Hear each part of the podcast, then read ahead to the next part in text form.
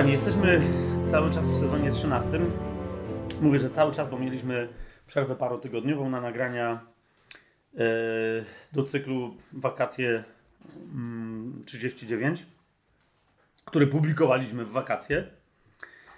Ale wracamy do rozważań, e, póki co wciąż związanych mm, i teraz już bardzo ogólnie naraz z tymi trzema listami, które żeśmy przeszli w poprzednich naszych spotkaniach czyli z pierwszym i drugim listem Pawła do Tymoteusza oraz z listem Pawła do Tytusa.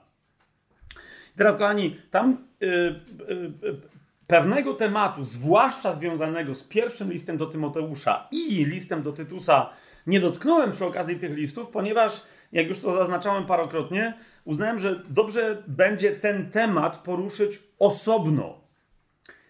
E, temat i niektórzy mówili, ale jak osobno, jak przecież od tego tematu w ogóle te trzy listy się nazywają. Czyli temat pasterzowania w kościele.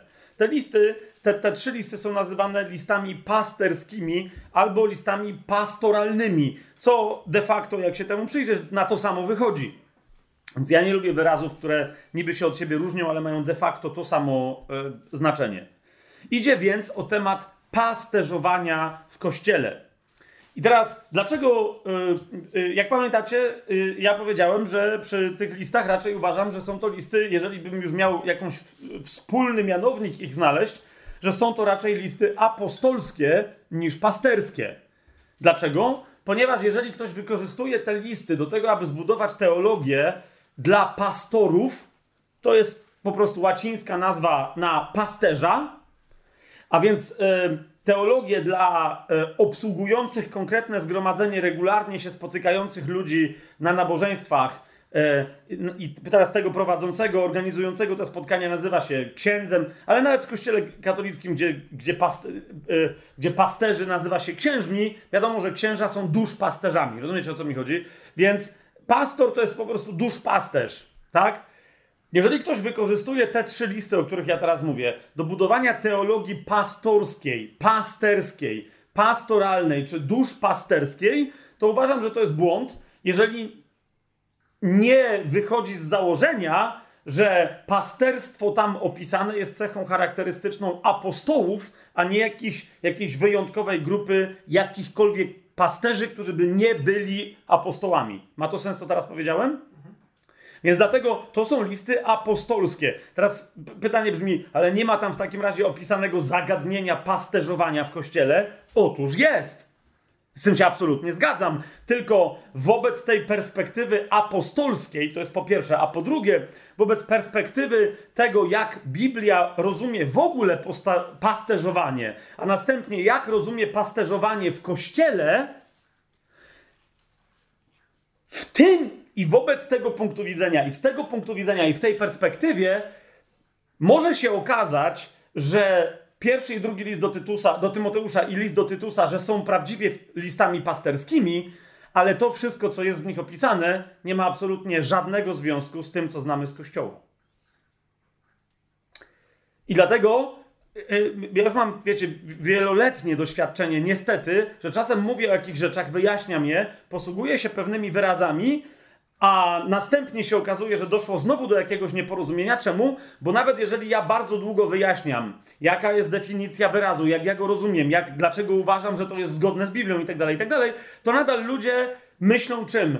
Y, swoimi definicjami, czy zgadzają się, mówią, okej, okej, okej, ale następnie, po, popatrzcie, dwie osoby, które powodują dwie funkcje kościelne, które po... funkcje kościelne, no już samo to brzmi, zauważcie jak to brzmi, no nie? Znaczy, dwie osoby, jakieś rodzaje osób opisane w pierwszym do Tymoteusza, czy trzy nawet, i w liście do Tytusa, to jest ktoś, kto w kościele bywa nazywany starszym, to jest przynajmniej przetłumaczone, ale pytanie co to znaczy. Ale następne dwie osoby nawet nie są przetłumaczone, tylko mamy biskupa i diakona. Nie? I teraz ja już w ogóle pomijam, że jeżeli jakiś wyraz w Biblii nie jest przetłumaczony na polski, to jak mówi klasyk, wiedz, że coś się dzieje.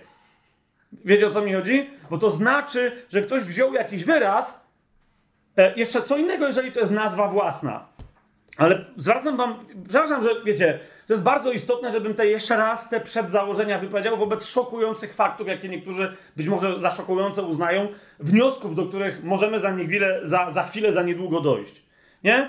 Są takie słowa w Biblii, które ewidentnie nie są nazwami własnymi. Nie? ale ktoś z nich zrobił nazwę własną. No i stąd się zaczyna cały problem. Na przykład w Starym Testamencie jest mm, wyraz, yy, yy, który został przetłumaczony jako wręcz nie tylko nazwa, jako imię konkretnego stworzenia, czyli szatan. Podczas takiego imienia nie ma w Biblii. Okay? Ta osoba, która jest nazywana szatanem Boga, czyli osobistym, bezpośrednim adwersarzem i przeciwnikiem Boga, występuje pod pewnymi imionami. Tak? Czasem jak, jak pytam, yy, yy, raz miałem takie, tak, z taką małą grupką dzieci yy, w dobrych baptystycznych szkołach wychowywanych, jak ich zapytałem, e, i, i tam do, do, takiej śmiesznej sytuacji doszło, bo, bo też z nimi było jakieś tam dwójka dzieci katolickich i jeszcze ktoś, nie? I się pytam, jak, jakie są te imiona szatana, czyli diabła, bo diabeł to też wiecie, że nie jest imię własne, tak? Szatan to jest diabeł, ale to jest określenie zwykle stosowane do tej jednej konkretnej osoby, która osobiście postanowiła rozpocząć bunt przeciwko Bogu. I zapytałem, jak ona się nazywa, i właśnie jedno tam jakieś profesjonalne, ale niebaptystyczne dziecko się wyrwało, że Lucyfer, nie? I od razu tam takie dwie dziewczynki, takie widać, że prymuski, wiecie, szkółki niedzielnej spojrzały na niego. Takiego imienia w Biblii nawet nie ma. To już szatan jest, ale tego nie ma. Nie, Zgadza się, w dziadowskich tłumaczeniach normalnie nie ma, no nie? Więc Przejdźmy do profesjonalistek, jakie są imiona i one powiedziały, że to może być na przykład Belzebub, nie? że to może być Belial albo Beliar i tak dalej, że, że to są imiona konkretnych, wiesz o co mi chodzi, demonów, które być może, że któryś, które albo to są imiona tej samej osoby, albo to są różne imiona i któreś z tych imion odpowiada gościowi, który się nazywa Czatanem, potocznie e, pseudonim artystyczny Lucyfer. E, wiesz o co mi chodzi? Ale teraz, dlaczego o tym mówię? Bo jest taki fragment, w którym e, e, nagle się okaz okazuje, że ktoś wynalazł sprzeczność, jak pamiętacie, Dawida, że policzył Izraela. I teraz kto, mu, kto go do tego nakłonił? Bóg, szatan, tam wiecie, jakieś są koncepcje, czemu to był grzech. Jeszcze raz, nie ma tam żadnej sprzeczności. Jeżeli się przyjrzycie tam tym tekstom i będziecie pamiętać, że szatan oznacza przeciwnika, a nie tylko i wyłącznie osobę anielską, która tam przyjdzie, jest pytanie, kto tam jest nazwany szatanem i wtedy wszystko będzie jasne. Nie? Bo w pewnym kontekście szatanem może być nawet nazwany Bóg, jeżeli jest przeciwnikiem szatana. nie? E, najważniejszym szatanem szatana jest Bóg, ponieważ to oznacza tylko i wyłącznie przeciwnika e, ekstremalnego, e, zawziętego, nie idącego na kompromis przeciwnika. Mamy jasność? I teraz to samo w Nowym Testamencie. Mamy masę, e, masę, sporo takich wyrazów, które są źle przetłumaczone celowo, e, żeby jakieś religijne koncepcje usprawiedliwiać, a niektóre wyrazy są nawet nieprzetłumaczone. I do takich wyrazów należy e, episkopos, czyli biskup, no i diakon, czyli diakon, tak? I teraz po, po, po, popatrzcie, jak ja mówię, pomijmy na razie starszego, jak ja mówię biskup, nie? I wy tu wszyscy, my tu wszyscy jesteśmy biblijnie, teraz jak widzę to zgromadzenie biblijnie wierzącymi osobami, nie? Ale mówię biskup, nie? Jeszcze raz mówię biskup. Nie ma bolca, żebyście zrób wszystko, żeby nie pomyśleć o biskupie, kiedy teraz będę mówić nie myśl o biskupie, no nie? Rozumiesz, pierwsze co musisz wiedzieć, o czym masz nie myśleć, więc co sobie obrazujesz przed oczami? Wiecie o co mi chodzi? Nie? E, jak kiedyś robiłem ten eksperyment z braćmi z, takiego, z takiej denominacji polskiej, która nie ma żadnego, my nie mamy żadnego kleru, e, nagle się okazało, że oni widzą konkretne osoby. Bo tu niektórzy z was widzieli chłopa z czapką, od razu czerwone te, nie, to jest to, nie mylcie biskupa katolickiego z kardynałem. Jak żeście widzieli fioletowe, to był biskup, jak czerwone, to był kardynał, no nie? Ale, ale teraz nagle tam ci zobaczyli dokładnie ekipę stojących pięciu chłopów, no nie biskup. Świadkowie Jehowy czasem tak mają, że od razu widzą znajome gęby z Brooklynu, nie? On, nigdy się nie nazywali żadnymi biskupami, z tego co mi wiadomo. Ale wiesz o co mi idzie?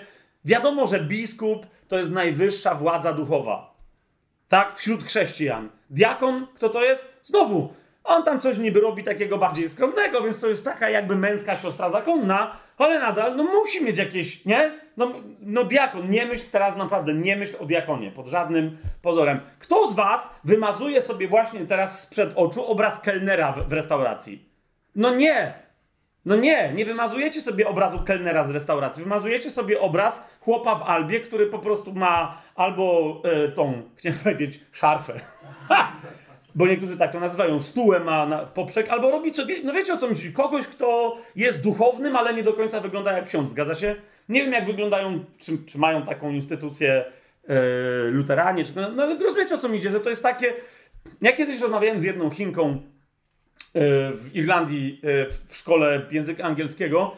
To była jedna z pierwszych, bo to były 90. lata, jedna z pierwszych, które się pojawiły. I ona mi zapytała, kim ja jestem, i jej tłumaczę, że no jestem klerykiem jezuickim, bo, bo wtedy byłem klerykiem jezuickim. E, ja mówię, że co to w ogóle jest, ale rzuciłem jej tylko angielskie słowo priest, tak, że wiesz co to jest priest? I ona mówi, a okej, okay, nie? I mówię, dobra, ale katolicki priest, a ona mówi, a każdy priest to jest priest, no nie? Każdy kapłan to jest kapłan, to jest jasne. I jak potem, no ale katolicy, księża to jest jedyna prawdziwa religia, na po czym, no ale no, to, no kapłan, no to od razu wiadomo, nie? Więc jak jej potem tłumaczyłem, ktoś jest diakonem, ktoś jest czymś, to było tylko takie, a to jest taki jakby niższa kategoria. No, już jasna sprawa, nie? Teraz jest pytanie, kapujecie, czy tak to jest opisane w Biblii? Nie? A zatem, dlatego zostawiłem to jako osobny temat, bo bardzo łatwo jest otworzyć sobie list do Tymoteusza I albo list do Tytusa i wiecie, na tego podstawie biskup, diakon ma być taki, ma być taki, ale moje pytanie brzmi, ale czy tam jest opis, tam jest na przykład, ma, znajdujemy głównie opisy tego, jacy mają być ludzie, którzy kandydują, żeby, no właśnie, kandydują na co? Na to stanowisko w kościele? Biorą udział w castingu, żeby wystąpić jako gwiazdy w kościele? Bo w jednym miejscu jest tam napisane, że kto pragnie takiej pracy, ciężkiej charówy, ten ma dobre pragnienie. Więc rozumiecie, tam są ludzie, którzy, gdyby to były dzisiejsze czasy, powinni by złożyć CV. Teraz pytanie do kogo? W kościele. Nie? Że oni chcą się podjąć tej, tej ciężkiej pracy i mają doświadczenie. Nie? Bo przez 20 lat pracowali z łopatą w ręku, później grzebali w gnoju, a potem byli dozorcami, więc sądzą, że się nadają. To rozumiesz, to musi być, czy masz kompetencje, nie? I tam są opisane kompetencje. Jakich kompetencji należy się po nich spodziewać? Jakie należy sprawdzić, żeby ich zatrudnić? Ale pytanie brzmi, ale do czego? Bo zauważcie, nie? Jakbym tak z miejsca powiedział, ja czasem tak robię, nie? Mówię, wej, yy, weź mi przywołaj szybciutko, raz, dwa, trzy, bam, bam, bam, no nie? Gdzie Biblia mówi, co ma robić biskup? No i wszyscy mówią pierwszy Tymoteusza Tytusa. Nie, nie, nie. Nie pytam się, jakie ma mieć właściwości, tylko co ma robić. Tam, jak zaczniesz grzebać, to się ledwo co doszukasz. Jest tylko jedno inne miejsce w Biblii, które o tym mówi. Reszta daje konkretne sugestie, które wynikają z czego? Z tego, że Biblia na tyle jasno zasugerowała, jak Bóg widzi pasterzowanie dla swojego ludu, żeby w tym kontekście zobaczyć, kim są pasterze, lub czy w ogóle są jacyś pasterze w kościele. Powiecie zaraz, jak to, co? Zwracam wam uwagę, jeżeli ktoś nie dosłyszał, bo byli tacy, którzy nie dosłyszeli, niekoniecznie tutaj. I nie dlatego, że chcieli, że to było a, takie zacietrzewienie ideologiczne, tylko wiadomości było tyle, że niektórzy usłyszeli, ale nie przyjęli do wiadomości. Jak powiedziałem, że w Biblii w odniesieniu do kogoś usługującego w kościele, słowo pasterze pojawia się tylko i wyłącznie raz. Więc nawet jakby ktoś chciał udowodnić na, na bazie zasady biblijnej, że, na, o, że w oparciu o dwa lub trzy słowa, wiecie o co mi chodzi? To nie ma drugiego słowa, które stanowiłoby dowód, że w kościele są jacyś pasterze. Co, a już zwłaszcza, że to są pasterze rozumiani jako pastorzy. Nie ma czegoś takiego. W ogóle. Nie? A teraz, jeżeli to się pojawia raz w kontekście, w którym się pojawia, kto pamięta, ten pamięta, no to będziecie wiedzieli, że ten kontekst może nam dać pytanie, ok, czy więc pasterzami jest pięcioraka służba tylko i wyłącznie, ale w takim razie kim są owi biskupi i diakoni, bo oni ewidentnie nie należą do pięciorakiej służby, to już od razu z góry mówię.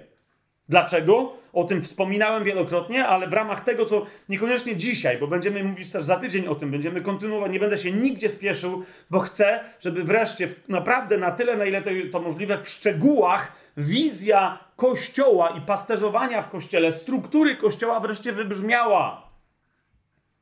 Gadamy o tym od pierwszego sezonu, jest trzynasty sezon tajemnego planu. Od pierwszego sezonu, ja de facto o tym już mówiłem w którymś z odcinków pierwszego sezonu, jak mówiłem o, o systemie babilońskim. Co to jest Babilon? Rozumiecie? I mimo, że wtedy jasno zasugerowałem, że zasadniczo struktura hierarchiczna, nieważne jakimi nazwami biblijnymi się posłuży, ale hierarchiczna, piramidalna struktura zawsze jest strukturą babilońską, to większość kościołów dzisiaj, yy, instytucji, które się nazywa kościołami, ja teraz nie mówię, że indywidualnie ludzie tam są nienawróceni czy coś, ja nie o tym mówię. Mówię tylko, że przyjęli, żeby sobą zarządzać, żeby prowadzić siebie nawzajem gdzieś tam do zbawienia i do nieba, przyjęli strukturę babilońską. A teraz bywa, że mimo, że w butelkę e, po Babilonie wlał ktoś właściwą wodę życia, to ta butelka jest zatruta, plus kształt ma taki, że się ludziom źle kojarzy.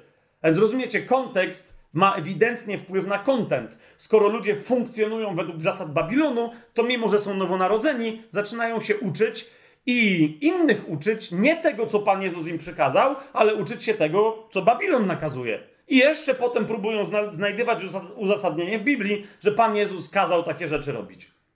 Nie? Pan Jezus na przykład kazał się miłować. Kościół jest rozpoznawany w świecie po tym, że ludzie miłują się w taki sposób, w jaki świat nie jest w stanie się miłować. To jest jedyna, rozumiecie, e, e, jedyna możliwość zidentyfikowania Kościoła, że ludzie widzą chrześcijan i, ze świata i mówią do innych ludzi ze świata: patrzcie, jak oni się kochają. To jest Kościół. Ponieważ to nas odróżnia od, rozumiecie, a nie patrzcie, jak oni są zorganizowani. Patrzcie, zwłaszcza, że jeżeli organizacja kościoła jest taka sama jak organizacja partii politycznej, rady rodzicielskiej, e, firmy, armii, wiecie o co mi chodzi, państwa, czego, skoro to jest cały czas to samo, to czemu kościół miałby być postrzegany i, roz, i osądzany przez świat w innych kategoriach? Niektórzy mówią, no ale bo to jest najlepszy sposób rządzenia. Nie! Dlatego, że przecież nie jesteśmy z tego świata. Nasz król, nasz pan, jego struktura jest strukturą królestwa, które nie jest z tego świata. Pan Jezus powiedział: U was tak nie będzie. Królowie uciskają tych i władcy, tych, którymi rządzą. U was tak nie będzie. Co to znaczy? Będzie inna struktura. A więc o tej innej strukturze czytamy między innymi w pierwszym do Tymoteusza, e, w liście do Tytusa, a następnie co? Ludzie to czytają i mówią, to jest uzasadnienie struktury babilońskiej. Jak? Pytam się. Dlatego, kochani, zanim rozpoczniemy cały ten temat, pomodlimy się. Podstawą do tej modlitwy będzie fragment, który może niektórych zszokować, ale według mnie ten fragment, który, który wybrałem, on de facto jest kręgosłupem, korzeniem, rdzeniem centrum, osią, wokół której się wszystko, cokolwiek, wokół której się kręci wszystko, cokolwiek i do której jest przywiązane i z którą jest połączone, wszystko, cokolwiek jest związane z tematem pasterzowania ludowi Bożemu w Kościele w imieniu Jezusa Chrystusa. Ok? Jeżeli coś jest niezwiązane z tą postawą, o której teraz przeczytam, to jakby z góry wiadomo, że to nie ma niczego wspólnego z Jezusem i z Jego Kościołem. Nie? Jeszcze druga rzecz, więc tu zaraz się pomodlimy, ale kochani, temat ten, który, ja nie wiem, czy tak to będzie się ostatecznie nazywało, wiecie, na, e, na, na, na filmie e, na YouTubie, ale e, roboczo ten temat, który teraz studiujemy, to jest pasterzowanie Kościołowi zgodne ze Słowem Bożym, zgodne z Biblią. Mam takie wrażenie, dzisiaj jak tu jechałem, tak się modliłem i, i nagle tak mówię do, do, do, do Pana, wie Panie, dawno już tego nie mówiłem na tajemnym planie, że jesteśmy chrześcijanami, którzy chcą żyć w pełni zgodnie z Twoim słowem, e, ale mówienie, że się jest zgodnym z Twoim słowem i potem udowadnianie tego jednym wersetem, to nie jest to, o co nam chodzi. My naprawdę chcemy wiedzieć, co jest napisane w Słowie Bożym i chcemy według tego żyć. I już dawno tego nie powtarzałem, dzisiaj muszę to powtórzyć. Rozumiecie? Bardzo istotną dla mnie rzeczą, celem moim jest co? Przede wszystkim uwolnienie nas od tych obrazów biskupów, diakonów, struktur, zarządzania kościołem, pastorów, rozumiecie, od tego wszystkiego, co my wiemy, że ma miejsce w tym, co dzisiaj chce się nazywać kościołem. Teraz jeszcze raz, jak ktoś mi powie, no, to jest zawsze to samo, tajemny plan, anarchia, rewolucja, wszystko wywracacie do góry nogami. Nie, nie, nie. Bo ja nie chcę powiedzieć, że pastorzy, że ludzie, którzy się nazywają prezbiterami, biskuta, biskupami, e, diakonami, mają jakieś tytuły w dzisiejszym chrześcijaństwie, że oni są nienowonarodzeni i należy wszystkich, że to nie jest prawda. Nie! Ja nie chcę mówić o tym, co robią konkretni ludzie, osądzać ich służby, postawy i ich owoców. Chcę tylko mówić o strukturze kościoła. Wielu z tych ludzi, rozumiecie, robiło po prostu to, czego byli nauczeni od małego czy od momentu swojego nawrócenia. Tak? Poza tym, ja nie wiem, czy gdybym y, robił to, co, miał, to, co teraz robię, gdybym miał nauczać Słowa Bożego na przykład 30 czy 40 lat temu, czy ja bym w ogóle, czy by mi Duch Święty mówił, że mam mówić, czy by mi w ogóle otworzył oczy na to. Wiecie o co mi chodzi? Bo może jeszcze 40-50 lat temu ta struktura babilońska w ramach tego, tej drogi, jaką Kościół przeszedł po upadku e, w III, IV wieku w różne dziwaczne odmiany właśnie babilońskich struktur i teraz od Marcina Lutra mniej więcej powoli staje na nogach, teologię odnawia co do tego, co do, tam, co do, co do samego usprawiedliwienia począwszy, potem różnych praktyk. Teraz dopiero myślę, że przychodzi czas, kiedy Kościół e, potrzebuje jeszcze jednej, ostatniej, nie reformacji, ale naprawdę rewolucji, po prostu obalenia naszego uznania, że, że jest chociażby opcją w Kościele zarządzanie ludźmi w Kościele na sposób babiloński. Czyli zarządzanie ludźmi w Kościele. Pan Jezus dokładnie, jeżeli coś zniósł, to zniósł to, że ktoś kimś w jego ciele ma rządzić. Jedyną osobą, która rządzi w jego ciele, jest głowa tego ciała, czyli on sam. Cała reszta nikim nie rządzi, nie ma do tego prawa, nie ma podstawy prawnej żadnej, nie ma podstawy w Słowie Bożym, żadnej podstawy teologicznej, żeby ktoś kimś rządził, żeby ktoś rządził czyimś życiem w kościele, po prostu. I teraz sęk w tym, że nawet jak ludzie powtarzają, mówią, tak, amen, tak, no mój pastor mną nie rządzi, po czym, ale przychodzisz na nabożeństwo w niedzielę i pastor mówi, że to i to i to i należy tak i tak i tak i de facto on jest dobrym człowiekiem, który nie rządzi twoim życiem, ale potem ty masz pretensje 10 lat później, no to co ten pastor mnie nauczał? Bo ty przychodzisz do niego, żeby słuchać jego słów, żeby następnie być posłusznym czy posłuszną tym słowom, chociaż ten pastor niekoniecznie ci takie posłuszeństwo nakazał. Rozumiecie? Chodzi mi o to, że niekoniecznie ludzi, którzy mają taką czy inną władzę, w cudzysłowie w kościele, że oni sobie ją uzurpują i celowo ją wykorzystują. Chociaż takich jest mnóstwo. Ale czasem jest tak, że z naprawdę namaszczonych proroków bożych, nauczycieli itd., tak itd., tak ludzie sami sobie robią przywódców, y, i nawet jak oni nadal nie chcą być tymi przywódcami, to z ich słów robią sobie wytyczne, żeby potem, jak przyjdzie co do czego, powiedzieć: Ale to nie jest moja odpowiedzialność to mi pastor kazał, to mi yy, nauczyciel kazał, to tak przeczytałem mu Dereka Prince'a, tak słyszałem na tajemnym planie. Wiesz o co chodzi? Dlatego my potrzebujemy zobaczyć od samego początku, jak Biblia, jak Bóg, jak Pan Jezus widzą pasterzowanie, ponieważ ten model jest modelem Kościoła de facto. Jeżeli Kościół jest rozumiany jako owczarnia, e, tam gdzie jest przedstawiany przy pomocy metafory owczarni, stada owiec, które są pod kontrolą pasterską, to, to to oznacza, jak jest zorganizowane, jak jest zorganizowany Kościół. Kiedy Słowo Boże się posługuje metaforą ciała, e, budynku, to wtedy zwraca uwagę na pewne e, aspekty, ale jeżeli gdzieś jest mowa o władzy, bo zauważcie, metafora ciała, metafora e, budynku, domu Bożego służą pewnym celom. Jeżeli Słowo Boże chce pokazać, kto ma prawo decydować w ludzie Bożym i o czym ma prawo decydować, kto kim rządzi, i tak jest ktoś, kto kimś rządzi. To też powiedziałem, kto to jest, ale jak on to robi, to najczęściej metaforą, kiedy Bóg chce o tym powiedzieć, kto ma prawo kim rządzić lub czym w ludzie Bożym, metaforą, którą się wtedy Pan posługuje, jest metafora pasterza, owiec, stada, e, wyprowadzania tego stada na pastwiska itd., tak itd. E, tak? Ma to sens? Dlatego, jeżeli chcemy zgłębić temat e, treści pastoralnych, nawet nie e, w listach pastoralnych, czyli w dwóch listach do Tymoteusza i w, tym liście jednym do Tytusa, ale w ogóle tematu teologii pastoralnej całej, jak jest rozumiane pasterzowanie, pasterstwo, duszpasterstwo, jak jest rozumiane w Biblii, a zwłaszcza w Nowym Przymierzu, bo to jest to, co nas interesuje, potrzebujemy się przyjrzeć temu tematowi w miarę globalnie. Nie będziemy teraz robić całej reszty sezonu poświęconego na ten temat, bo nie sądzę, żeby to był aż tak złożony temat.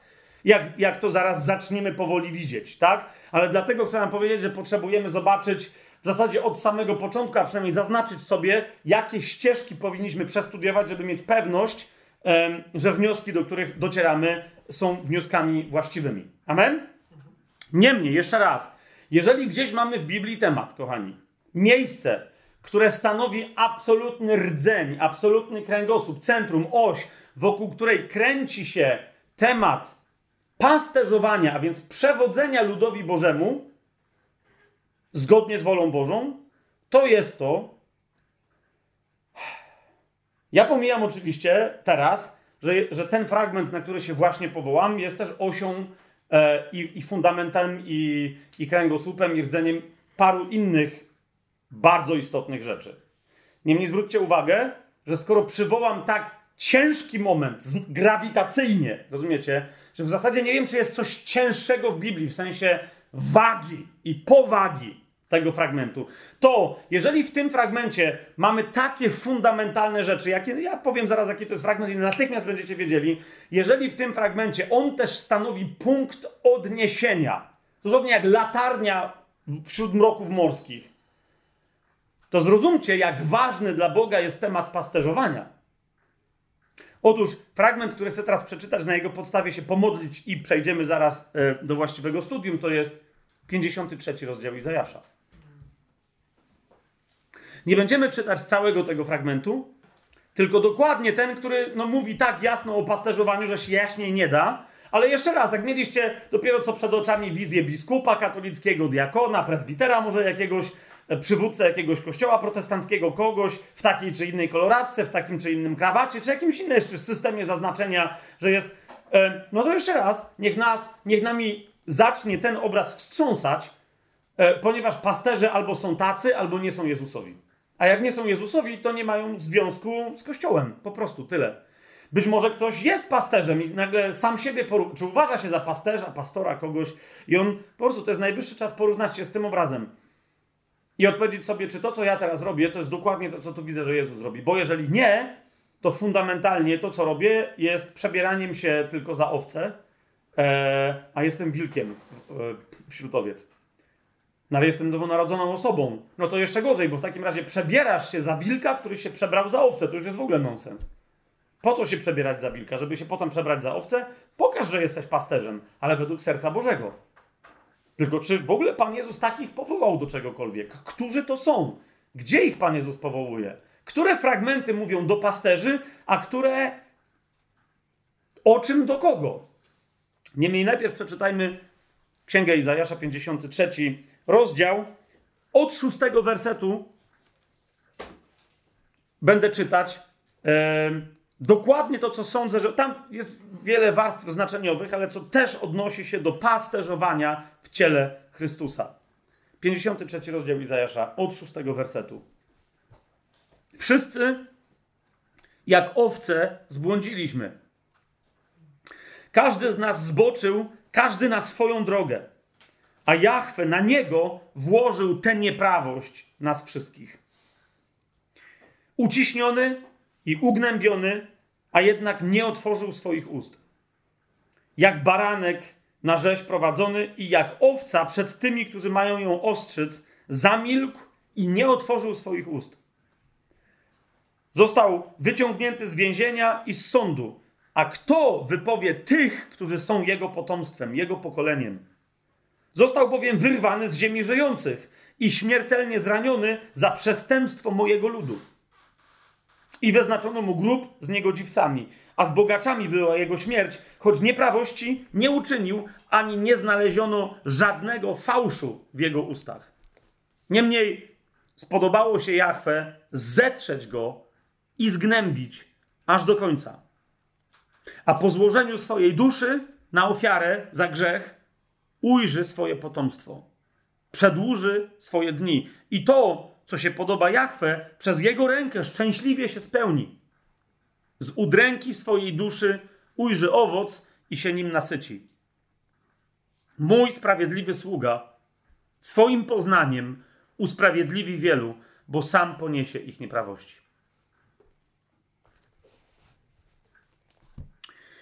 Ojcze, dzisiaj, kiedy wchodzimy ten, w, ten, w ten prosty, ale przez to trudny temat, bo wielokrotnie, wielokrotnie wykręcany, przeinaczany dla ludzkich ambicji, dla politycznych ambicji w kościele, czasem nawet dla duchowych ambicji, ale ludzi, którzy chcieli e, przed Tobą, Panie, się popisać, że są najlepszymi duchowymi przywódcami, a nie być tylko i wyłącznie Twoimi pokornymi sługami, prowadzącymi ludzi do Twojego królestwa. Panie, nie chcemy my dzisiaj stawać przed Tobą i studiować Twojego słowa, jakbyśmy my jedni, jedyni wiedzieli, e, na czym polega prawda. Nie chcemy dzisiaj być krytykami, nie chcemy żadnego cienia ironii, sarkazmu, krytykanstwa w żadnej formie, Panie. Chcemy prawdy. I dlatego dziś, Panie, prosimy Cię, abyśmy patrzyli na ten temat przez jedyne możliwe okulary, w jedynej możliwej perspektywie, a tymi okularami dla nas, Panie, mogą być tylko i wyłącznie rany Twojego Syna, naszego Pana Jezusa Chrystusa, które poniósł na krzyżu jako dobry pasterz, który oddał swoje życie, życie za Twoje owce, za swoje owce. Chcemy, Panie, patrzeć na ten temat przez Jego rany, także dlatego, aby zrozumieć, jak drogocenna wylała się przez nie krew i aby dzisiaj, Panie, ta krew spoczęła na nas, aby oczyścić naszą wizję Kościoła i tego, czym jest Twój Kościół, kto w tym kościele jest pasterzem, kto pasterzuje, kto kogo posyła, Panie, z jakim umocowaniem do jakiej służby.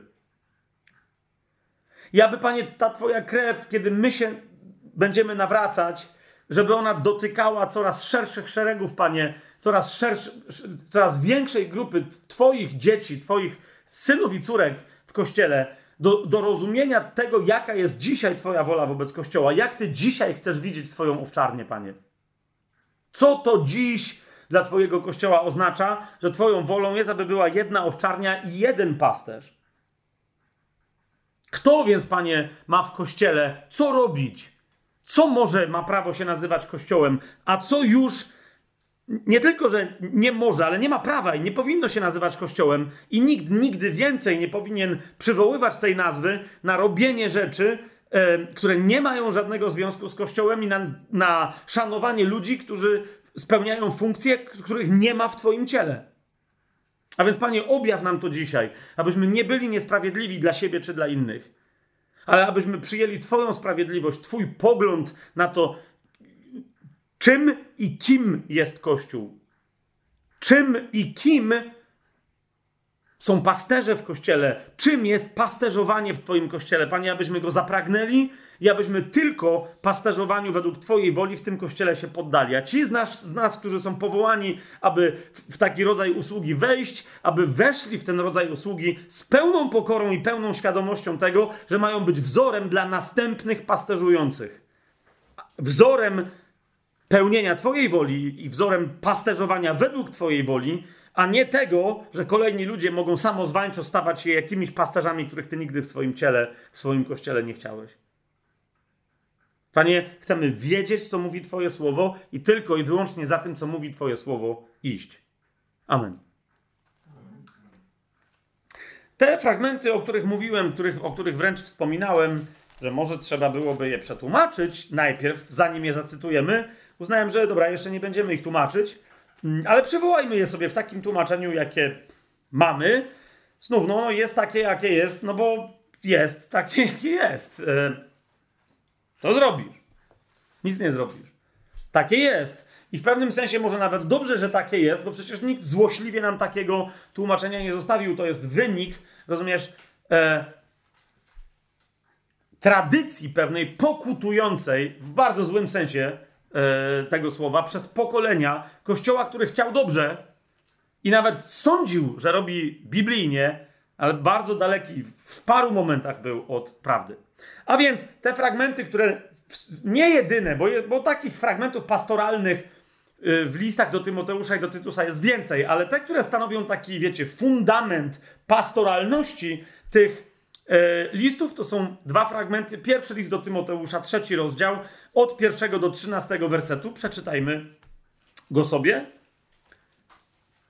E, chciałbym, żebyśmy, wiecie, zobaczcie, co wydaje się nam, że no jest takie dosyć oczywiste i zrozumiałe, ale też, żebyśmy zwrócili uwagę, bo może pierwszy raz akurat na ten fragment zwracacie uwagę, na takie rzeczy, które już na pierwszy rzut oka widać, że nie mają sensu. Czemu to jest tutaj tak napisane? Jest teraz pytanie, czy Duch Święty w oryginale też napisał bez sensu, czy może tłumacz nie bardzo wiedział, co ma zrobić, no i zrobił jedyne, co mógł. Nie? Więc czytajmy tak, rozumiejąc, że tu no, całkiem możliwe, że są momenty, które zupełnie inaczej brzmią i mają kompletnie inne znaczenie. Na razie tak, jak to jest przetłumaczone, yy, ale z otwartym umysłem. Więc pierwszy taki fragment to jest list do, Tymusz, do Tymoteusza, trzeci rozdział, od pierwszego do trzynastego wersetu. Wiarygodne to słowa, pisze Paweł do Tymoteusza. Jeżeli ktoś pragnie biskupstwa, pragnie dobrej pracy. Biskup więc ma być nienaganny. Mąż jednej żony. No jak. Yy, yy, Powiedzcie mi, w którym miejscu judaizm albo chrześcijaństwo promowały jakieś wielożeństwo? Ktoś powie, Dawid, Salomon, okej, okay, okej. Okay. Czemu oni mieli tam wiele żon? To jest jedno pytanie, a czemu również nikt się nie rzucał, że mieli wiele nałożnic, które nawet nie były żonami? Normalny harem. To jest jeszcze inna rzecz. Więc jakby nie ma co przywoływać wyjątków, które tylko potwierdzają, że istnieje jakaś reguła, którą te wyjątki złamały. Jasne jest to, co mówię? Biblia od początku pokazuje, że mąż jest mężem jednej żony. Chyba, że ona mu umrze, no to wtedy jest, ale nadal, no to miał inną żonę, teraz ma żonę, ale jest jednej żony, tak? Więc czemu nagle, widzicie, chodzi mi o takie momenty, które nam się wydaje, że to jest oczywiste, ale co, jest oczywistego w tym, że Paweł pisze do Tymoteusza, że musi sprawdzić, czy to jest mąż jednej żony, żeby się upewnił, że to jest mąż jednej żony. Co to znaczy? No, ma być mężem wielu żon? Niektórzy na przykład, widzicie, w tym momencie powiadają, no, no tak, no na przykład jest taka sytuacja nadal dzisiaj. No wyobraź sobie, że ktoś e, w islamie się nawraca i on ma siedem żon. I niektórzy mówią, no to, ale to jak to? No to on musi. No i teraz niektórzy mówią, no musi wywalić na zbity pysk. Sześć żon i zostać tylko z jedną, no bo jest teraz porządnym chrześcijaninem. Ale ci, którzy tam pracują, mówią, naprawdę porządny chrześcijanin wyrzuci sześć kobiet, a razem z nimi dzieci, które z nimi ma, Wtedy dla reszty, reszty muzułmanów to nie interesuje, dlaczego tak jest. Oni tylko uznają, że skoro on nie wyrzucił, pozbawił je tytułu swoich żon, znaczy, że to są złe kobiety i one mogą bardzo źle skończyć. Włącznie ze śmiercią, ich dzieci też. Jeżeli nie z ukamienowania, ze spalenia, z oblania kwasem, z pobicia kijami, to po prostu nie dostaną żadnej pracy. Są, no rozumiecie o co mi chodzi? A jeszcze jak się okaże, że tak się stało, bo mąż się stał chrześcijaninem, to już w ogóle. Więc co? Biblia, zauważcie, nie mówi, że w tego typu sytuacji chrześcijanin ma odrzucić sześć żon. No to czyli co ma robić? No nie będziemy teraz tego rozważać, ale jeszcze raz wam powtarzam, nie ma takiej dziwnej teologii. Nie? Niemniej my już wiemy, że jeżeli ktoś pragnie biskupstwa, jak cokolwiek by to miało oznaczać, to musi być ktoś, kto jednak ma jedną żonę, a nie dwie. Nieważne skąd mu się ta druga wzięła. Rozumiecie, o co mi chodzi? Niektórzy powiadają, nie, nie, to tak na pewno nie jest. No dopóki ktoś nie ma do czynienia, na przykład z krajami afrykańskimi również, to jest niekoniecznie muzułmanie. W XX wieku wielu e, e, misjonarzy nawracało się w Afryce. Jeszcze w XX wieku, przed II wojną światową. Dokładnie, kiedy nagle do, oni, rozumiecie, stawali przed e, pytaniem, które im zadawał ktoś wiosnę, mówi, ja mam parę żon. I mówi, to, to ja mam teraz je wywalić? To to jest miłość chrześcijańska, na co ja się nawróciłem? No i nagle, rozumiecie, misjonarz się nawracał.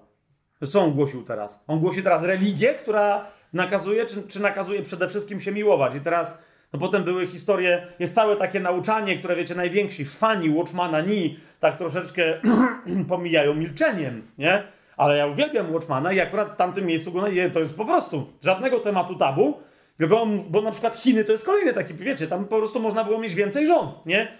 I teraz ktoś do niego przyszedł konkretnie z pytaniem, mówi, no i ma chłop parę żon, co je ma wywalić? Absolutnie.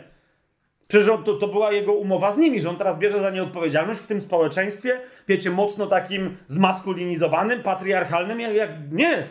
On, im, on ma z nimi umowę. No i ale wtedy ktoś do niego przyszedł i mówi, dobra, okej, okay, no to to są społeczne względy, nie? No ale każdy ma swoje potrzeby, również seksualne. I teraz to, ma się z nimi kochać, czy nie? I Watchman odpowiada, mówi, oczywiście, to obowiązek małżeński. I rozumiecie, że wielu chrześcijanów stał, no bo jeszcze, dobra, niech zachowa te baby, żeby tu pewne były względy społeczne, ale nie, no przecież to jest jego żona. On nie ma udawać, że to jest jego żona. To ma, i teraz mówi, no to ma siedem żon i, i nagle wszyscy... Watchman, nie? Jakby... no ale rozumiecie, Zachód, gdzie w ogóle jakby przyjęte jest na Zachodzie, że jakby społecznie, wiecie, to nieważne, są ludzie... Nie jest dobrze przyjęte, żeby ktoś miał dwie żony, czy dwóch mężów także i tak dalej. Nie? To nie ma takiej dyskusji, ja się wydaje, że to jest takie oczywiste, jako chrześcijanom. No nie. Bo są kultury, gdzie jest oczywiste, że można mieć więcej współmałżonków. I co wtedy? Nie? Więc Watchman, rozumiecie, jest takie konkretne nauczanie, osobiście je czytałem. Cały czas się po prostu naprawdę śmiałem się w głos, dlatego że cały czas przed oczami miałem, wiecie, nabożnych, różnych nauczycieli, których ja znam. Co będzie, jak im to przekażę i powiem, ty, ja widziałeś to nauczanie? Wow! Co będzie, jak oni będą reagować następnie, nie rozmawiając ze mną, tylko tam potem czytając to sobie. A potem to, co zobaczyłem na żywo, było jeszcze śmieszniejsze niż to, co sobie wyobraziłem. No nie? To były różne historie. Zabawne, nie? Ale jeszcze raz, wiecie, my, co mówi Biblia, nie?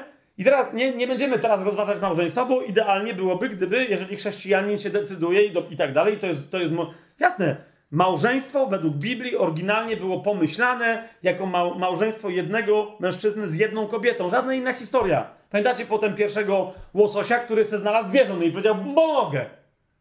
Nie?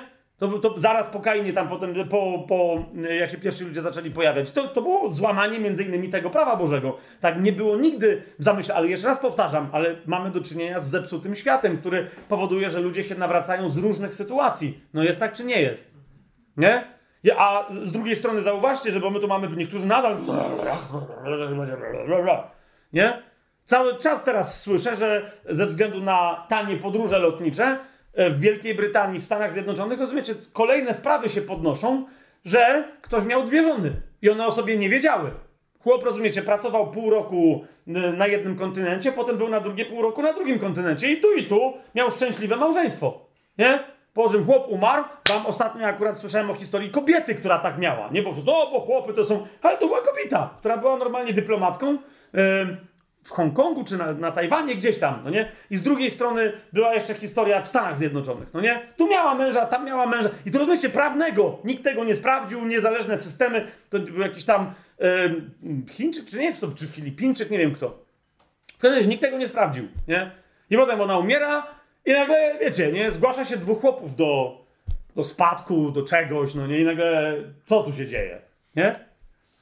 No i teraz co, Bogusław Linda, bo to zła kobieta była, czy... Wiecie, o co mi chodzi? I my teraz jako chrześcijanie, ale teraz wyobraź sobie, że teraz taka babeczka się nawraca, wiesz, o co mi idzie?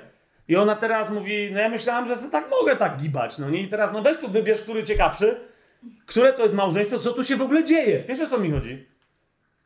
Albo weźcie pod uwagę na przykład, że ktoś jest prawnie związany, e, bo przecież tego typu sytuacji mamy mnóstwo, nie? Masz dwie lesbijki, które są parą małżeńską, prawnie związaną. Rozumiesz? I teraz one od razu się muszą rozwodzić i tak dalej. Co, jakby, wiesz o co chodzi, bo prawnie są związane, tak? Jasne, to nie może być związku małżeńskiego między nimi, ale teraz chodzi mi o to, że niektórzy, nie, bo nawet się nie może, że nic nie może, pierwsze co to musisz tu rozwiązywać sprawę, nie? Ale w sensie, jak? Kapujesz? Tu na, na, akurat tą historię, którą pamiętam, to, to na tą dziewczynę po prostu nawrócenie spadło jak grom z jasnego nieba. Nie? I jej, i ona, rozumiecie, mówi, że nie, tu nie może być żadnych dzikich historii, została uwolniona, tam się w ogóle uzdrowiona, różne rzeczy podziały. Ale chodzi o to, że ona cały czas miała takie, ale ta druga laska, ona naprawdę się nawróci, tylko my, ona jest tak poraniona przez religię, przez różne historie, w tym przez swojego ojca, pastora, nie? Że jak ja teraz jej powiem, że ja teraz jestem chrześcijanką, to trzeba jakoś inaczej zrobić. Nie? No i oczywiście pierwsze co spotkała się z ludźmi, którzy nie? I ona naprawdę, nie wiem co tam, co tam się wydarzyło, ale ona stwierdziła, nie. Chcę być z kościołem, wszystko gra, ale muszę to zrobić jakoś inaczej. Nie? I ona przez jakiś czas była absolutnie nawrócona, nowonarodzona, ale żyła z żoną. Tam nie wiem ile to, 3-4 miesiące trwało w odrzucaniu, tam wiecie, przez jakieś tam kościoły, że o, absolutnie, kościoły, które były prowadzone, rozumiecie, przez chłopa, który był e, e, pastorem młodzieżowym, szefem uwielbienia, który się okazało, że miał trzecią już żonę, bo z dwiema się rozwiódł. Nie bardzo wiadomo o co chodzi, ale w sumie potem się okazało, że miał chłopaka, nie? Ale oczywiście on najgłośniej krzyczał, co to się dzieje? Nie? On miał chłopaka, potem to wyszło. Inny pastor to samo, piąta żona z kolei, nie? I to w dodatku Pan Jezus by mu zwrócił uwagę, że no, nawet nie żona, nie? Tylko dopiero kandydatka na żonę, bo cztery miał w miarę, na, a to nawet ona przez państwo nie była rozpoznana. Ale oni mieli problem za to, że jest dziewczyną. Ja też bym miał pewien problem, gdybym nie wiedział, na czym polega tamta. Znaczy, w sensie ja tam nie brałem udziału w tej historii, tylko się później o niej dowiedziałem. Ale chodzi mi o to, że tam była pewna strategia.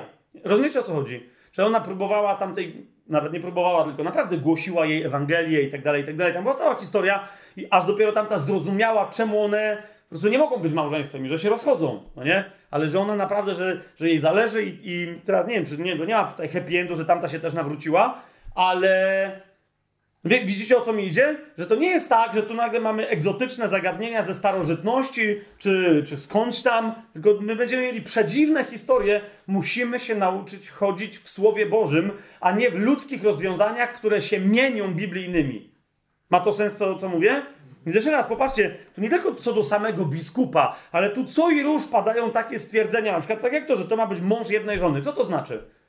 Bo na przykład niektórzy mówią, że no chodzi o to, żeby to był facet, który na przykład nie jest rozwodnikiem. No według mnie to jest akurat, to stwierdzenie tu jest najdalej od tego akurat rozumienia, ale to są tacy. Nie? Jak to? Więc jeszcze raz, tu jest wiele debat. Podaję wam tylko przykład tego, jak wcale nie jest koniecznie jasne, z tekstu niekoniecznie jasno wynika w ogóle o co tu momentami chodzi. A teraz zauważcie, jak mamy słowo biskupstwo i biskup, które nawet nie jest przetłumaczone, a to jest konkretny, prosty wyraz, który można swobodnie przetłumaczyć na język polski. Jeszcze raz przypominam. E, kurator, superintendent, nadzorca, dozorca, cieć.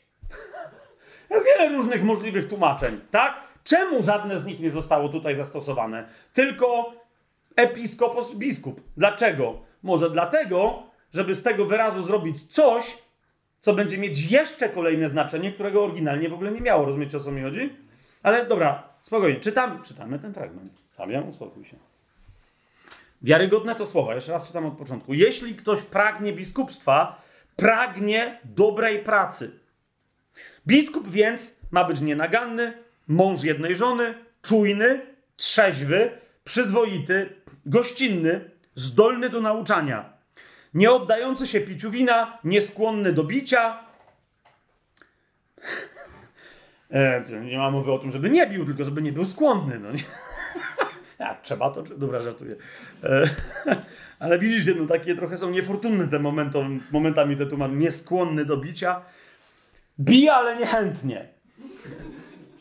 Więc nie oddający się piciu wina, nieskłonny, pije, ale się temu nie oddaje. Wiecie o co mi chodzi, no nie? No tak Niełakomy na brudny zysk, ale opanowany, niekłótliwy, niechciwy.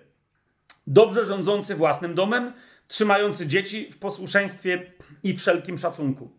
Jeśli bowiem ktoś nie umie rządzić własnym domem, jakże będzie mógł troszczyć się o Kościół Boży?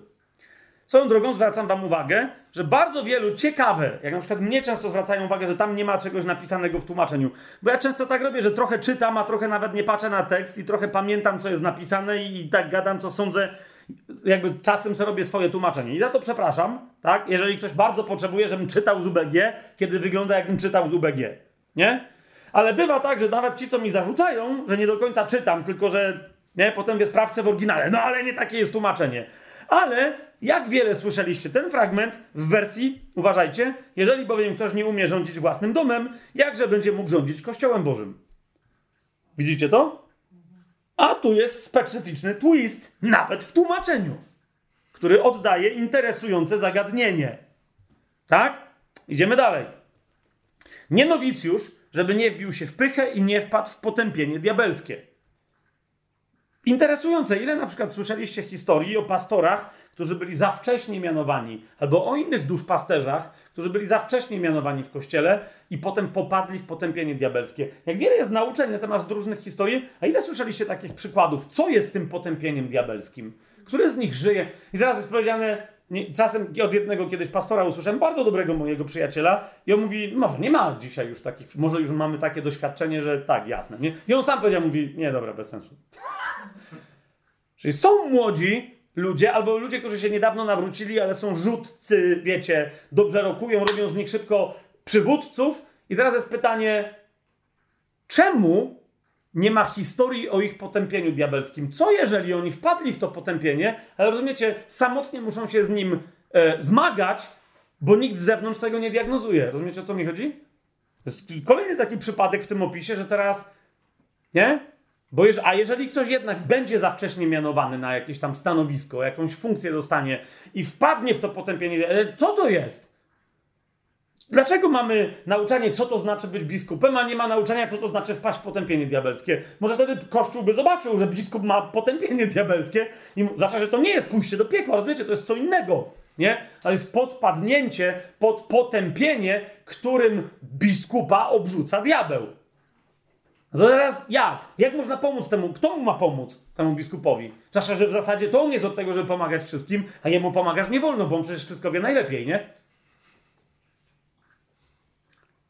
Dalej, musi też mieć dobre świadectwo, tenże biskup, od tych, którzy są na zewnątrz, żeby nie ściągał na siebie hańby i nie wpadł w sidła diabła. Zaraz, co? Którzy są na zewnątrz czego? Biskup musi mieć świadectwo od tych, którzy są na zewnątrz. Świadectwo czyje więc i dla kogo? To jest na serio zadaję wam teraz pytanie.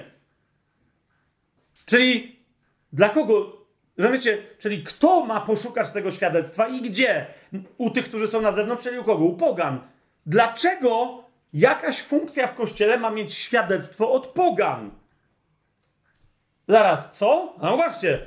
Ale teraz kto ma mieć to, kto ma uznać to świadectwo za dobre, albo za niedobre, słuszne, albo za niesłuszne? Inny biskup? Czy może, jeżeli biskupstwo to jest praca, to być może pracodawca, bo zauważcie, to jest dokładnie to, nie? Pracodawca, jeżeli zatrudnia strażaka, musi sprawdzić, czy on jest taki, taki, taki, ale też musi sprawdzić w pracy, w której nie był strażakiem, czy był na przykład dobrym kelnerem. Wiecie o co mi chodzi? Kto? Pracodawca. Czemu? No, dlaczego, że był do, dobrym kelnerem, a nie przykład dobrym żołnierzem? No nieważne. Chodzi mi tylko o to, że pracodawca. Kto jest tutaj pracodawcą? Kto ma sprawdzić to? Dlaczego pogan?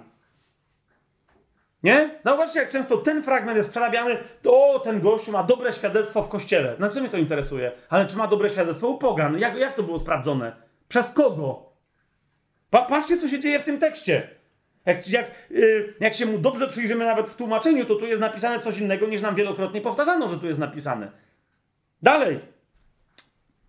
I, I dlaczego nowicjusz wpadnie w potępienie diabelskie, zauważcie szósty werset, a ten, kto by, kto by był zatrudniony jako biskup, a nie miałby dobrego świadectwa od tych, którzy są na zewnątrz, dlaczego mógłby ściągnąć na siebie nie tylko hańbę, ale wpadłby w sidła, w sidła diabelskie. Co to są sidła diabelskie? Czym one się różnią od potępienia diabelskiego? Rozumiecie, o co mi chodzi? Co się tu dzieje? Dalej, diakoni także mają być poważni, niedwulicowi, nie nadużywający wina, nie łakomi na brudny zysk. Zauważcie, że diakoni mogą być skłonni do bicia, najwyraźniej. Znowu żartuję, tak? Ale bo niektórzy mówią, no bo tu jest paralela z, z biskupami, no to jak jest, a pewne rzeczy są niepowtórzone, znaczy co, im już wolno? Więc po co, rozumiecie, przy biskupie jest powiedziane, żeby był nieskłonny do bicia, czy, czy tam jest naprawdę to napisane, a przy diakonie już nie? Wiecie o co mi chodzi? Dlaczego tam to jest istotne, a tu już to nie jest istotne? Nie? Zachowujący tajemnicę wiary w czystym sumieniu. Czemu biskup nie ma zachowywać tajemnicy wiary w czystym sumieniu? A może tu chodzi nie o diakonów, ale o biskupów i o diakonów, że jedni i drudzy mają zachowywać tajemnicę wiary w czystym sumieniu. Nie? Może tu mamy podsumowanie co do tych dwóch grup. Dalej. I niech będą najpierw wypróbowani, a potem niech służą, jeśli są nienaganni. Czyli najpierw próby, jak przez te próby przejdą nienaganni, to niech potem dopiero będą zatrudnieni do czego? Do służby. Zauważcie. No i najlepszy fragment to jest jedenasty werset, nie? Zauważcie, jak przez dodane wyrazy powstało cudowne, logiczne zdanie. Ich żony także niech będą poważne, nie rzucające oszczerstw, trzeźwe, wierne we wszystkim. Diakoni niech będą, znowu wróciło, no to zaraz, co tu się dzieje? Nie? Diakoni niech będą mężami jednej żony, rządzący dobrze dziećmi i własnymi domami. Bo jedenasty werset, jak pamiętacie, jak żeśmy roztrząsali kwestię służby kobiet w kościele, ewidentnie mówi, że nie ich żony, ani nie żony starszych, ani nie żony biskupów, ani nie żony diakonów, tylko kobiety, które są w tej służbie, które nie są mężczyznami, także mają być poważne, nie rzucające oszczerstw, trzeźwe i wierne we wszystkim. I jest powrót, i znowu to jest bardzo interesujące. Dlaczego nie ma powiedziane, że kobieta, która jest w służbie, powinna być żoną jednego męża? A o diakonach jest powtórzone, tak jak przy biskupach, a on ma być mężem jednej żony. Znaczy co, że babie można mieć, wielu, która jest w służbie, jest wolno mieć wielu chłopów? Celowo ja na razie nie odpowiadam na te pytania, 13 werset.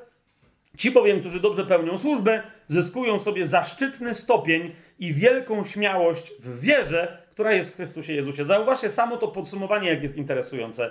Dzisiaj Kościół wygląda zasadniczo tak. Popatrzcie, przeczytam ten, ten, ten werset i powiedzcie mi, że tak nie jest.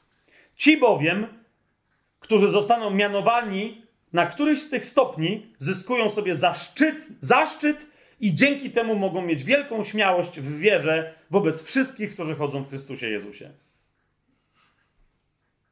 Nie tak jest dzisiaj w kościele? Wystarczy, rozumiesz, mianują cię, nie? Słyszałeś? Stefan został pastorem. Ty! Wow! Już ma zaszczyt. A tu jest powiedziane, że ci, którzy będą dobrze pełnić służbę, pozyskają sobie zaszczytny stopień. Pytanie, gdzie? U kogo? Jeszcze raz.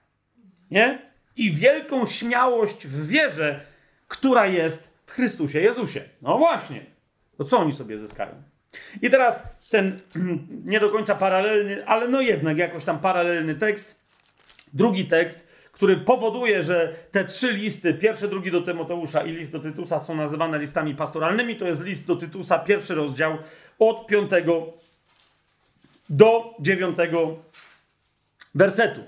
Tam zwracam Wam serdeczną uwagę, że słyszeliśmy o biskupach, nieprzetłumaczony wyraz, diakonach, nieprzetłumaczony wyraz, kobietach, które są w służbie przynajmniej diakońskiej, jeżeli nie służbie starsz, starszeńskiej.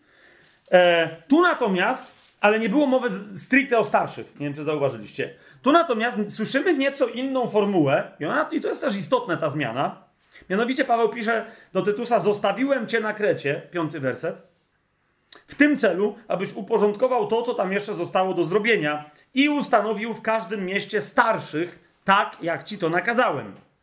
Jeżeli ktoś jest nienaganny, mąż jednej żony, mający dzieci wierne, nieobwiniane o hulaszcze życie lub niekarność, no to najwyraźniej się na starszego nadaje. I tu nagle Paweł włącza wyraz biskup.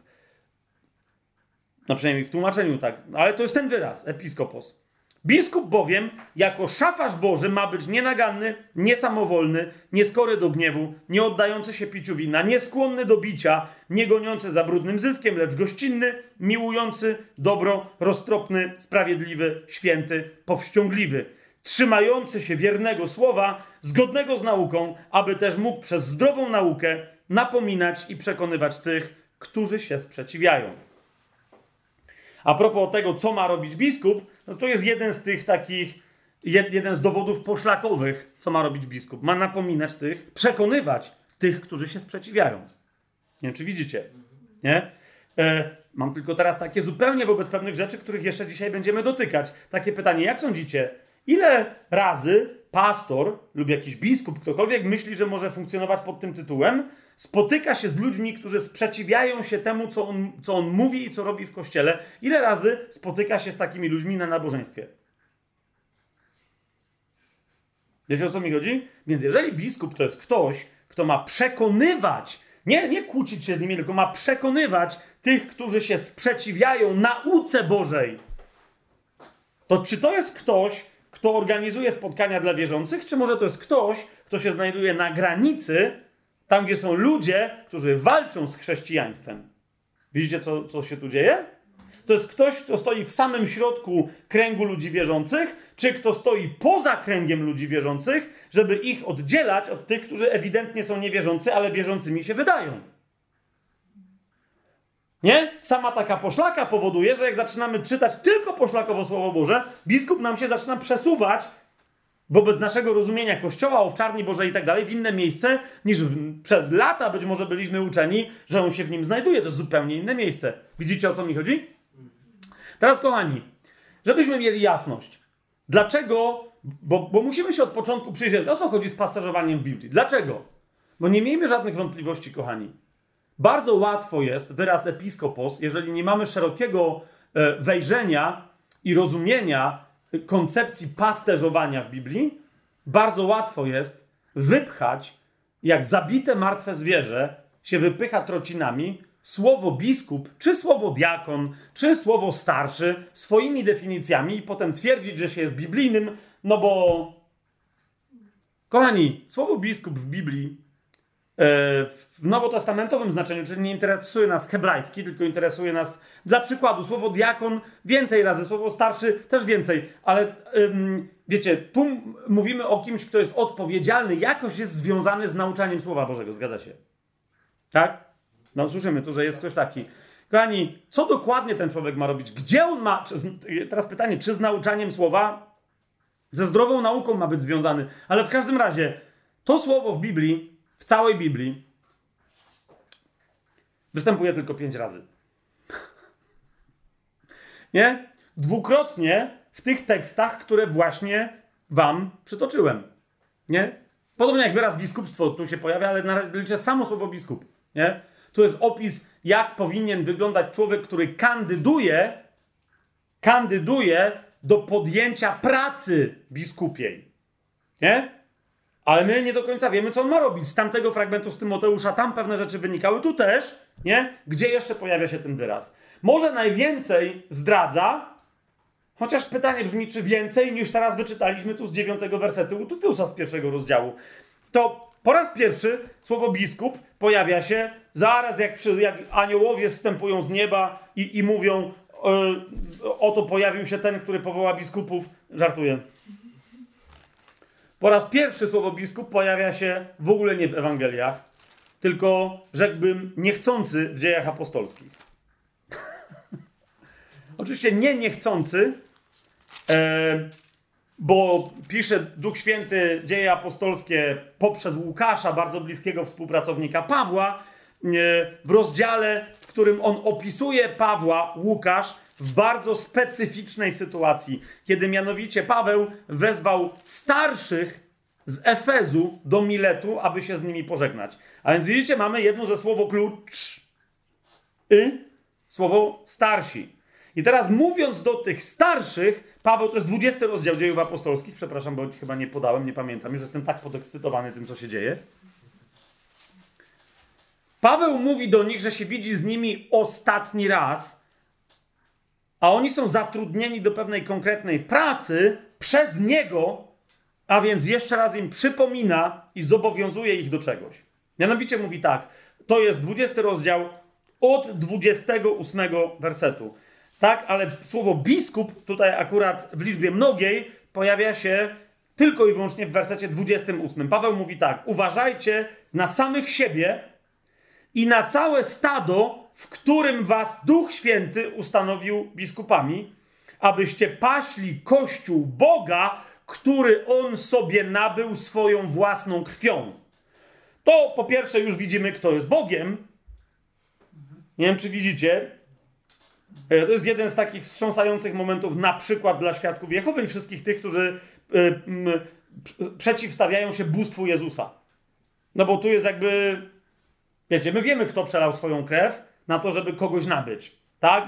A on, go naby, on nabył tych ludzi e, Bogu. Nie, bo to jest ten, kto przelał krew, nabył sobie. Nie? I ten ktoś jest Bogiem. Ale na razie ten temat tu pomijam, tylko samo to jedno zdanie, jak dobrze się w nie wczytać. My teraz nie będziemy tego robić. Nie? Ale ono poka pokazuje, jak w zasadzie bardzo pokorna i skromna jest pozycja w kościele kogoś, kogo Paweł nazywa biskupem, czy też grupy ludzi, których Paweł nazywa biskupami. Jeszcze raz, on ich nie nazywa biskupami, ale zostańmy na razie przy tym tłumaczeniu. Czy to jest jasne? Bo nie było takiego słowa nigdy i nie ma takiego słowa jak biskup. To słowo istnieje tylko w religijnym postchrześcijaństwie. W religiach, które udają chrześcijaństwo albo które niechcący zostawiły sobie to nazewnictwo. Ale czegoś takiego, rozumiecie, tak jak religijne chrześcijaństwo biskupa rozumie, w dowolnej formie tego w Biblii nie ma. Nie? I dalej Paweł tu opisuje, co oni mają robić, ale to jest, to jest na, na razie tym się nie zajmujemy. To jest to. Drugi raz, kiedy pojawia się słowo biskup, to jest list Pawła. No właśnie, bo to Paweł yy, konkretnie najczęściej się tym wyrazem posługiwał, tak?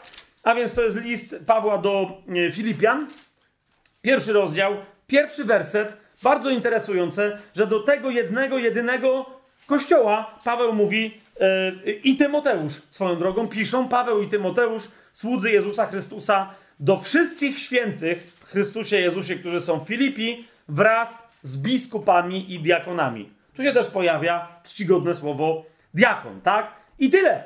Nie ma wyjaśnienia, kto to jest, co to jest. Najwyraźniej Kościół wie, co to są za ludzie. Dla nas tylko pozostaje pytanie, czemu w tym jednym, jedynym kościele Paweł pozdrawia wszystkich świętych, a biskupów i diakonów oddziela. Jak pamiętacie, albo sobie sięgniecie do rozważań naszych, do naszego studium na temat listu do Filipian, to zobaczycie, jakie były problemy w Filipi, z czego to mogło wynikać i czemu tam niektórzy mieszacze, no właśnie, myśleli, że jak mają pewne pokorne funkcje w kościele, to że mogą w ramach tych funkcji e, robić w kościele więcej niż im się e, wydaje. Dalej, pojawia się ten wyraz w pierwszym do Tymoteusza w trzecim rozdziale, w drugim wersecie, no ale to żeśmy już czytali, następnie w liście do Tytusa w pierwszym rozdziale, w siódmym wersecie. Zwróćcie uwagę, że albo tym wyrazem biskup posługuje się Paweł, albo Łukasz, jego bliski współpracownik, cytując Pawła. Czy widzicie to? I wreszcie na sam koniec, i chciałbym, żeby, żeby nagle nas to trafiło, Kiedyś pamiętam jednego brata, który jest taki bardzo pobożny, jeszcze on mi zwracał uwagę, żebym się pewnymi wyrazami nie posługiwał, bo one nie są za bardzo ładne, nie? Jak on zobaczył to, co ja tutaj mu pokazałem, nie? Najpierw mu pokazałem, mówię, chłopie, żeby zrozumieć apostoła, to musisz zrozumieć, że, na, że w zasadzie jedynym apostołem jest Jezus. Jak Jezus wyznaczał... I pokazałem mu miejsce, że Jezus jest apostołem naszej wiary. Pamiętacie to miejsce, nie? I on nagle mówi, wow, ale mówię mu, słuchaj, ale jest jeszcze lepsza akcja, nie? Bo Jezus nie jest tylko jedynym apostołem, nie? Jezus jest jedynym pastorem, ale w tym wszystkim nawet jest jedynym, no i jak mu pokazałem ten fragment, bo powiedziałem, Jezus jest jedynym biskupem. On mówi, co? I jak to przeczytał, mówi, no szlak by trafił. Byłem, o, przepraszam. ale naprawdę, rozumiecie, chłop był w takim szoku, to mówi, co? Jak ja tego nigdy w życiu nie, widziałem? Nie widziałem. Zobaczcie pierwszy list Piotra, drugi rozdział. Yy, 25 werset.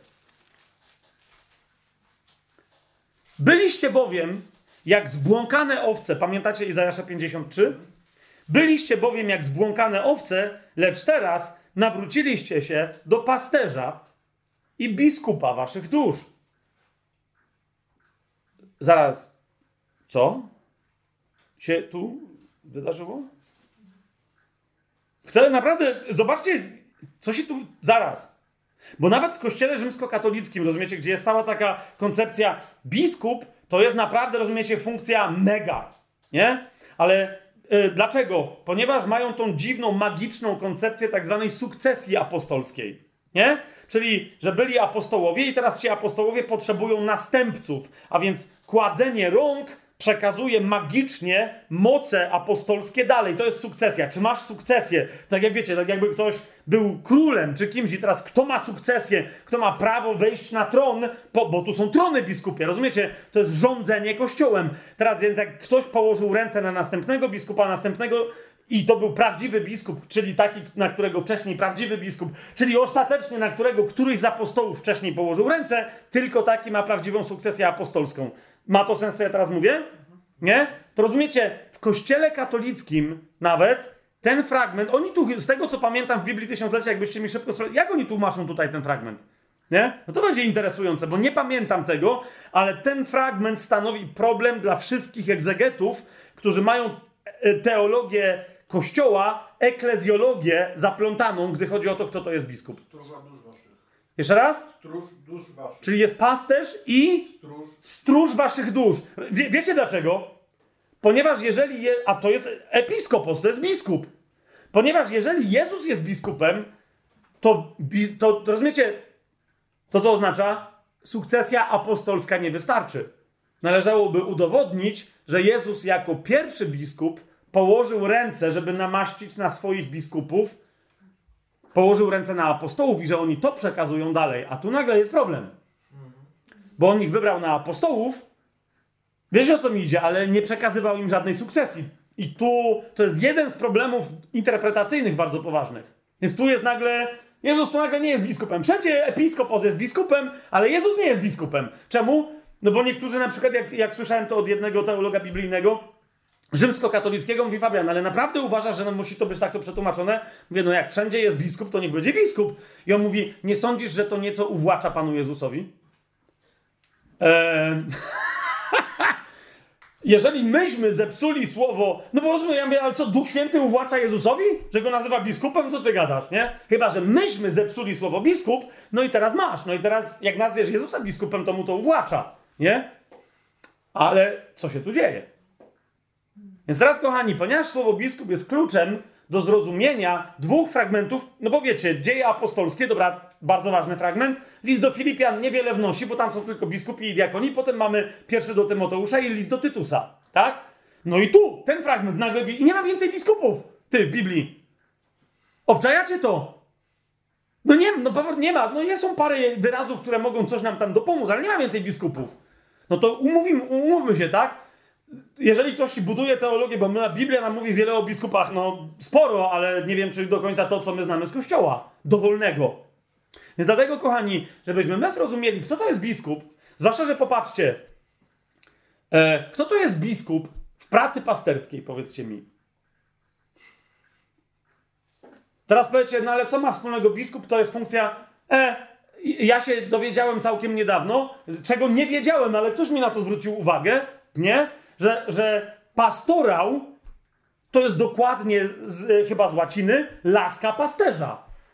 Więc biskup trzyma pastorał, ma czapkę, pomijam, że bóstwa mitraicznego, czyli pysk ryby, ale nieważne teraz, tak? Chodzi mi o ale, ale laskę trzyma pasterską, tak? Jeszcze dzisiaj troszkę będziemy o tym mówić. Ta laska musi być na końcu zakrzywiona. Jak nie jest zakrzywiona, to nie jest pasterska. Ona ma bardzo ważną funkcję to zakrzywienie u pasterza. Ale dlatego pastorał biskupi to jest laska pasterska, tak? I teraz niektórzy mówią, no wtedy się, wtedy się powołuje. Czemu pasterz, czemu biskup ma mieć laskę pasterską? Ponieważ pełni pewną Chrystusową funkcję, który, która jest funkcją pasterską. Jak to? Czyli biskup to jest jakaś może techniczna nazwa związana z pasterzowaniem?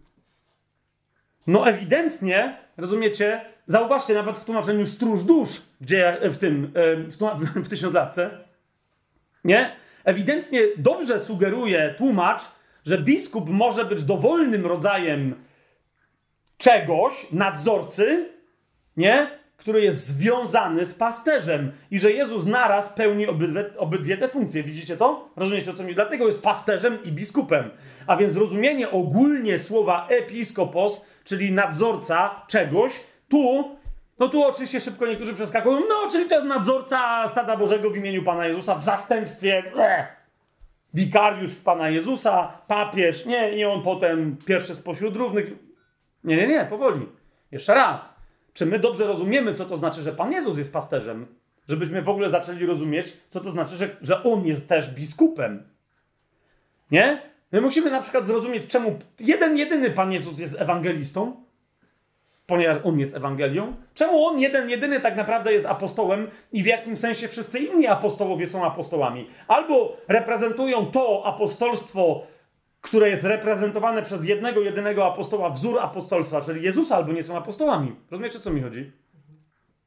A po Jezu jako, Jezus jako apostoł wiary jest między innymi uzdrowicielem i dlatego Paweł mówi, że znakami apostoła y, y, są, są cudowne y, y, rzeczy, które się dzieją przez ręce apostoła. Jak, on mówi, jakbym tego nie miał, to bym nie miał dowodu, że jestem apostołem. Pamiętacie? Nie? Więc teraz, jeżeli mamy ludzi, którzy chcą się nazywać pasterzami, biskupami itd., tak itd., tak a wzorcem pasterza i biskupa jest Jezus, to musimy sobie odpowiedzieć na pytanie, co to znaczy, że Jezus jest pasterzem. Zgodzicie się? I biskupem. Zawsze, że jeszcze raz powtarzam, moja teza jest taka, że biskupstwo, biskupowanie, bycie biskupem wiąże się z pasterzowaniem. Amen? Otóż, kochani, nie będziemy robić całego dużego studium, bo jak ktoś z Was będzie chciał zrobić całe ogromne, duże studium, to se może zrobić, ja tylko Wam pokażę pewne wątki. Nie? Które mogą stanowić przyczynek do tego y, studium, którym ktoś z Was zechce pójść. Nie? Ale idźmy od początku. Żeby zrozumieć pasterzowanie w Biblii, musimy zobaczyć, że ono się pojawia zaraz w pierwszych historiach ludzkości. Nie? Otwórzmy sobie księgę rodzaju, czyli pierwszą księgę Mojżeszową, czwarty rozdział.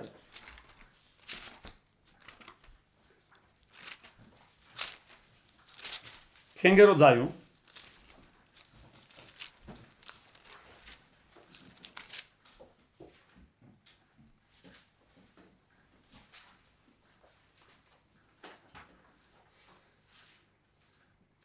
Mamy czwarty rozdział?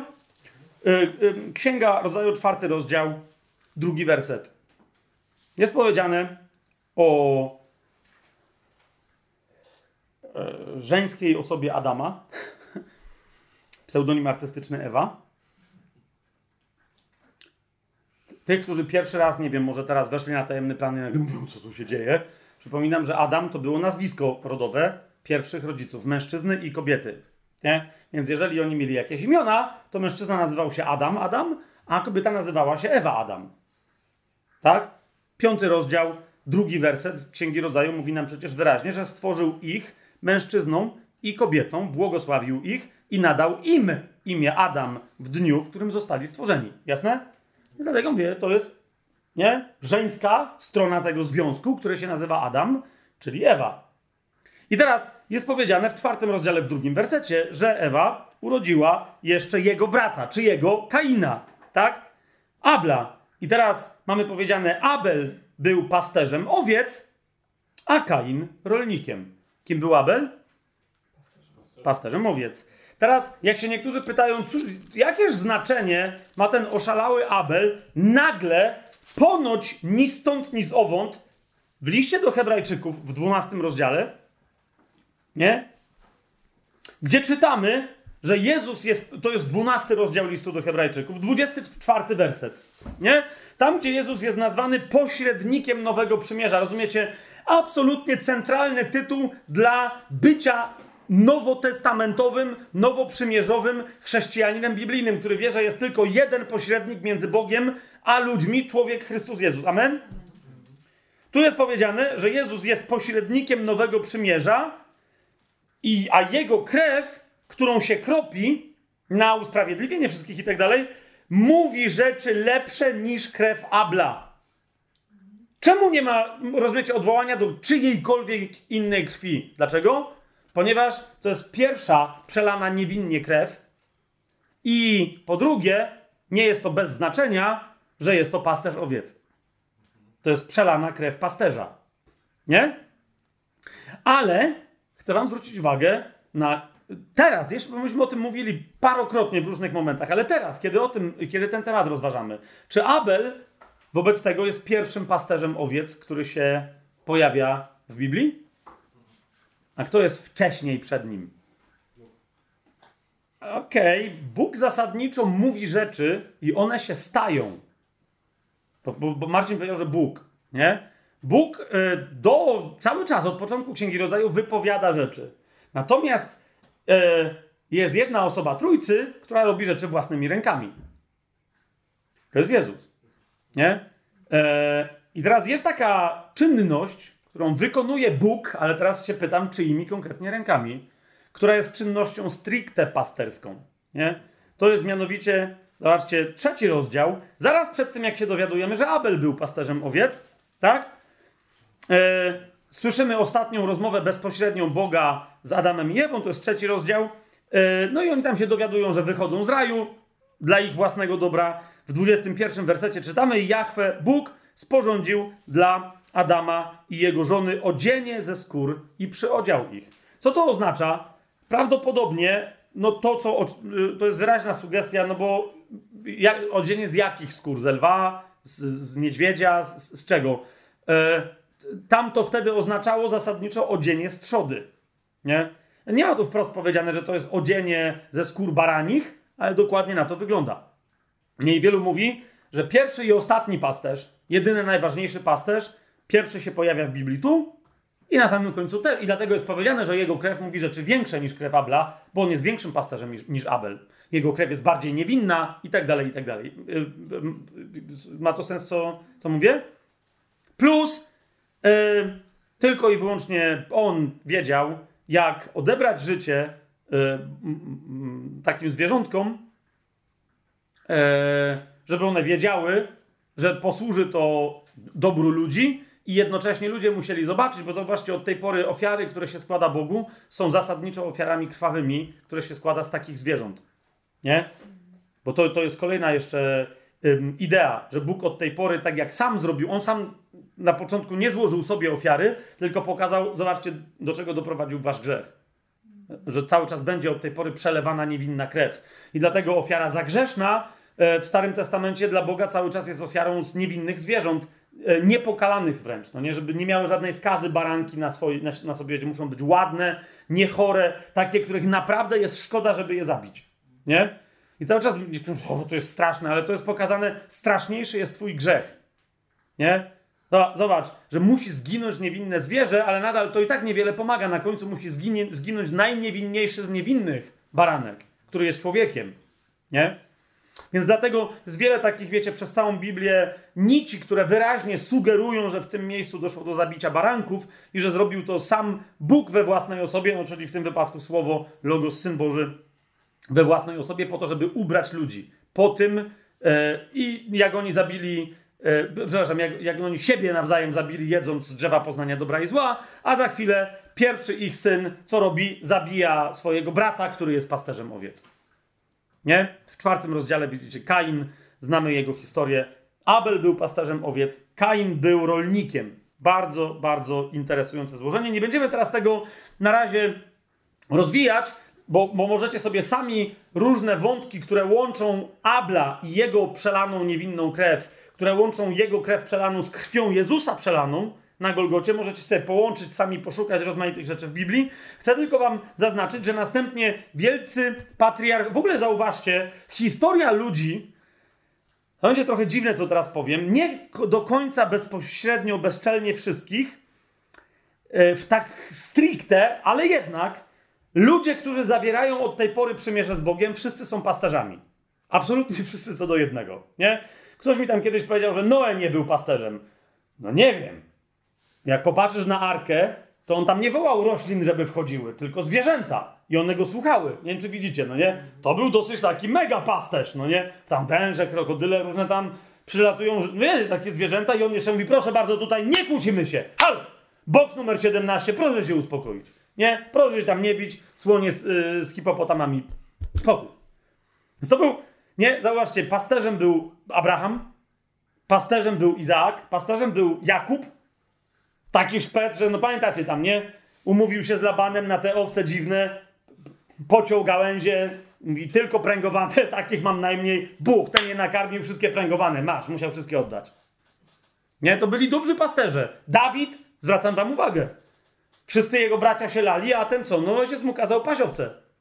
Że przy okazji pasania walił z procy i zabił niedźwiedzia, lwa i tak dalej, i tak dalej, a potem dzięki temu umiał utłuc e, giganta Goliata, to jest następna rzecz. Ale zauważcie, Dawid był pasterzem. Nie? Ludzie, którzy zawierają przy, i ostateczne przymierze zawarte z Bogiem jest przymierze zawarte przez pasterza Jezusa, przez arcypasterza Jezusa. Akurat interesującą rzeczą jest, że e, w zasadzie jakby się dobrze przyjrzeć, to język grecki nazywa Jezusa mega pasterzem. ale to teraz wynika ze specyfiki języka greckiego, ale tak tam jest. Więc, kochani, yy, wszyscy, którzy zawierają przymierze z Bogiem, to są pasterze, ale jest jedna bardzo interesująca rzecz. Naród wybrany, czyli Izrael, jest postrzegany i definiowany od samego początku przez swojego praojca, no bo dopiero co powiedziałem, że Jakub był pasterzem. Jakub stał się Izraelem, a z niego wyszło kilkunastu synów, to są pokolenia Izraela, 12 pokoleń Izraela, tam się potem one pomieszały, no ale załóżmy, że 12 pokoleń Izraela i to jest Izrael. I teraz obczajcie, że Izrael przez przyjaciół i przez wrogów jest postrzegany jako naród pasterzy w pierwszej kolejności, czasem w jedynej kolejności. Zobaczcie na przykład Księgę Rodzaju, skoro już w niej jesteśmy. Bardzo szybko teraz przeskapkuję tematy, żeby dzisiaj e, pewne wątki, które chcę poruszyć, żeby je domknąć. Księga Rodzaju, 46 rozdział. Zauważcie, w jaki sposób w 46 rozdziale Józef rozważa e, e, początki Izraela, czyli swojego tatę i swoich braci, którzy go. No pamiętacie historię Józefa egipskiego, tak? I teraz on chce, żeby oni się osiedlili w Egipcie, i teraz im on mówi, jak oni są postrzegani, a więc jak potem od tej pory będzie cały Izrael postrzegany, nie? I jak to wykorzystać w Egipcie, który jest, uwaga, skoro mieliśmy historię o Kainie i o Ablu, który jest narodem rolników którzy korzystają z wylewania Nilu, wielkiej rzeki, i na żyznych, popowodziowych glebach uprawiają rośliny. Nie? Jako kto przedstawia się Izrael? Zobaczcie 46 rozdział Księgi Rodzaju, czyli pierwszej Mojżeszowej, od 31 wersetu. Józef powiedział do swoich braci i do domu swojego ojca: pójdę zawiadomić faraona i powiem mu, moi bracia i dom mojego ojca, czyli to jest Izrael, rozumiecie o co chodzi, nie? To jest Jakub, zwany Izraelem i wszyscy jego synowie, no z wyjątkiem Józefa, bo on tu ich reprezentuje. Moi bracia i dom mojego ojca, którzy byli w ziemi Kanaan, przyjechali do mnie. A ci mężczyźni są kim? Pasterzami. I teraz patrzcie dalej, bo zajmowali się hodowlą, no tu jest trzoda ogólnie, no ale to mogły być też krówki, kozy, z tym, że zasadniczo najwięcej tego wszystkiego to są owce, tak? Przyprowadzili więc swoje owce, wiecie, to jest pierwsze podane, i woły, i wszystko inne, co tam mieli. A gdy wezwie was faraon, mówi Józef dalej do swoich braci ze swojego taty, i zapyta, czym się zajmujecie, zauważcie, mimo że Józef przedstawi ich jako pasterzy, to mówi, upewnijcie się, co macie zrobić, nie? Odpowiedzcie, twoi słudzy od swojego dzieciństwa aż do dziś są pasterzami, my i nasi ojcowie. W ten sposób będziecie mogli zamieszkać w ziemi Goszen, bo Egipcjanie brzydzą się każdym pasterzem. to jest to. Bo pasterze im śmierdzą. Rozumiecie? Pasterze są śmierdzący. Pasterze mówią dziwnym językiem. E, Nil zasadniczo i Egipt to było równinne, nizinne państwo i nizinno, równinno rolnicza gospodarka. Pasterze w tamtym czasie, zwłaszcza pasterze owiec, kiedy owce były dominantą, to byli ludzie gór, to byli górale. to jest bardzo istotna informacja. Nie? To mogli być tacy górale, wiecie, jak z Podhala, nie? a mogli być tacy, yy, jak bardziej z niższa, nieco bagienni, jak z Nowego Sącza, czy z Beskidu Żywieckiego i tak dalej. No są góry góreckie i inne jeszcze popagórki, no nie? Ale chodzi mi o to, że to są ludzie, którzy zasadniczo jak moja żona mówi, która nie jest góralką z Podhala, ale y, y, y, ewidentnie krew limanowska, tak, ona zawsze mi mówi, że skąd by górol nie był, krew jest ta sama. Nie? I podała mi przykład, na przykład Austriaków, wszystkich, których znamy, ci, co są z gór, mówi, to jest to samo. Nie? Jest to samo, co polscy górale, Słowacy, ale okazuje się, że na przykład górale z Peru, to, to jest to samo. No nie? Wszyscy, cała reszta ludzi w, w Peru z góralami to jest jakby, wiadomo, górale to jest zupełnie inna nacja międzynarodowa, no nie? E, więc to byli górale, to jest bardzo istotne i zaraz do tego jeszcze wrócimy, ale przede wszystkim pasterze i to pasterze owiec. Zauważcie, e, bo ktoś powie, no nie, to tu oni się tak przedstawili, żeby... Otworzymy sobie Księgę Liczb, czyli czwartą Księgę Mojżeszową. W 27 rozdziale mamy, takie, mamy tam takie słodko-gorzkie wydarzenie, e, smutno-wesołe, radosno-rozpaczliwe, mm, kiedy Mojżesz po prostu dowiaduje się, że nieodwołane są wyroki boskie, mógł wejść do ziemi obiecanej, ale nie wejdzie i po prostu może na nią popatrzeć z daleka, ale musi umrzeć. Nie? I zobaczcie, co wtedy. On wie, że to się nie zmieni, więc on widzi tą ziemię obiecaną, ale pamiętając o ludzie Izraela, to zauważcie, to już dawno kilkaset lat, jak nie ma Jakuba i tych pierwszych y, patriarchów, tak? On jednak zwraca się do Boga z określoną prośbą. To jest szesnasty werset. Mianowicie mówi tak: Niech Jahwe, Bóg duchów wszelkiego ciała, to jest jego prośba, tak? Ustanowi męża nad tym zgromadzeniem. Męża, który będzie wychodził przed nim i który będzie wchodził przed nim, który będzie je wyprowadzał i który będzie je przyprowadzał, aby zgromadzenie Jahwa nie było jak owce, które nie mają pasterza. Jahwe powiedział do Mojżesza: Weź więc do siebie Jozułego, syna Nuna, męża, w którym jest mój duch, i połóż na nim swoją rękę. O! Interesujące. Poprosił Mojżesz o pasterza, a Pan mu mówi: połóż na niego rękę. Nie? Dalej, ten wątek możecie sobie e, rozwijać. Chodzi mi tylko o to, kochani, że w momencie, e, kiedy Izrael nie jest postrzegany jako naród pasterzy, ale jak, kiedy zaczyna być postrzegany jako trzoda owiec, jako stado owiec, nie? Bo jest bardzo szybkie takie przejście, że my jesteśmy pasterzami. Jakby dlaczego Izrael tak często od Pana się dowiadywał, że jest jego stadem? Ponieważ oni byli pasterzami, to była metafora, która najlepiej do nich przemawiała. Zwłaszcza jak przyszedł potem specjalista pasterski i zaczął im rzucać absurdalne hasła na temat pasterzowania, Pana Jezusowe przykłady na temat, kto jest dobrym pasterzem. Także tak, ale on wiedział, do kogo mówi. Więc jeżeli Bóg mówi, ja jestem waszym pasterzem, albo to jest wasz pasterz, to oni wiedzieli, aha, to my jako owce, taka jest nasza relacja z tym pasterzem. Tak? Bo kochani, pierwsze objawienie dzisiaj może dla niektórych. Zauważcie, że nie, nawet nie od tej pory ale za każdym razem Biblia, i mnie się wydawało, że to jest wyjątkowe dla Biblii, a, a potem się dowiedziałem, że no nie, to jest typowe dla pasterstwa. Biblia zawsze przedstawia owce z jednym pasterzem. Zauważcie, że nawet tutaj Mojżesz nie prosi o wielu pasterzy dla Izraela. Zauważyliście? On mówi: daj im pasterza. Nie? Potem będziemy mieli, jeszcze sobie do tego przejdziemy, będziemy mieli. Yy, yy, będziemy mieli historię, że Pan Jezus mówi, że żeby była jedna owczarnia i jeden pasterz. No jak jedna owczarnia, to jeden pasterz, no ale to jest dość duża owczarnia. Nie?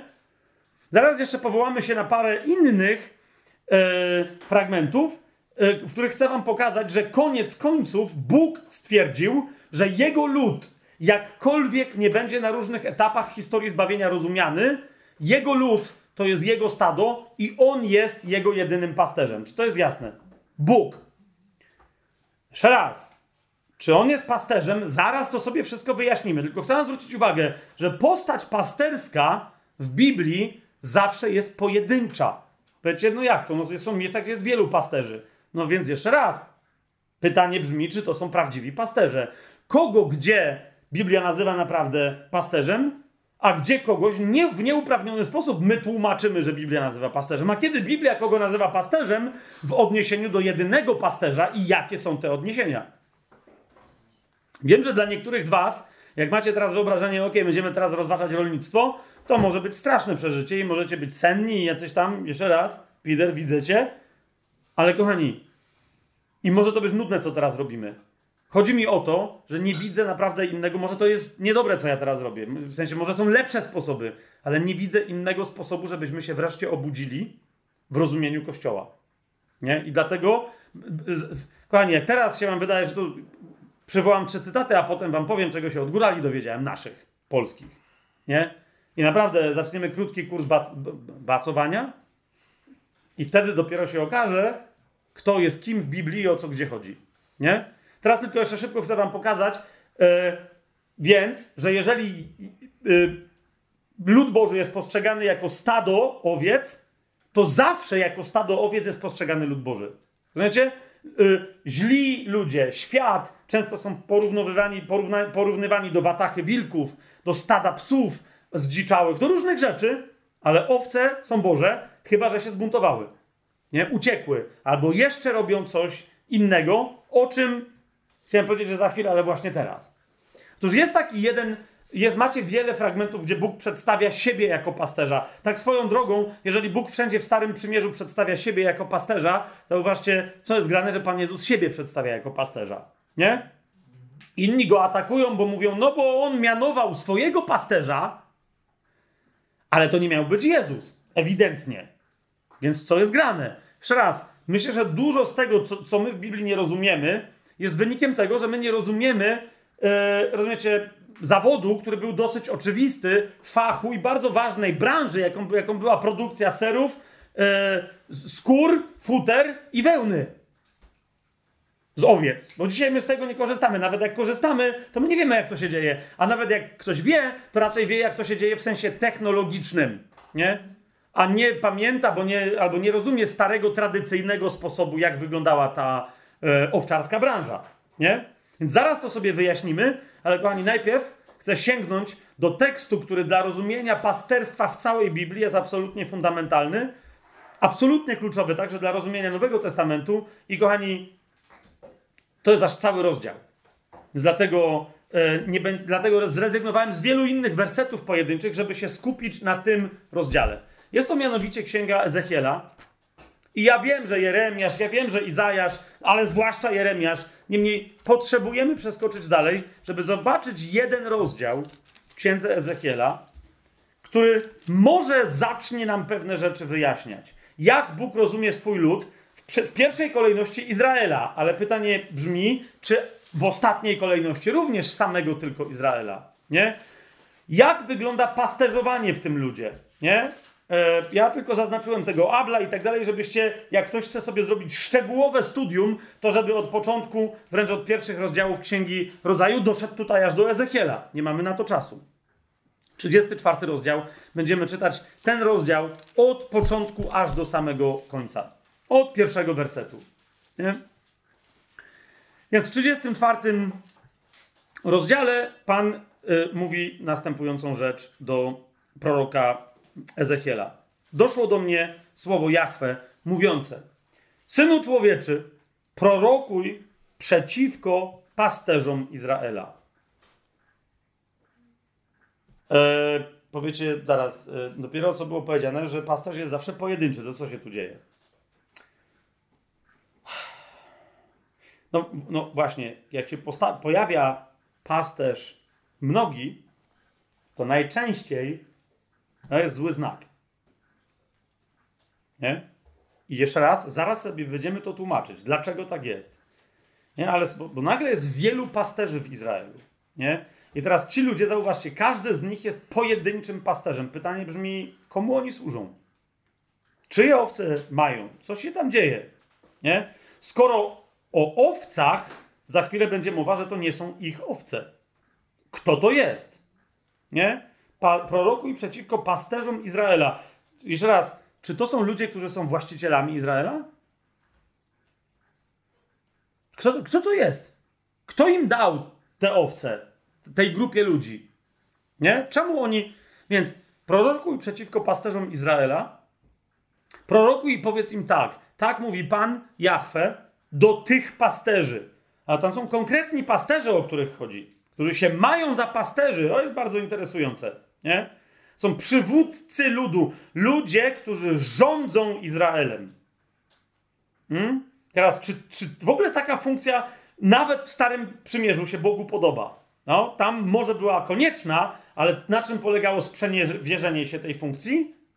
A teraz, czy my mamy taką funkcję w Nowym Przymierzu? Jeszcze raz. Nie? Bo niektórzy w Nowym Przymierzu zrobili z Kościoła na powrót państwo Izrael. I mówią, nie mówią, że to jest koniec. My nie mamy teologii zastąpienia, ale jednak pasterze w kościele to są de facto pasterze Izraela. Mają funkcje przywódcze, rządzą. Nie? Również w Izraelu, poza kapłanami uczonymi w piśmie i tak dalej, byli starsi Izraela. I nawet Nowe Przymierze ich przedstawia. Oni, starsi Izraela i, arcy, i kapłani i Sanhedryn sądzą Jezusa na przykład. Nie? Więc widzicie, starsi, czy w, w takim rozumieniu, jak w, jak w państwie Izrael, teokratycznym i religijnym, czy w takim rozumieniu mamy starszych w kościele? Jak w takim, to ok, ale jak nie w takim, czy w takim rozumieniu mamy pasterzy? Bo jak nie w takim, więc Pan mówi, biada pasterzom Izraela, nie? Prorokuj i powiedz im tak.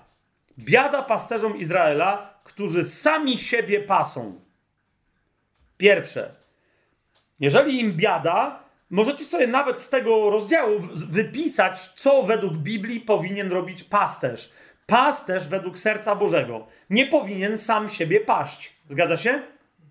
Jeżeli yy, myślicie, że nie ma tego rozumienia, to potem na przykład porównajcie sobie te wszystkie cechy, które tu znajdziecie, z tym wszystkim, co potem znajdziecie w Nowym, yy, w nowym Przymierzu. Yy, na przykład, to jest tylko z jeden z przykładów, bo dzisiaj go nie będziemy rozważać, na przykład w pierwszym liście Piotra, w piątym rozdziale. Nie? W piątym rozdziale, zauważcie, jest wyraźnie mowa, pa Piotr się zwraca do ludzi, których uważa, że pełnią jakąś funkcję pasterską. Dlaczego? Bo mówi im paście stado. Nie? I teraz co do nich mówi? Zobaczcie, piąty rozdział, drugi werset pierwszego listu Piotrowego. Paście stado Boga, które jest wśród was. Dosyć interesujące. Nie które jest wasze, które jest pod wami, którym rządzicie. Paście je. Teraz jest pytanie, jako kto i co to znaczy paść? Co to znaczy pasterzować? W jakim kontekście, nie? Dalej, jak? Doglądając go nie z przymusu, ale dobrowolnie, nie dla brudnego zysku, ale z ochotą. I nie jak ci, którzy panują nad dziedzictwem, lecz jako wzór dla stada. Ok? I teraz wracamy do 34 rozdziału, bo e, jak mówię, tego typu fragmentów w Nowym Testamencie znajdziecie znacznie więcej. Nie? Ale wróćmy do 34 rozdziału księgi Ezechiela. Biada pasterzom, to jest drugi werset, Izraela, którzy sami siebie pasą. Czy pasterze nie powinni paść trzody? My tam mamy tłumaczenie w, w, w pierwszym Piotrowym, że nie róbcie tego dla brudnego zysku. Okej, okay. Natomiast taka sugestia, że no niektórzy to mogą robić dla czystego zysku. tak, na pewno. Nie? księga tu Ezechiela nie zostawia nam żadnych wątpliwości, nie? Pasterz ma paść owce, a nie siebie. Nie? Ma paść owce, a nie siebie. Dalej. Jadacie tłuszcz. Z czego? Z zabitych owiec w takim razie. Tak? A więc mordujecie owce. Po co? Żeby jeść ich tłuszcz. Okrywacie się wełną. Zabijacie tuczne, ale trzody nie pasiecie. Co jest grane? Korzystacie z tego, że są owce, ale nie wykonujecie swojej pasterskiej funkcji. Tak? Dalej. Słabych nie posilacie. Chorego nie uzdrawiacie, nie leczycie. Mm? Mm? Złamanego nie obwiązujecie, spłoszonego nie przyprowadzacie, ani zgubionego nie szukacie, ale siłą i okrucieństwem panujecie nad nimi. Ktoś powie, no to jest sytuacja starożytnego Izraela, nie dzisiejszego kościoła. Czy aby na pewno. Bo panowanie siłą i okrucieństwem oznacza po prostu bicie owiec, żeby się gdzieś przesuwały. Nie chodzi o to, że one są torturowane, zabijanie ich niepotrzebnie, żeby się ich krwią, tłuszczem, ich mięsem pożywiać. Niepotrzebnie. Nie? Kiedy? Wtedy, kiedy one są na rydyku, kiedy one są na wypasie. Kiedy rozumiecie, na, nawet owce, które są na wypasie, które nie są e, mleczne, które nie dają mleka i nie mają tam, bo one są oddzielone od innych owiec, ale tam, jak nie ma potrzeby, to ich tam nikt nie zażyna wtedy. A tu jest dokładnie powiedziane, mają się paść, a wy co robicie? Gdzie są te owce, że są zabijane? Wiecie, gdzie się opłaca zabijać te owce? Na zielonych pastwiskach? Dalej.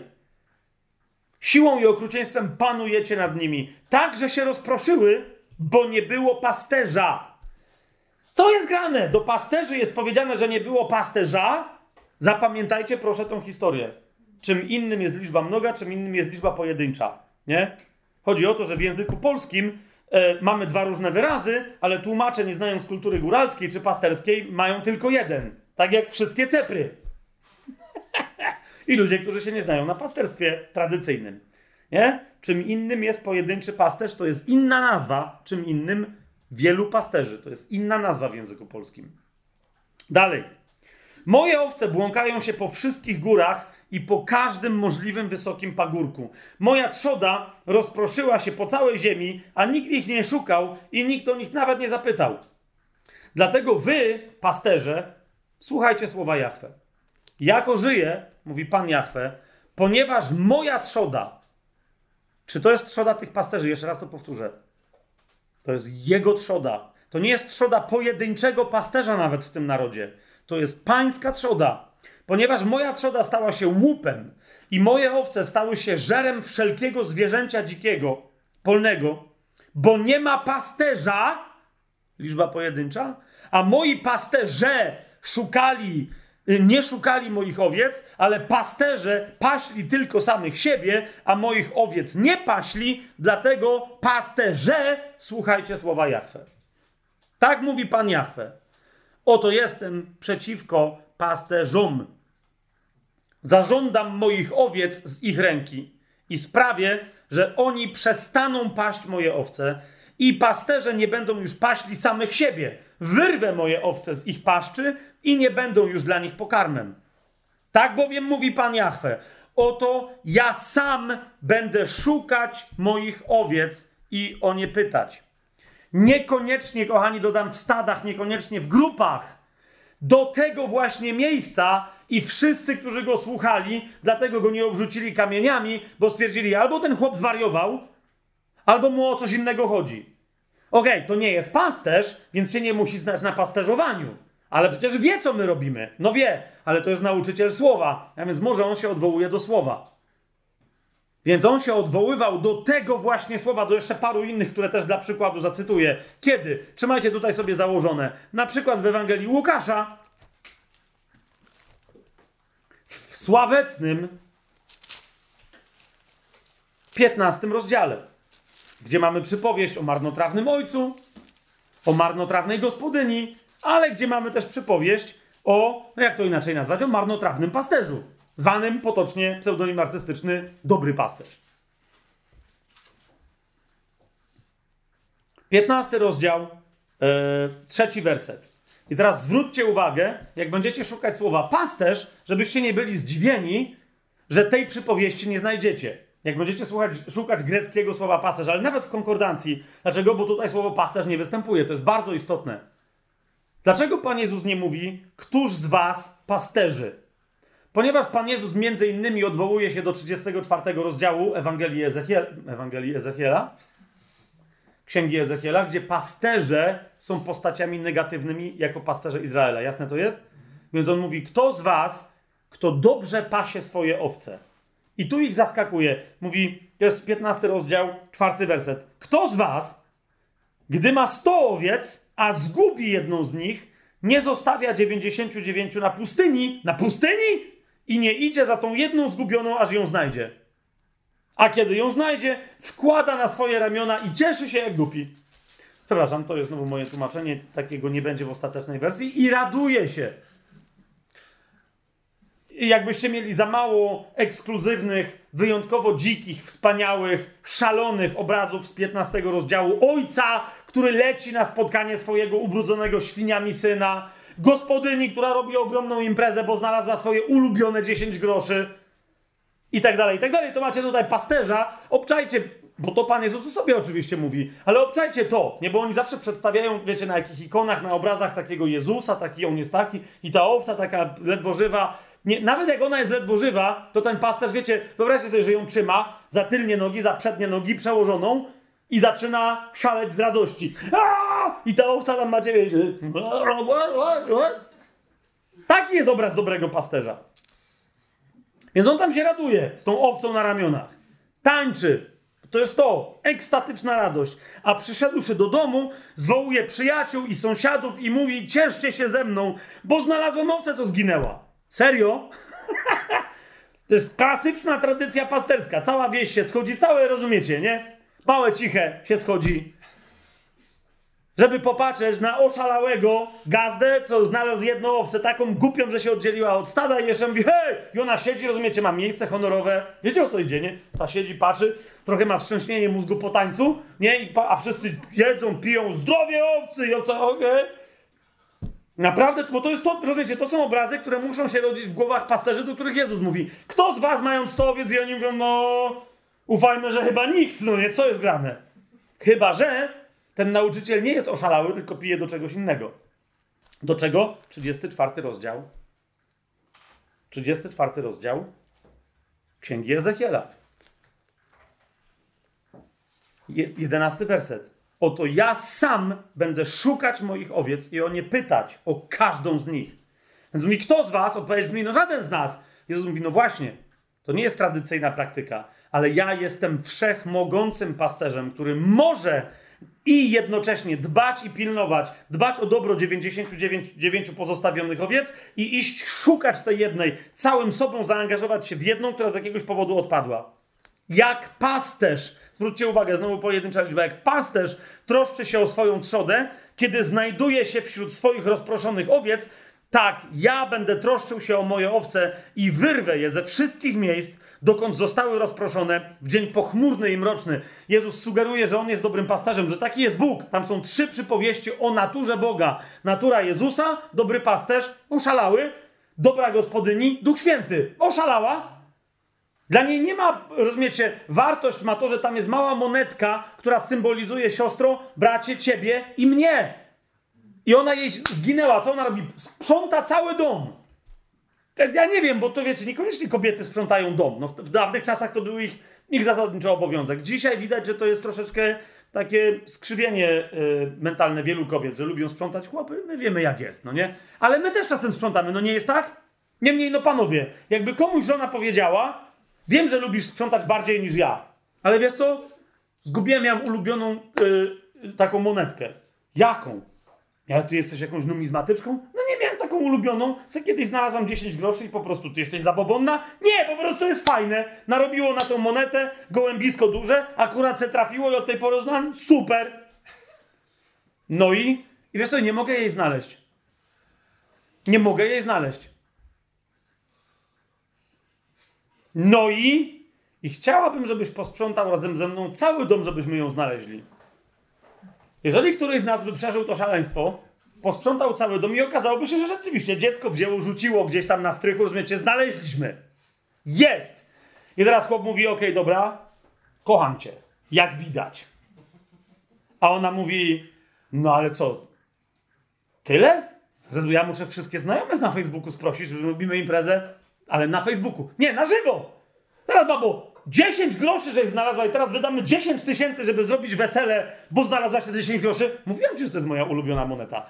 No wiecie, to jest, to jest Duch Święty w 15 rozdziale, a i tak ten dobry pasterz oszalały i ten Duch Święty, ta, ta gospodyni przedziwna, nie są tak oszalali, jak ojciec z tego 15 rozdziału, który wybiega do swojego syna, który absolutnie bezczelnie go skreślił, wziął pół majątku od niego, to znaczyło dla mnie jesteś jak martwy, odszedł, roztrwonił te pieniądze. Absolutny loser, rozumiecie, kompletny przegryw.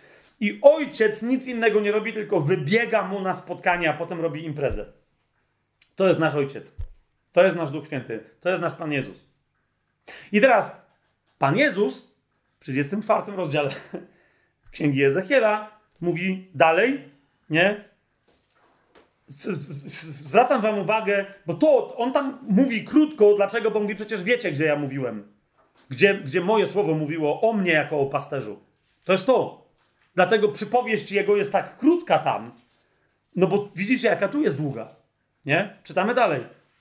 Ale zwracam wam uwagę na, na jak nagle, kiedy Bóg mówi o sobie i o swoich owcach i o ich miłości, Bóg, kiedy wyraża miłość do swojego ludu jako do swojej żony, albo na przykład do swojego ludu jako do swojego stada owiec, zawsze mówi pięknie i staje się poetą. Nie? I nawet jakby ktoś słabo tłumaczył, no to zobaczcie to zdanie, nie? Dwunasty werset. Ja będę się troszczył o moje owce i wyrwę je ze wszystkich miejsc, dokąd zostały rozproszone w dzień chmurny i mroczny. Wow! A on to kontynuuje. Wyprowadzę je z narodów Zgromadzę je z ziem i przyprowadzę je do ich ziemi i będę je pasł na górach Izraela, nad strumieniami i po wszystkich zamieszkałych miejscach tej ziemi. Będę je pasł na dobrym pastwisku, a ich pastwisko będzie na wysokich górach Izraela. Tam będą odpoczywać na bujnych błoniach, to są zielone niwy, rozumiecie? I na tłustych pastwiskach. Tam jest dużo różnych ziół, koniczyna, różne rośliny, nie tylko po prostu trawa, jakieś krzoki i będą się pasły na górach Izraela. Ja sam, ja jeden będę pasł moje owce i sprawię, że położą się, mówi Pan Jachwę. Położą się w sensie, e, wiecie, to, to są owce, które są tak nażarte, mają taką obfitość jedzenia, że one sobie już leżą, no nie? Nie tylko tam sięgają na bok, takie wiecie, nie? Koktajl taki do słomeczka tutaj, tam przegryzą jest, a! A! Jak myślicie, że ja żartuję, to zobaczę wam inny tekst, który mówi, że dokładnie tak o to chodzi Bogu. Dokładnie o to chodzi, tylko jeszcze za chwilę. Tego, tego, ale zwróćcie uwagę, Pan mówi, jeżeli ja jestem pasterzem, to ja jestem jedynym pasterzem i nie ma żadnego innego, ponieważ pasterze liczba mnoga mnie zawiedli. Czy to się zmieniło w kościele, czy to jest tylko proroctwo dla Izraela? Szesnasty werset jeszcze raz powtarza: Będę szukał zagubionej i przyprowadzę spłoszoną. Obwiążę to, co złamane i posilę słabą. Będę wreszcie robić to, co mieli robić pasterze. Ale, i tu nagle jest zaskakująca historia, wytracę tłustą i mocną, bo będę je pas w prawości. No to tłumaczenie jest tu troszeczkę przegięte, bo za chwilę jest wyjaśnione, czy pan y, uwielbia tylko chude owce, a nienawidzi grubych. Nie? Bo, czytamy dalej. Do was, moja trzodo, tak mówi pan Jachwę. Bo wcześniej było do pasterzy, tych, którzy się mienili pasterzami, a teraz jest do trzody. Oto będę rozsądzał między owcą a owcą, między baranami a kozłami. Dlatego pamiętacie, jak Pan Jezus mówi, że na końcu będzie rozsądzał i jedne narody uzna za baranki, a inne za owce, e, za kozły, nie? Ale mówi, będę też rozsądzał w mojej owczarni między owcą a owcą. Jaką? Jedną nazywa owcą tłustą, grubaśną, a drugą owcą chudą. Zobaczcie dalej. 18 werset i dalej. Czy mało wam, że, siecie, że się pasiecie na dobrym pastwisku, kiedy już jesteście pod moją władzą, nie? A resztę waszych pastwisk depczecie swoimi nogami. Mało wam, że pijecie czystą wodę, żeby resztę mącić swoimi nogami?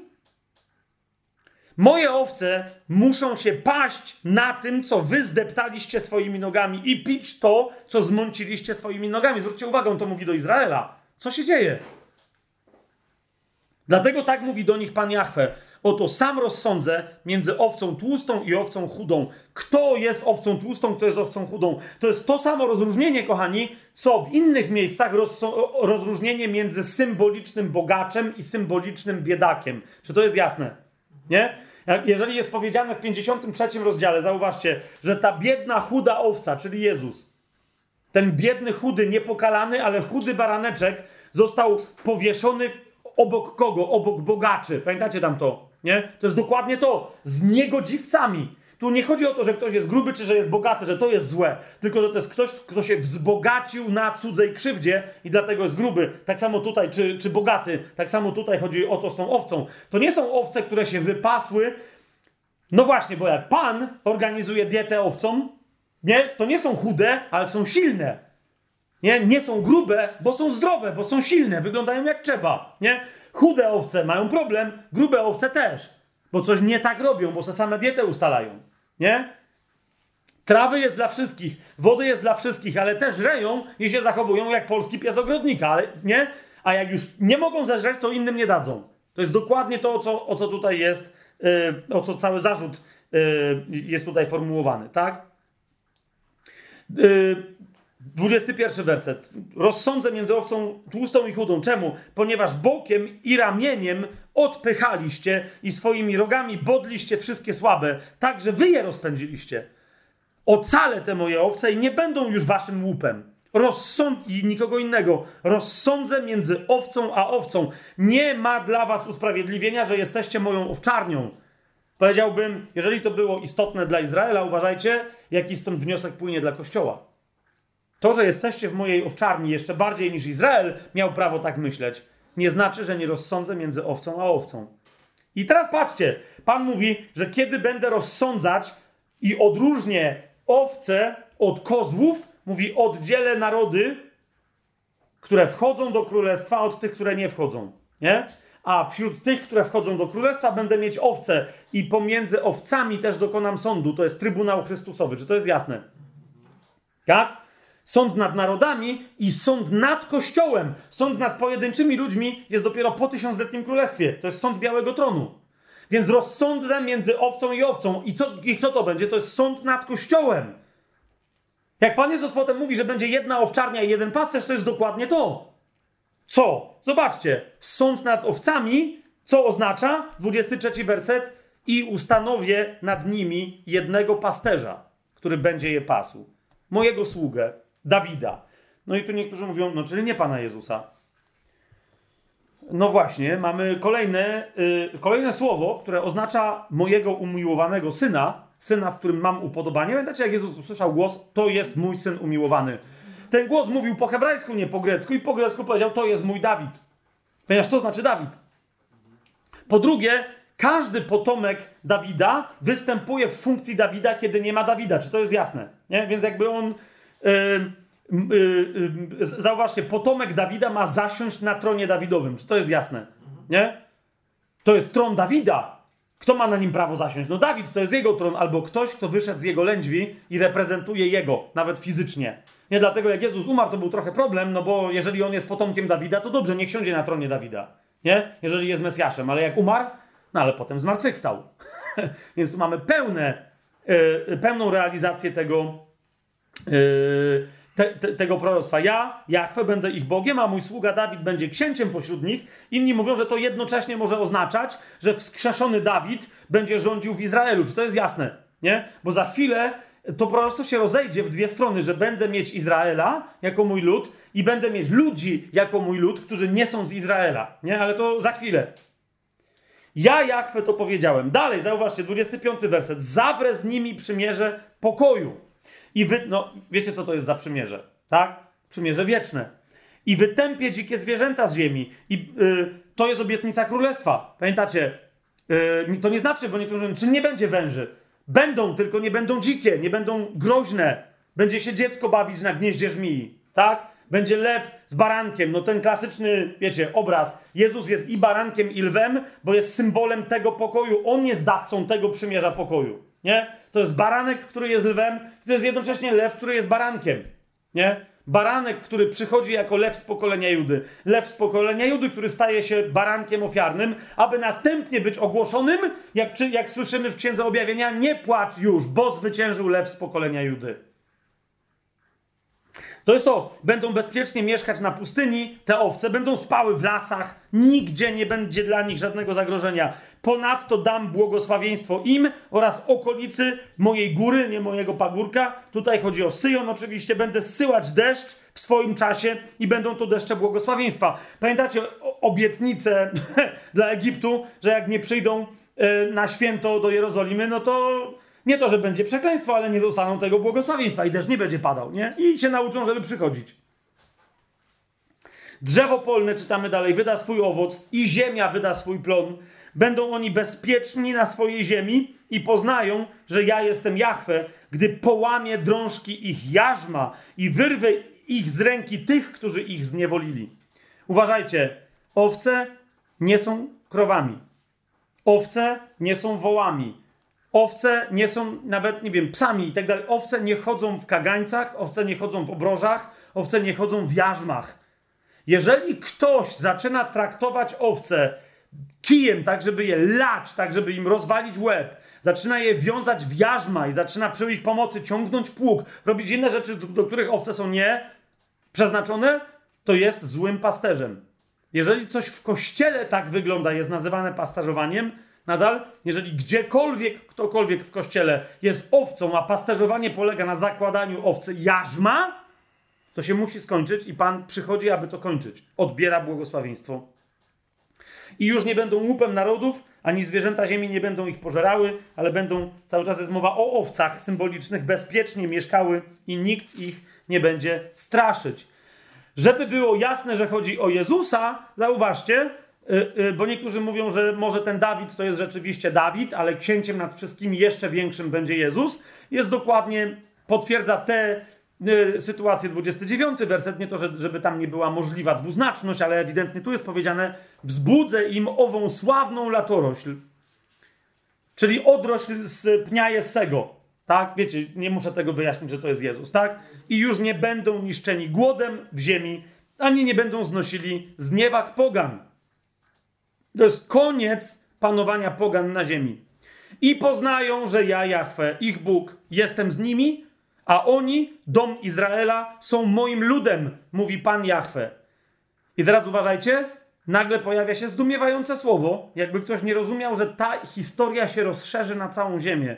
Pojawia się 31 werset, gdzie nagle Pan mówi nie do samego Izraela. Mówi, a wy, moje owce, owce mojego pastwiska, Wy jesteście ludźmi, a ja jestem waszym Bogiem, mówi Pan Jahwe. Widzicie to? Nie ludźmi, no ale po prostu mówi, cała ludzkość to są moje owce. Izraelu, ty musisz zrozumieć pewną rzecz, która się niedługo wydarzy. Mamy to? Jak sobie otworzymy księgę Ezechiela dalej, 37 y, rozdział, nie? tam jest to, to sławne prorokowanie do kości, pamiętacie to? Do, do, ducha, żeby wiał i żeby kości wstały i powstaje cała potężna armia zmartwychwstałych ludzi. Okay? W tym samym 37 rozdziale bywa, że przeoczamy 24 y, werset. Kiedy o tej armii jest powiedziane, że to będzie potężna armia i tak dalej, i tak dalej, nie splugawią się bożkami, uczynię ich jednym narodem, wszystko gra, ale nagle jest powiedziane, mój sługa Dawid będzie królem nad nimi i wszyscy będą mieli jednego pasterza, kolejny raz. Jak mówi, ja jeden ustanawiam jednego, niewielu. Jeszcze raz, niech nas nie dziwi, że, że w Nowym Testamencie nie ma wielu pasterzy. To jedno miejsce, gdzie jest powiedziane pasterze, liczba mnoga. Efezjan, czwarty rozdział, jedenasty werset ma konkretne znaczenie. Ale nie ma przypadku w tym, że nie ma żadnego innego miejsca, gdzie byłaby liczba mnoga, która by mówiła o pasterzach jako ludziach funkcjonujących w kościele, bo jest parę fragmentów, które mówią o innych pasterzach, ale o tym za chwilę. Więc będą mieli jednego pasterza, będą chodzić według moich sądów, będą przestrzegać moich ustaw i je wykonywać. Zauważcie, co Pan Jezus nam mówi. Ostatnio miałem taką ciekawą rozmowę z jedną siostrą, Pozdrawiam Cię, Kasia, serdecznie. U nas w domu, późno wieczorem, po jednym tajemnym planie, to już była po 12 grubo. Nie, zaraz, to była, no ale w każdym razie, jak to była, to była ta siostra, która, która wtedy tam była, to kto ma wiedzieć, ten wie, no nie? I ona w pewnym momencie tam mówi o naszym obowiązku. Rozmawialiśmy bardzo głęboka, mocna, biblijna dyskusja. Moja żona jeszcze przy tym była. Yy, I żeśmy rozmawiali o ogłoszeniu Ewangelii. Ja na pewno że mamy obowiązek i tak dalej. mówię, Kasia, wszystko to gra, ja się wszystko z tym zgadzam, ale tak, tak naprawdę jakbyśmy takie, teraz takie szkolenie małe zrobili i mielibyśmy e, ustalić, podajże mi jakieś takie, wiesz, ze dwa, trzy wersety, które nas zobowiązują do głoszenia Ewangelii. Wiesz o co mi chodzi? No wszystko, ale potem jest takie, no ale my mamy w Biblii, tak? No to podaj mi.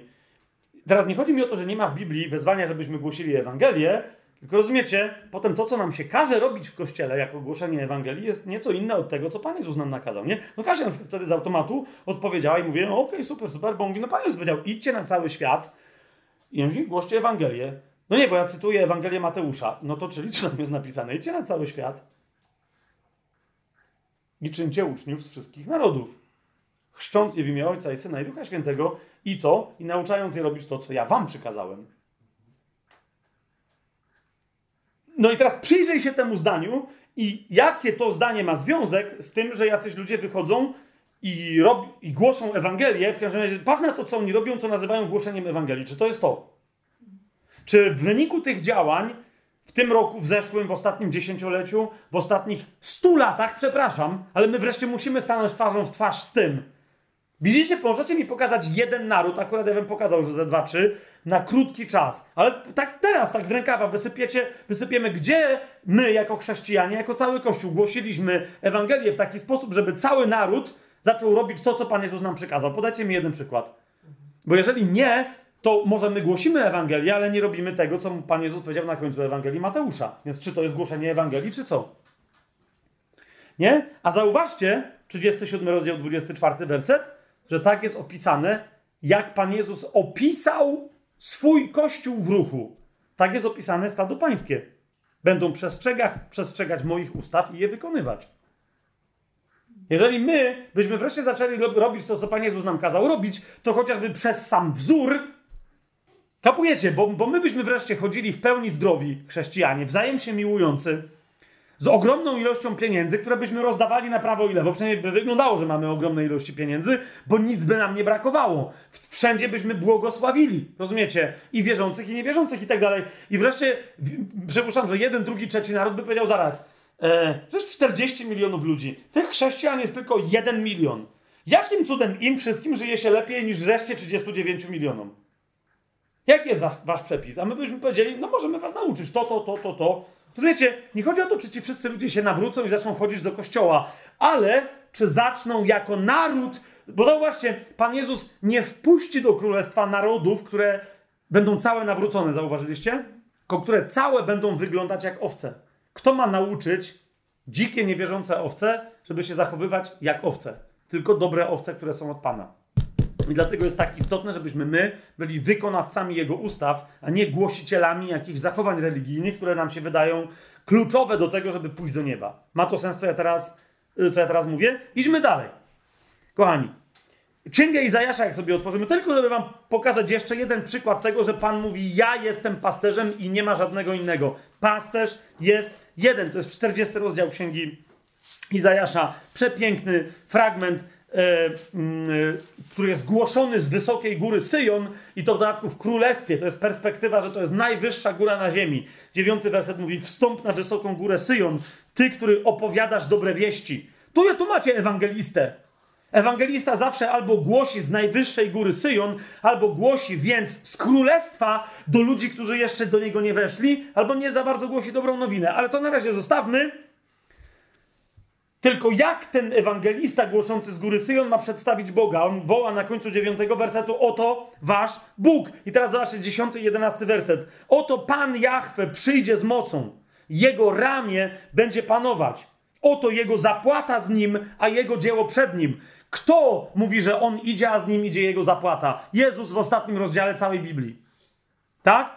To jest ten Pan. I teraz patrz dalej. Jak pasterz będzie pasł swoją trzodę swoim ramieniem zgromadzi baranki, na swoim łonie będzie je nosił, a ciężarne poprowadzi bardzo ostrożnie. Bardzo ostrożnie. Swoją drogą nie chcę teraz tego wątku rozwijać, bo to jest dopiero na przyszłotygodniowe studium, ale kto to jest ciężarna owca? Okay? To jest owca, która przynosi owoc. Owce, które przynoszą owoc, to są albo mleko, które dają mleko, to są owce, które dają mleko, albo które są ciężarne. To są owce, które przynoszą owoc. To i o, o takie owce chodzi Panu Jezusowi. Cała reszta, z nią trzeba troszeczkę inaczej postępować. Nie to, że je wygonić, nie, ale nieco inaczej postępować, żeby się stały płodne i żeby były mleczne. Mamy jasność? Kiedy Kościół jest przedstawiany jak, jak stado owiec. A więc Pan z owcą, która jest ciężarna, obchodzi się bardzo delikatnie. Zauważcie, jak ludzie chrześcijanie mówią, gdzie jest mój Pan, gdzie jest moje błogosławieństwo. Tyle rozważam toż moją tożsamość w Chrystusie. E, e, e, gdzie jest Bóg, jak mam pozyskać pokój w moim sercu, w moim życiu, pieniądze, coś tam. Rozumiesz? Przestań się zajmować tymi rzeczami. Szukaj najpierw Królestwa Bożego i Jego sprawiedliwości, a ta cała ta reszta będzie dodana. Jeżeli jesteś owcą ciężarną, jeżeli jesteś owcą mleczną, jeżeli jesteś owcą przynoszącą owoc Panu, On zapewni ci bezpieczną podróż. Po prostu nie, nie spadnie na ciebie nigdy próba, która by przewyższała twoje siły. Nigdy. Niektórzy mówią, no ale taka nam nie spadła. To jest pytanie, czy Bóg na ciebie ją dopuścił, czy ty se pozwoliłeś za dużo? Rozumiesz? Czy ty se pozwoliłaś na za wiele? A potem wołasz o pomoc, Panie, pomóż mi jako świętej, a Pan mówi bardzo chętnie, ale twój grzech, twoja pycha, Twoje wywyższanie się nad innymi, a nawet nad moim słowem stoi pomiędzy mną a Tobą. Po prostu to Ty blokujesz dostęp mojej łaski, a nie ja nie chcę Ci jej udzielić. Moja łaska jest rzeką, która płynie do Twojego serca, do Twojej duszy, do Twojego życia nieustająco. Więc jeżeli nie dopływa w pewnym momencie, to dlatego, że Ty postawiłaś czy postawiłeś tamę, a nie, że ja powstrzymałem przepływ, bo on jest niepowstrzymany. Amen? I teraz, kochani, zanim pójdziemy dalej, bo już jest chyba najwyższy moment, żebym wyjaśnił kwestię tego pojedynczego pasterza, po, po, po, podwójnego, wielokrotnego, pomnożonego itd., tak itd. Tak Zrobię to bardzo szybko, bardzo krótko, bo nie jestem jakimś wybitnym specjalistą, ale długo studiowałem, e, spotykając się z niektórymi e, góralami, z różnymi pasterzami, ale głównie z góralami, bo oni naprawdę naj, najwięcej, różnymi góralami w, w, w żywieckich okolicach, e, w, w, całym tam tym śląskim o obszarze górskim, Beskid, to się nazywa Beskid Śląski, Żywiecki, jak to się nazywa? Jakoś tak, nie? E, w Sącza okolicach, na Podhalu, e, jak mi potem brakowało, to czytałem książki, oglądałem cały serial pod tytułem Górale, nielegalnie, bo nie mam telewizji, więc ale ktoś opublikował na YouTubie i nie był zdjęty, więc jak coś to przepraszam, ja chętnie zapłacę z 50 parę odcinków. Dlaczego? Bo rozumiecie, cały czas definicje, różne tam historie to jest jedno, ale prawdziwe życie to jest drugie. Nie? I teraz na bazie tych różnych rzeczy, które zbierałem, jakby które z nich są już wynikają z tego, że jest XXI wiek, a które wynikają jakby w ogóle, że zawsze tak było. Co wiąże naszych dzisiejszych pasterzy e, być, albo co nie wiąże z pasterzami ze starożytnego Izraela? Otóż kochani, najpierw szybciutko. Bo również teraz we wtorek rozmawiałem z jedną siostrą, chyba wczoraj mi napisała Fabian, dzięki za opowieść o owczarni polskiej, bo dzięki temu jej się nagle otworzyły oczy na to, co to jest Kościół. Przy, przynajmniej w jakimś tam pewnym aspekcie. Otóż, kochani, trzy najpierw zagadnienia musimy, musimy sobie wyjaśnić. Kto to jest Gazda, kto to jest Baca i kto to jest Juchas? Wszyscy się uśmiechają, ale jak zacznę tę opowieść, to ja nie wiem, czy nie będziecie bardziej poruszeni, jak kiedy cytowałem same samo Słowo Boże, samą Biblię we własnej osobie. Więc od razu tak, chcę, żebyście się religijnie poczuli źle, obarczyli winą. Dobra, uspokójcie się, tak? Niemniej naprawdę może niektóre fragmenty zaczną się sklejać. Otóż, kochani, jak rozmawiałem z tą siostrą, mówię, kto to jest? I ona mówi, no, no górol. jak to górol? No, jeden jest górol, trzeci, drugi, tak, ale kto to jest? Gazdak, no to nie jest to samo? Do, widzicie o co chodzi? Bo my znamy baców z kawałów, no nie? Siedzi baca na kamieniu i przechodził turysta i się go o coś spytał. Nie, to jest jakby to, no nie? A gazda to jest, no gazda to jest ten, co ma gaź... Niektórzy bardziej mówią, że jest baca, a jego żona to jest gaździna, nie? Gaździna to jest żona gazdy. Ania tam z, z górnia jest tylko zaledwie z myślenic, a już mówi, że co, gaździna, co ma wspólnego z bacą? Halo. Więc kochani, kto to jest gazda? Gazda to jest gospodarz. Ok, zacznijmy od tego. To jest gospodarz który ma, jak to jest dobry gazda, to ma porządne gospodarstwo. Czyli rozumiecie, może nawet coś uprawia w lecie, może ma kawałek lasu, jakieś tam pastwisko, ma krowy, świnie, różnymi rzeczami. Może robić różne rzeczy. Może się zajmować rozmaitymi rzeczami, wyrabiać kierpce, szyć, no wie, różne rzeczy. Może być, nie wiem, jokejem. Są górale, co się ścigają na koniach. Naprawdę. Widziałem to. na własne oczy. Zazwyczaj przegrywają z profesjonalnymi jokejami. Przepraszam wszystkich górali, ja zawsze trzymam kciuki za górali, no ale jakby... Gazda ma między innymi owce. Ok? Gazda ma między innymi owce i się nimi zajmuje, jak jest zima. Ok? Mało ludzi o tym wie. Yy, ktoś mi ostatnio w styczniu tam przy, przyjechał i mówi, czy nie chce ostypka, bo akurat był w górach. No nie, mówię, w styczniu? Ja mówię, no oczywiście, no a co? W styczniu to jest świeży oscypek? Najbardziej. Pani mi powiedziała, tam było napisane, bo już Unia Europejska zrobiła całe definicje, co to jest. Mówię, ja nie pamiętam. Czy tam było napisane łostypki, czy ona tak gadała, ale było napisane, jakby przyszła kontrola, że to są serki góralskie. Jaki, jaki oscyp? Wiecie, to ja się tak zacząłem między innymi uczyć od właśnie jednej pani, która była uczciwa, powiedziała mi, jak kupowaliśmy z moją żoną oscypki e, we wrześniu i Madzia moja się pytała, ile tam procent jest e, mleka owczego, a ta pani mówi, no, że jest to była druga połowa września. Mówi, no jest koniec września, to już niewiele. No jest wciąż dużo, jeszcze trochę mleka mamy, ale to już jest koniec. Nie? Dlaczego? Ponieważ to najlepsze mleko jest wtedy, kiedy owce wychodzą na redyk, kiedy wychodzą na wypas. One wychodzą w góry, kochani, pod koniec kwietnia w Polsce i wracają pod koniec września. Nie? A jak wychodzą w góry, to nie jest tak, że wychodzą w góry, ale na noc wracają każdy do siebie i się przespać i potem mają różne szlaki. Nie, nie. Wychodzą w góry i nie wracają. Teraz, kochani, wyobrażacie sobie gazdę, który różne rzeczy ma, konie, świnie, różne rzeczy, może pole, może, wiecie, na zimę rąbie drzewo, bo będzie ciężka zima i teraz ludzie od niego potem będą kupować, jedno suszy, drugie, no, zajmuje się różnymi rzeczami, żeby gazda wyszedł z owcami w kwietniu i nie wracał do, do października? To jest niemożliwe. Więc baca wynajmuje, przepraszam, gazda wynajmuje człowieka, który się nazywa baca. Ok? Baca jest człowiekiem, który zna się na wypasie owiec. Mamy jasność, co, co teraz gadamy? Na przykład dzisiaj nawet Madzi, mojej żonie, jak jej tam tłumaczyłem, ona tam dalej coś nie mogła złapać, o co to dokładnie chodzi, bo miała tam swoje sądeckie czy tam limanowskie wyobrażenia. Czytałem jej historię człowieka, który ma swoich owiec, a więc jako gazda swoich owiec ma 150, nie? Ale jak się zaczyna redyk, Przychodzą do niego inni gazdowie, dadzą mu swoje owce i on wychodzi wtedy ze stadem owiec, to jest bardzo istotny, istotne słowo, które ma łącznie 800 nawet owiec. Nie? Oni je mają poznaczone, ale poważni, yy, bardzo poważni yy, gazdowie poznają swoje owce. Nie, ich w ogóle nie znaczą. Słyszycie, co ja gadam? Nie?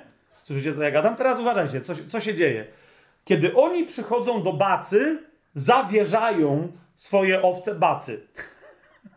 Nie? On od tej pory, on i tylko on jest na czas tego redyku de facto właścicielem w ich imieniu. On nie wypasa i tak dalej. Jak rozszarpie wilk, owce yy, i tak dalej, to muszą przynieść te owce, w sensie skórę, mięso, jak, jest, znaczy jak ją zabije, ale właśnie ktoś inny ją obroni, to wtedy baca przychodzi do. To musi być człowiek prawy, prawie że święty. No nie? To musi być człowiek sprawiedliwy, on się przyzna, nie upilnowaliśmy, zginęła, ale to się zdarza. Dzikie zwierzę ją rozszarpało, ale nie zjadło mięsa, nie, nie ukradło, nie zaciągnęło gdzieś, więc odnosi ją gaździe, baca, nie? Martwą. Jak się nie znajdzie, albo ją zezreją jakieś tam rysie czy coś, no to wtedy płaci, on musi zapłacić poważną kwotę za tą owcę gaździe, który jest właścicielem tej owcy. Słyszycie, co ja mówię? I teraz uważajcie. Do, teraz gaz, gazda musi sobie wybrać dobrego bacę. Czemu? Ponieważ baca zajmuje się wyprodukowywaniem wszystkiego, co pochodzi od owiec. Nie? Dzisiaj oni też strzygą te owce, ale zasadniczo oni je wyprowadzają na zielone pastwiska, na wo nad wodę świeżą, pilnują, żeby te owce se nie mąciły tej wody. To wszystko słyszeliście, co tu się w Biblii działo? Nie? Tak? To, za to jest odpowiedzialny baca, jedna, jedyna osoba. Nie? Ona ma pomocników, ale o nich za chwilę. Teraz rano baca jest z całym stadem, żeby je wydoić, ale następnie najczęściej pomocnicy bacy zajmują się owcami, bo baca co? Idzie do sałasu, do bacówki i on tam wyrabia e, z mleka rzeczy. Osypki, właśnie sery, wędzi je, e, e, rzętyce, tam wszystkie inne te historie się wyrabia. Yy, niemniej jak się coś dzieje z owcami, to jeden z jego pomocników przybiega i tam mówi, albo wieczorem robią znowu inspekcję. Czemu? Yy, wiecie, górale, nie wiem jak jest dzisiaj, ale niegdyś w ogóle Baca był uważany za szamana, za uzdrowiciela, że na przykład w zimie się do niego przychodziło, jak ktoś był sławnym Bacą. Czemu? Bo jeżeli on umiał utrzymać owce zdrowe, rozumiecie o co chodzi? Ustrzec je przed niebezpieczeństwami i tak dalej. Widzicie tą moc magiczną? Nie? Z jeden pasterz. I teraz Baca do pomocy sobie zatrudnia ludzi, którzy nawet dzisiaj są nazywani pasterzami, chociaż nie są rozumieni jako pasterze. Baca jest jedynym pasterzem, czy to jest jasne? Natomiast pasterzami i inna rzecz, że nie było nigdy żadnych pasterek. Jak słyszycie gdzieś opowieści o pasterkach, spytajcie górali, którzy znają gwarę i tak dalej, to wam powiedzą, że pasterka, to wiadomo, że poszła pasać gęsi, coś tam przypilnować krów, ale to nie jest, to nie ma pasterki, że ona chodziła z owcami. To jest nie, nikt by nie puścił córki na coś takiego. Nie? Więc, więc Baca zatrudnia pomocników, którzy bywają zwani pasterzami, liczba mnoga, o nich musi mieć sporo. Po polsku taki pasterek nazywa się juchas. Czy to jest jasne, co, co ja teraz mówię? I oni w liczbie mnogiej jest, więc jest zawsze jeden baca. Niektórzy z juchasów mogą się, często są oddelegowywani, to są młodzi chłopcy, nie muszą mieć tam jakichś niezwykłych umiejętności, ale uważajcie, baca wybiera sobie ludzi, którzy, którzy mają miłość do owiec. Nie? I, I, jak po, posłuchacie ich, jakbyście kiedyś na żywo rozmawiali, gdzieś znaleźli jakieś nagranie w internecie, zobaczycie, że że dobry baca i gazdowie szukają takich bac, ta, zawsze szukali, teraz ten, jakby cały ten biznes, nie wiem, czy wrócił w pełni, czy nie, ale to jest dokładnie to, to musi być taki baca, który zadba o owce i jednocześnie, który ma takich pomocników, że oni mogą być, i tam się czasem są tacy ludzie, którzy wiecie, nie, chłop się pokłócił z żoną, trochę drinkuje, coś tam, coś tam i on idzie na redyk, nie? Jak ona od niego odpocznie, no od niej od kwietnia do października, to niektórych to leczy, nie? Czy to jest istotne, żeby to nie był jakiś tam, rozumiecie, żeby, żeby to był jakiś bardzo dobry człowiek? Nie, nie, nie, on może pić, to czasem bywają przestępcy, którzy się tam, naprawdę, by, by, czy przynajmniej bywali kiedyś, bo teraz to jest trochę bardziej, bo Baca i Juchas to są zawody chyba wpisane profes- jako, wiecie, do jakichś tam rejestrów unijnych i tak dalej. Ale chodzi mi o to, że Baca wybierał kogo? Kogoś, kogo sprawdzał pod jednym kątem, czy kocha owce. Nie? Bo wiedział, że on będzie musiał Juchas w jego imieniu będzie musiał opiekować się owcami 24 godziny na dobę. Nie? Nie można w nocy, nie, rozumiecie, jak jeden śpi, jak jest dwóch juchasów czy czterech, to dwóch śpi, czy tam ilu, iluś, część z nich śpi, część z nich czuwa, potem się wymieniają, nie? Tym się chce spać, wymieniają się, bach, teraz wy, żeby wilki nie podeszły, żeby coś, bo nie wszystkie te, wiecie, te, te hale są, czy były niegdyś w przeszłości o, o, ogrodzone i tak dalej, i tak dalej, nie? Oni doją te owce, oni cały czas pomiędzy, z nimi funkcjonują i rozumiecie, rzadko kiedy ju, prawdziwy juchas schodzi do miasta na odpoczynek. Nie? Się musi coś wydarzyć naprawdę wyjątkowego, zwłaszcza, że on nie dostaje wtedy zapłaty za swoją pracę, bo po prostu on ma wyjść z owcami w kwietniu na Rydyk i wrócić uroczystym pochodem z całym stadem, kiedy? Pod koniec września. W Polsce to jest, oni tam, wiecie, tych świętymi katolickimi tam się posługują. Zejście jest chyba na świętego Michała, koniec września, wyjście jest nie nie wiem kiedy. Ale wiecie o co mi chodzi, no nie? Każdy dzień, kiedy on zejdzie z i to są wysokie zasadnicze partie gór, żeby on tam chwycił stopa, pojechał na wieś, coś tam, to ja raz czy drugi słuchałem takich chłopocków, co tam, wiecie, są takimi właśnie juchaskami.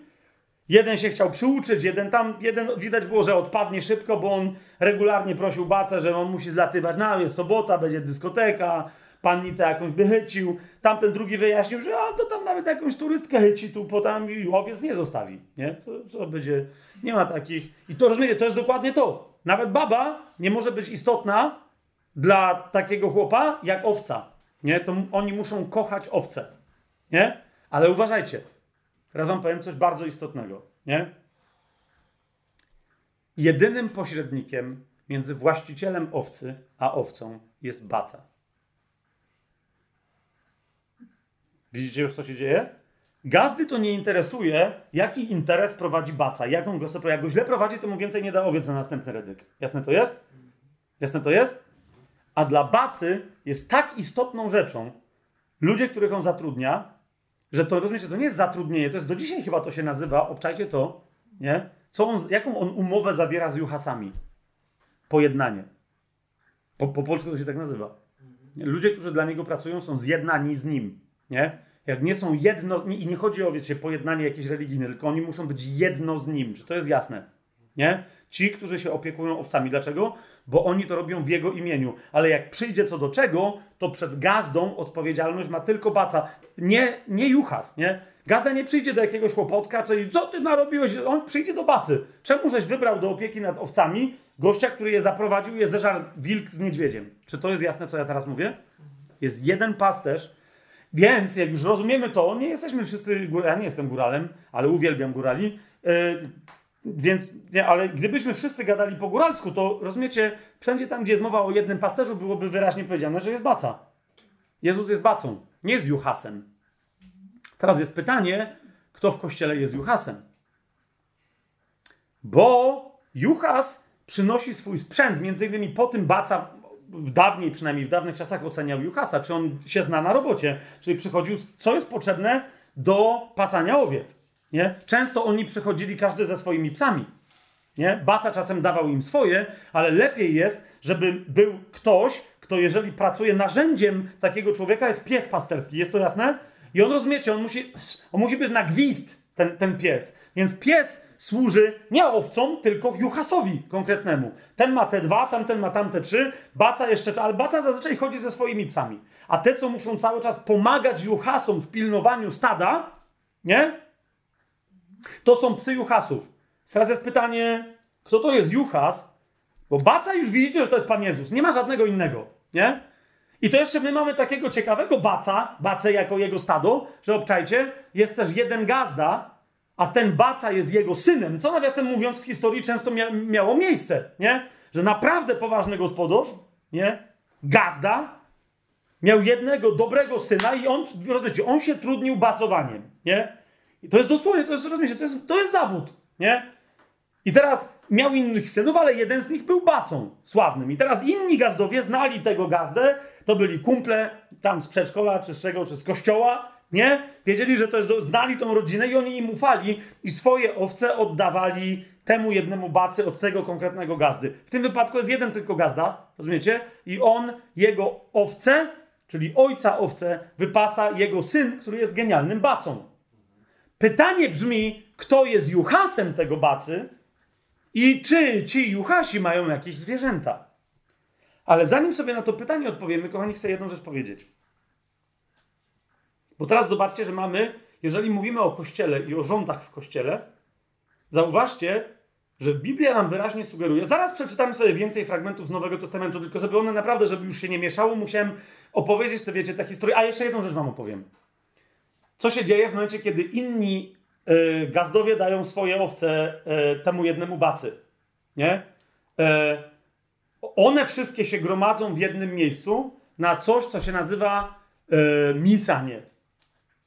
One się muszą z, z, zamieszać, nie? Czyli wchodzi do środka, do tych owiec, nie jucha się, nie, no teraz jeszcze czasem ksiądz, żeby je tam poświęcić, ale dawniej tak nie było. Obczajcie, święcenia owiec dokonywał baca no bo to był szaman lepszy niż ksiądz w tym temacie, tak? Ale na czym to polega? Wszystkie owce zwołuje, zbiera się w jednym miejscu i wtedy powstaje jedno stado, które jest właściwą owczarnią tego bacy. To jest jasne? To się nazywa kososz i w tym kosorzu zaczyna się miesanie, czyli mieszanie tych owiec. Mianowicie chodzi dookoła, rozumiecie, baca i mówi do tych owiec. Nie? I one zaczynają się ruszać i po, po, prostu nikt nie wie, jak to jest zrobione, ale to od razu wiesz, że jest zły baca, jak się tak nie dzieje, to od razu gazda mówi, to ja sobie wezmę, znajdę innego. Nie? Ale chodzi baca w różne miejsca i w pewnym momencie te owce wszystkie, bo on je miesza, nie? Sobą. Także one nie wiedzą, plączą się, te są od jednego gospodarza, od drugiego, ale chodzi o to, że one z różnych zapachów, różnych miejsc, w których były w ciągu zimy, rozumiecie, tworzą zapach jednego stada. I mimo, że mają różnych gospodarzy swoich, to wiedzą, że teraz ich szefem jest tylko ten jeden gość, który dał im nowy zapach. To jest jasne? On do nich gada, a te owce zaczynają za nim chodzić, za jego głosem. Rozumiecie? Mówi, kręci się i w pewnym momencie jest taka akcja jak, jak muzułmanie w Mekce, no nie? Że on chodzi w kółko, a te owce za nim. Dosłownie cały taki, wiecie, taki, taki kososz tam się potrafi ponoć, tego nigdy nie widziałem na, na własne oczy, ale ponoć się potrafi cały tam zakręcić, nie? I wtedy, uważajcie, wtedy y, jak one są już tam zamisane, wtedy się otwiera jedną bramę, w której stoi baca. I tą bramą wypuszcza owce w drogę na zielone niwy. Słyszycie, co się, co się tu odwala? I ponoć tak było we, we wszystkich kulturach, no nie? On jest bramą, one muszą przejść przez niego. Teraz w Polsce ponoć one przechodzą przez łańcuch, bo to jest symbol tego, że one są jakby związane jak łańcuchem, że są jednym stadem pod tym bacą, nie? Ale z tego, co słyszałem jeszcze z, y, od Kaszkajów, y, tak się nazywa ten samochód, Kaszkaj? Jest też takie plemię w Iranie, przepraszam, ale to, poznałem jednego takiego gościa w Londynie i on mówi, że, że jest Kaszkajem, ja mówię, czyli co, mówi, no jestem z Iranu, ale jestem, mówię, że jest takie auto, mówi, no właśnie, ale jest, jest takie plemię w Iranie, ja jestem właśnie z tego, a okej, okay, okej, okay, Kaszkaj.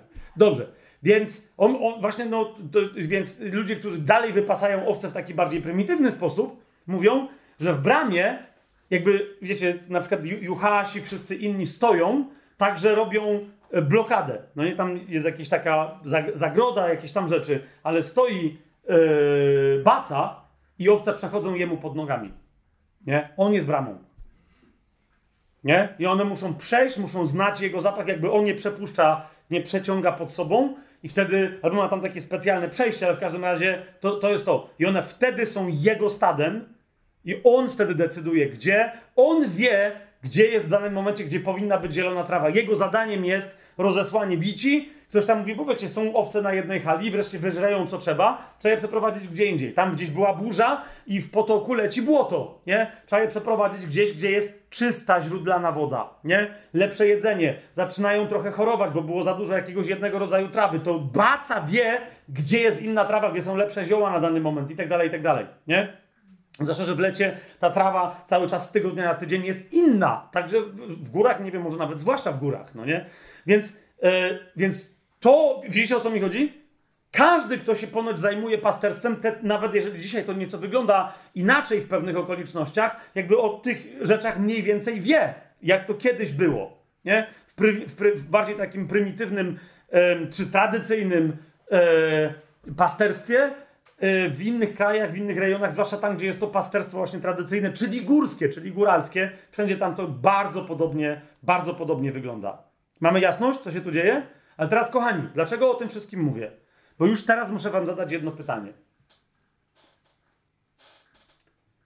Jeżeli to jest obraz Kościoła i obraz tego, na czym polegają rządy w Kościele, to powiedzcie mi, jak już te owce są na halach i tak dalej, i tak dalej, gdzie te owce mają nabożeństwa? Nie, nie chodzi mi o to, że to jest, bo się śmiejecie, ale nie zastanówcie się. Nie? W sensie, popatrzcie, wszyscy ludzie, którzy są zaangażowani. Teraz od razu wam mówię, że według mnie juhasi i psy pasterskie to są rzeczy, o których czytamy w Biblii, to jest, oni należą do struktury kościoła. Czy to jest jasne? Nie? Ale teraz pytanie brzmi moje. Czy któryś pies na przykład, wiecie, e, za, zwołuje zgromadzenie dziesięciu owieczek i mówi, nie, nie, wy macie teraz tutaj stać. Albo wchodzą juhasy między owce i zaczynają je, wiecie, targać. Po mniej więcej dwóch tygodniach, e, jak już owce się naprawdę scalą, stanowią jedną, e, jedno stado, oddziela się, nie będę teraz wnikał w to po co, bo, bo po co, ale oddziela się, normalnie pasterze mówią, że tak to jest, że po dwóch tygodniach oddziela się tylko owce i one się po prostu trochę inaczej funkcjonują. Owce, które są mleczne od niemlecznych. Nie? Te niemleczne nie chodzi o to, że są jakieś dzikie czy chore, tylko mogą być na przykład za młode, żeby były jeszcze do dojenia. Jasne to jest? Chodzi o to, że tamte się doi, a tych się nie doi, no bo nie dają mleka. Niemniej to jest interesujące. To jest jedyne rozdzielenie wśród owiec. Nie? A tak poza tym, kapujecie, Baca mówi do Juhasów, teraz trzeba przejść tam. Jak już przyjdą, to co do nich mówi? Zróbcie jakieś takie ogrodzenie, bo będziemy tu za dwa tygodnie. Tu, tutaj nam gospodarz pozwolił. Zresztą dzisiaj jest tak, że niektórzy jakby, wiecie, dzierżawią te swoje takie pola, tam nic nie zasiali, nic nie, to jest jakaś tam góra, tam jest trawa i mówi, okej, okay, no to ten przychodzi baca, wynajmuje od niego, dzierżawi to, to na ileś tam tygodni, nie? Jak to jest dłużej, to nawet tam właśnie bacówkę stawiają, sałas, nie? I wtedy... Ale ten mówi, to, to wy róbcie co? Mówi, zróbcie ogrodzenie, nie? Ustawia ich, jak będą pilnować w nocy, żeby jak owce śpią, żeby oni nie spali, żeby pilnowali, żeby wilki nie... Nawet jak jest ogrodzenie. Jak nie ma, tym bardziej. Potem mówi, dobra, ale koniec sierpnia przechodzimy jeszcze na 8 tygodni, przechodzimy na inne teraz hale, nie? Muszą przeprowadzić te owce. Teraz rozumiecie, zobaczcie, jakie jest zadanie wszystkich tych ludzi i zwierząt, którzy symbolizują strukturę kościoła. Oni nie organizują życia owiec. Nie wiem, czy widzicie. Nie? Co ma robić owca? Owca ma się dobrze karmić, co, a nie samym chlebem żyje owca, lecz każdym słowem, które wy... tak? Człowiek, lecz każdym słowem, które wychodzi z ust Bożych. Zauważcie, nikt z tych ludzi, ani tych zwierząt nie jest zobowiązany, żeby wkładać świeżą trawę owcy do gęby. Zauważyliście to? Więc kim jest Jucha, spytam się jeszcze raz. Kim jest Baca? Bo nie ma nikogo. Yy, baca to jest Pan Jezus. Kim jest pies pasterski? Kim jest. Kto tam jest jeszcze w to zaangażowany? Już nikt. Nie? Zobaczcie, gdzie stoją Juchasi i zwierzęta. Najczęściej na granicy między stadem a światem na zewnątrz. Tam jest groza, stamtąd przychodzi zagrożenie, stamtąd przychodzi złodziej, oszust, kłamca, stamtąd przychodzi zabójca. A w środku? W środku, w środek też trzeba wejść, o tym dzisiaj nie będę mówił, ale zauważcie, nie po to, żeby owcom organizować życie religijne, czy jakiekolwiek inne. Zauważyliście? Nie ma czegoś takiego, że ktoś wchodzi i mówi, ej, ale tamte owce się już za długo trzymają, to jest jakby, co, co, co się to tam dzieje? Musisz je tam pomieszać, to jest coś, to, robią to, te, tamtym by się przydało kółko biblijne. Halo, a tu kościół uliczny. Nie! Rozumiecie? Jeżeli ktoś o tym decyduje, nie. Czasem, to jest ciekawe, jak czytają u niektórych tych baców, oni, albo u juchasów, oni to obserwują. Mówią, są takie łowce, nie wiadomo o co chodzi, nie? Ten cały miesiąc i cały czas ino pokrzyw szukają. No i nienormalne. No ale jak lubią, nie, niech mają. Ino się wściekają, jak już poksyw nie ma, bo wtedy bodą inne i są złośliwe. Ale rozumiesz, ale on, co robi? To co je porozdzielać? Nie. Nie uciekają, nie są, a jak chcą, rapujecie, Czasem jest tak, że baca zasugeruje, że tej owcy by się przydało coś, a ona nie jest dopuszczana. I wtedy co? No właśnie ze słabszą owcą robią juchasy. Oni mają ją wyraźnie naznaczoną. Nie? Wyraźnie naznaczoną. Dzisiaj nawet Madzi czytałem. Madzia mówi, ale jak czytałem Madzi e, wypowiedź jucha, e, bacy, tego, co ma te swoje 150 owiec i 800 łącznie e, ze swoimi 150 od innych gazdów. Nie? I, I tam go pyta dziennikarz, mówi, panie, no ale to jak to mówi, no to, to jest 150 ofiar, przecież to jest nie do wyobrażenia. Jak pan mówi, ale ja każdą ją znam normalnie, ona ma imię. Nie, ale jakie? Mówi, no taka jaka jest, takie ma imię. Obczajcie. Czyli jakie? I on tam wymienia, ja to Madzi czytam, te przymiotniki, rozumiecie? Ja nie powtórzę teraz tego, bo to nie pomnę, nie pomnę ale on każdą nazywa tam jakąś, nie? Ta jest na koino, tamta jest głupkowata, tamta jest podmasczona, ta jest jakaś... Ja nie wymyślam teraz te, ale rozumiecie, jest i on tam podaje, podaje, ten dziennikarz mówi, dobra, okej. Okay. No i mówi, każdy jest inno. Nie? Każdy, ona jest inno. no ale panie mówi, ale jak pan to może rozróżnić, udaje pan, nie? I mówi, panie, jak ja z nimi 24 godziny na dobę jestem, to bym nie wiedział, która jest którą. No to pan jesteś głupi, no to co ja? Słyszycie Jezusa, który nie my możemy dla kogoś innego wyglądać jak, wiecie, jak banda bezimiennych, jakichś anonimowych, yy, ludzi takich samych, to są baby, to są chłopy, a to, ale to nie. To i normalnie Baca, a Juhasy mają swoje tam obserwacje, nie? których Baca wynajmuje, z którym oni mają pojednanie. Nie? On, on, I oni to rozróżniają. Nie? A ten mówi, o, widzicie te owiecki, te zapamiętajcie. I jutro im trzeba więcej konicynki dodać, bo to one będą, nie, nie jest dobrze, nie? I oni wtedy, widzicie, biorą te, którym czegoś potrzeba, a one by se to znalazły, tylko tam są większe, grube, wiecie, takie owco-świnie, takie, a nawet niektóre takie łowcobyki, i one nie dopuszczają tamtych. I mówi, nie, wchodzimy na nowy teren. Mówi, to teraz tym dopilnujcie, żeby te najpierw zjadły, a potem tamte, bo tamte co nie zezreją, to zdepcą. No właśnie. No właśnie. Nie? Mówi, bo one są za duże. Najpierw małe i do tego, obczajcie, cała służba w kościele, zobaczcie jak tu jest zademonstrowana. Pytanie moje brzmi, ale gdzie raz w tygodniu naprawdę nie ma tak, że juchasy wchodzą na przykład w niedzielę i każdy ma swoje statko, stu owieczek i na przykład, nie wiem, śpiewają im godzinki czy coś? No powin, nie, nie, nie powinno tak być? Nie powinno tak być? A odpowiedź Bacy brzmi na oni cały czas. No jak są potrzebni, to robią, a jak są, nie, niech, niech patrzą, czy coś z zewnątrz nie idzie. Kim jest biskup? Bo my już wiemy, zauważcie, że synem gazdy jest Baca Jezus. Nie? Ale teraz Kto to jest biskup w takim razie? To jest, to jest Juchas? To jest... A kto to jest diakon? A starsi to kto to jest w kościele? A kto to jest pięcioraka służba? Apostołowie, nauczyciele i tak dalej. Rzucam na razie takie pytania, tylko wam pokazuję, że zauważcie, ktokolwiek by to nie był, zobaczcie, że owce potrafią się same organizować. Nie? Gdzie mają pójść, na jaki... Okej, okay, zobaczmy Słowo Boże. Nie? Ma to sens, to powiedziałem teraz o tych, o pasterzowaniu, jak to wszystko wygląda? Baca jest zawsze jeden. Przynajmniej w Biblii. Baca jest zawsze jeden. To jest właściwy pasterz. To nie jest właściciel owiec, bo to jest gazda. Nie? I w tym sensie o Bogu jako o pasterzu mówi Biblia, ale jakby to góral tłumaczył, to by wytłumaczył, jak Bóg Ojciec mówi, to są moje owce, to znaczy, że to jest gazda. Tak? Gazda też może być bacą, tak jak ten baca, o którym wiem, on ma swoje 150 owiec. Nie?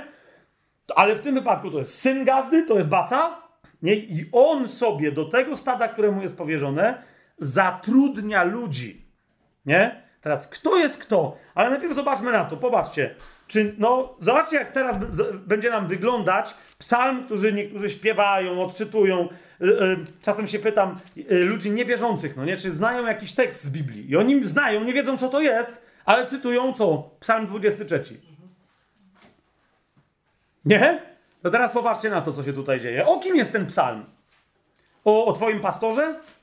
O, o, o prowadzącej twój kościół domowy? O, o nauczycielu z internetu, którego śledzisz od ostatnich trzech miesięcy i uważasz, że jest superowy? O kim jest ten psalm? Jahwe jest moim pasterzem. Psalm 23. Niczego mi nie zabraknie. Jeżeli ktoś inny od razu ci mówi, siostro i bracie, wchodzi w rolę twojego pasterza, zaczyna ci brakować wszystkiego. Niczego ci nie zabraknie tylko wtedy, kiedy twoim pasterzem jest Jahwe. Jeżeli ty, siostro i bracie, siebie przedstawiasz innym, że jesteś pasterzem, to ogarnij się, bo wtedy musisz odpowiedzieć na pytanie, co masz na myśli. Czy jesteś w pełni zastępcą bacy? Nie ma kogoś takiego. Jesteś juchasem? Kim ty jesteś? Gazdą jest Bóg sam we własnej osobie, to już nie róbmy. Jachwę jest moim pasterzem. Niczego mi nie zabraknie. To On sprawia, że kładę się na zielonych pastwiskach. One są tak zielone, tak pełne, właśnie tak tłuste jedzenia, jak w 34 rozdziale Ezechiela czytaliśmy, że po prostu te łowiecki są łobzarte, lezą se i se i no tak skubią, bo ile im potrzeba. Prowadzi mnie nad spokojne wody, nie nad rwące potoki błodniste, gdzie jest woda, ale jest brudna. Zauważcie, to Baca decyduje. On mówi Juchasom, gdzie mają przeprowadzić owce. Juchasy nie mają nic do gadania. Juchasy są najczęściej ze stadem, czy to jest jasne? Ale jeżeli Juchas nie robi tego, co robi, co mu każe baca, tylko sam se zaczyna cudować, uważajcie teraz. Jeżeli ktoś się przedstawia, że jest Juchasem, że jest bacą, a okazało się, że jest zbuntowanym Juchasem, to jest przestępcą, bandytą i złodziejem. Jeżeli jest najemnikiem, który ukradł komuś owce i uzurpuje sobie tytuł, prawo do, do bacowania, czy to jest jasne? Rozumiecie, co jest grane? Tylko Baca o tym może zdecydować. Juchasy go słuchają. Dalej. Pan posila moją duszę. Prowadzi mnie ścieżkami sprawiedliwości ze względu na swoje imię. Chociażbym nawet więc musiał przechodzić przez ciemną dolinę, to jest dokładnie dolina cienia śmierci, zła się nie ulęknę, bo Ty jesteś ze mną. No i znowu bardzo precyzyjny opis pasterza. Nawet dzisiaj każdy pasterz ci powie, że laska i kij musi mieć. Nie może mieć tylko laski. Nie? Się zapytałem po co, to między innymi od, od, z, z, dwóch artykułów, z jakiegoś tam jednego, nieważne, z wielu miejsc się dowiedziałem, że laski to jest jedno, nie będę teraz to wnikać, ale laska to jest ta, co ma za, zakrzywienie, to jest pastorał, laska pasterska, nie? I okazuje się, że to zakrzywienie, myślałem, no czasem może posłużyć, żeby na przykład capnąć owcę i ją, wiesz, wiecie, haratnąć, ale zasadniczo nie. Służy do czego? Do wydawania dźwięku, który uspokaja owce, jak są spanikowane czy coś. I one jak słyszą, Rozumiecie, ten jeden charakterystyczny dźwięk, jak na przykład baca chodzi wśród owiec, to dokładnie macha laską w ten sposób, no nie? Kręci, a ona robi w ten sposób. To, po to jest to zakręcenie, no nie? Przynajmniej te, te, w, w, tych, w tych tradycyjnych takich rzeczach to było to, no nie? I owce między innymi rozpoznają po tym głosie e, bacę, nie? Ci inni, ale tak samo na, ponoć na tej lasce się na przykład robi nacięcia, czyli jak baca liczy, to se potem robi specjalne po tych nacięciach, liczy ile ma owiec od kogo i tak dalej. Cały jego zapis, czujecie co jest grane? Jest na jego lasce pasterskiej. No nie? Całego stada, cały jego zapis. Nie? Zobacz, jakie, jakie może być połączenie księgi życia z laską pasterską. Nie? Bardzo interesujące. Dlatego twoja laska i twój kij mnie pocieszają, zauważcie. Nie? Jeżeli jest powiedziane, że on będzie sądzić narody laską żelazną, nie? To, ale to nie, to nie po to, żeby zabijać te narody, to dokładnie po to, żeby sobie nawzajem się nie rzuciły do gardeł, to będzie coś, co im przyniesie pociechę, a nie ujmę.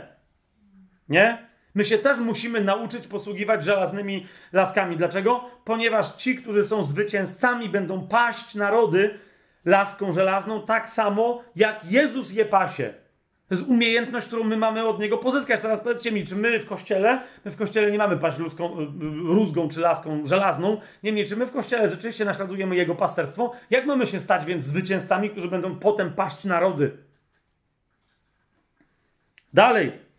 A propos tego, co się śmialiście, że drinki, że coś tam. No, piąty werset. Jeżeli Pan jest pasterzem, to jak ma się owca?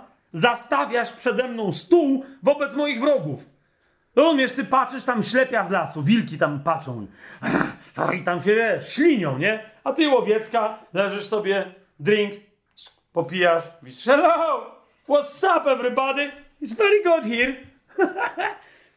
Zastawiasz przede mną stół wobec moich wrogów, namaszczasz mi głowę olejkiem, mój kielich się przelewa. To jest to. Tam jest parasoleczka, słomeczka, wszystko gra. Co kto lubi? Zaprawdę dobroć i miłosierdzie cechy prawdziwego pasterza pójdą w ślad za mną po wszystkie dni mojego życia i będę mieszkać w domu Jahwe przez długie czasy. Ewangelię, nie będę więcej fragmentów ze Starego y, Testamentu przywoływać, ale wymowne to jest. Nie? Zobaczcie, co się tu dzieje. Jest jeden pasterz, jego kij i jego laska. Cała reszta ekipy może być 170, kurde, rozumiecie, 200 tysięcy juhasów. Nie, nie? Zobaczcie w Ewangelii, jak y, do mm, postaci pasterza szybciutko zobaczmy, jak się, odwołuje, jak się odwołują Ewangelie. Do Ewangelii Mateusza w dziewiątym rozdziale, w 36 wersecie, spójrzcie na Jezusa.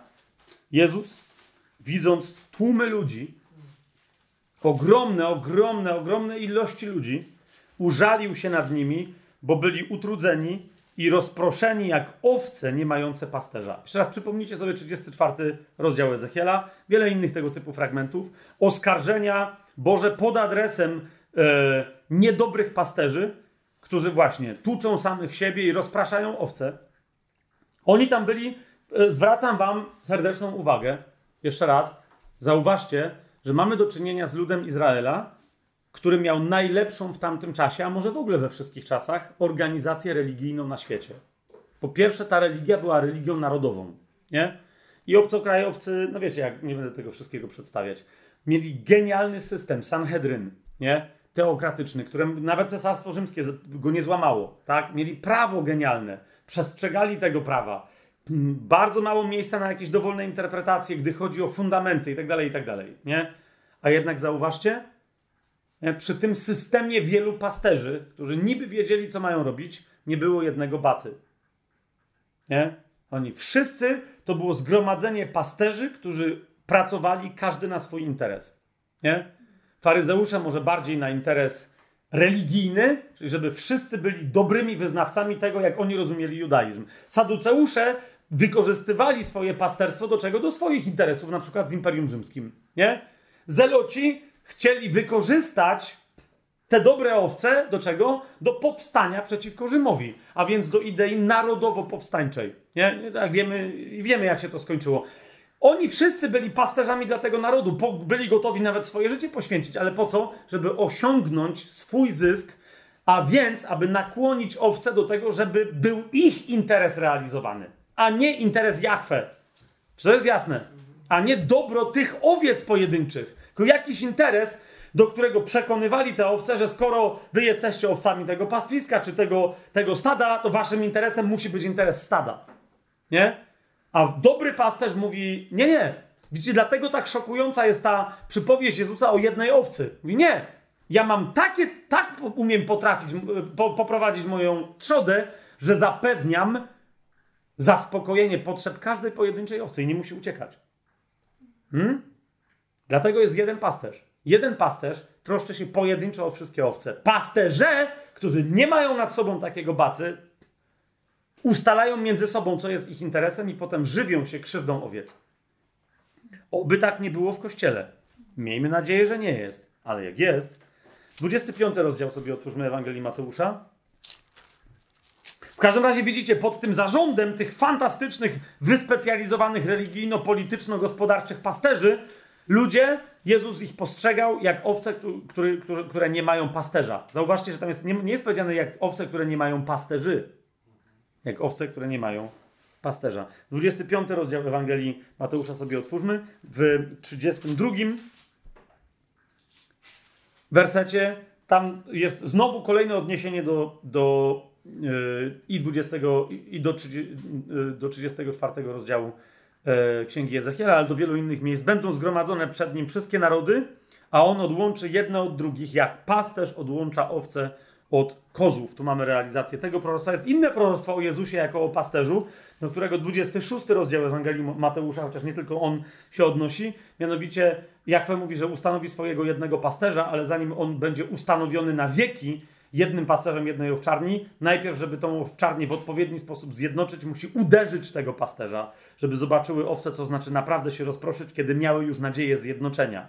To jest proroctwo w, u Zachariasza, ale w 26 rozdziale Ewangelii Mateusza czytamy w 31 wersecie.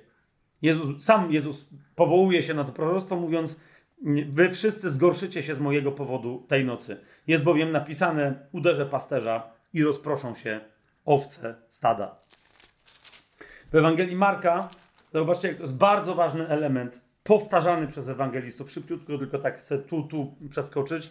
W szóstym rozdziale Ewangelii Marka, w 34 E, wersecie jeszcze raz mamy tą, tą scenę, to spojrzenie Jezusa. To jest szósty rozdział Ewangelii Marka, 34 werset, kiedy Jezus wyszedł, zobaczył mnóstwo ludzi i ulitował się nad nimi, bo byli jak owce nie mające pasterza. I co zaczął robić? Zaczął nauczać ich wielu rzeczy. To jest to, czego potrzebują ludzkie owce.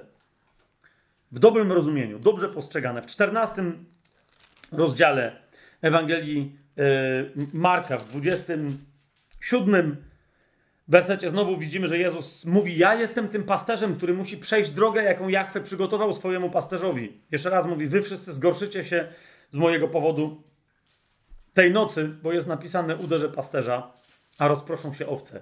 Ja jestem tym pasterzem. Ale ewangelista Łukasz nas zaskakuje. Nie robi tego Marek, nie robi tego Jan, nie robi tego Mateusz ewangelista Łukasz zwraca nam uwagę na jedną istotną rzecz. Że ludzie, którzy wiedzieli, że przyszedł Mesjasz do Izraela, to byli ludzie wykształceni na proroctwach Daniela w Babilonie, to byli magowie czy mędrcy ze wschodu, ale kto jeszcze? Pasterze. Nie? Pasterze, którzy swoją drogą w tamtym czasie już byli uważani za szmaciarzy, na przykład przez faryzeuszy. Nie? Kim oni są? Ludzie, i to górscy pasterze. Nie? E, zwróćcie uwagę w Ewangelii Łukasza w drugim rozdziale od ósmego wersetu czytamy, a byli w tej okolicy pasterze przebywający w polu i trzymający straż nocną nad swoim stadem. Zwróćcie uwagę, co się tu dzieje. Jest liczba mnoga, jest jakiś baca tam, jakiś szef ich, ale to on ich dobrze ustawił, to jest grupa pasterzy, to są juchasy, nie? Ale trzymają nocną straż. To, to nie są dziado, rozumiecie? I tam jest wszystko ustalone, co się dzieje. Są dobrzy pasterze, nie? I oto stanął przy nich anioł Pana, a chwała Pana zewsząd ich oświeciła i ogarnął ich wielki strach.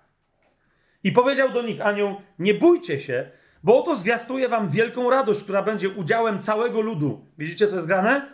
Komu przychodzi takie objawienie? Znajdźcie mi inną grupę przy pojawieniu się Pana Jezusa na przy Jego narodzinach. Nie?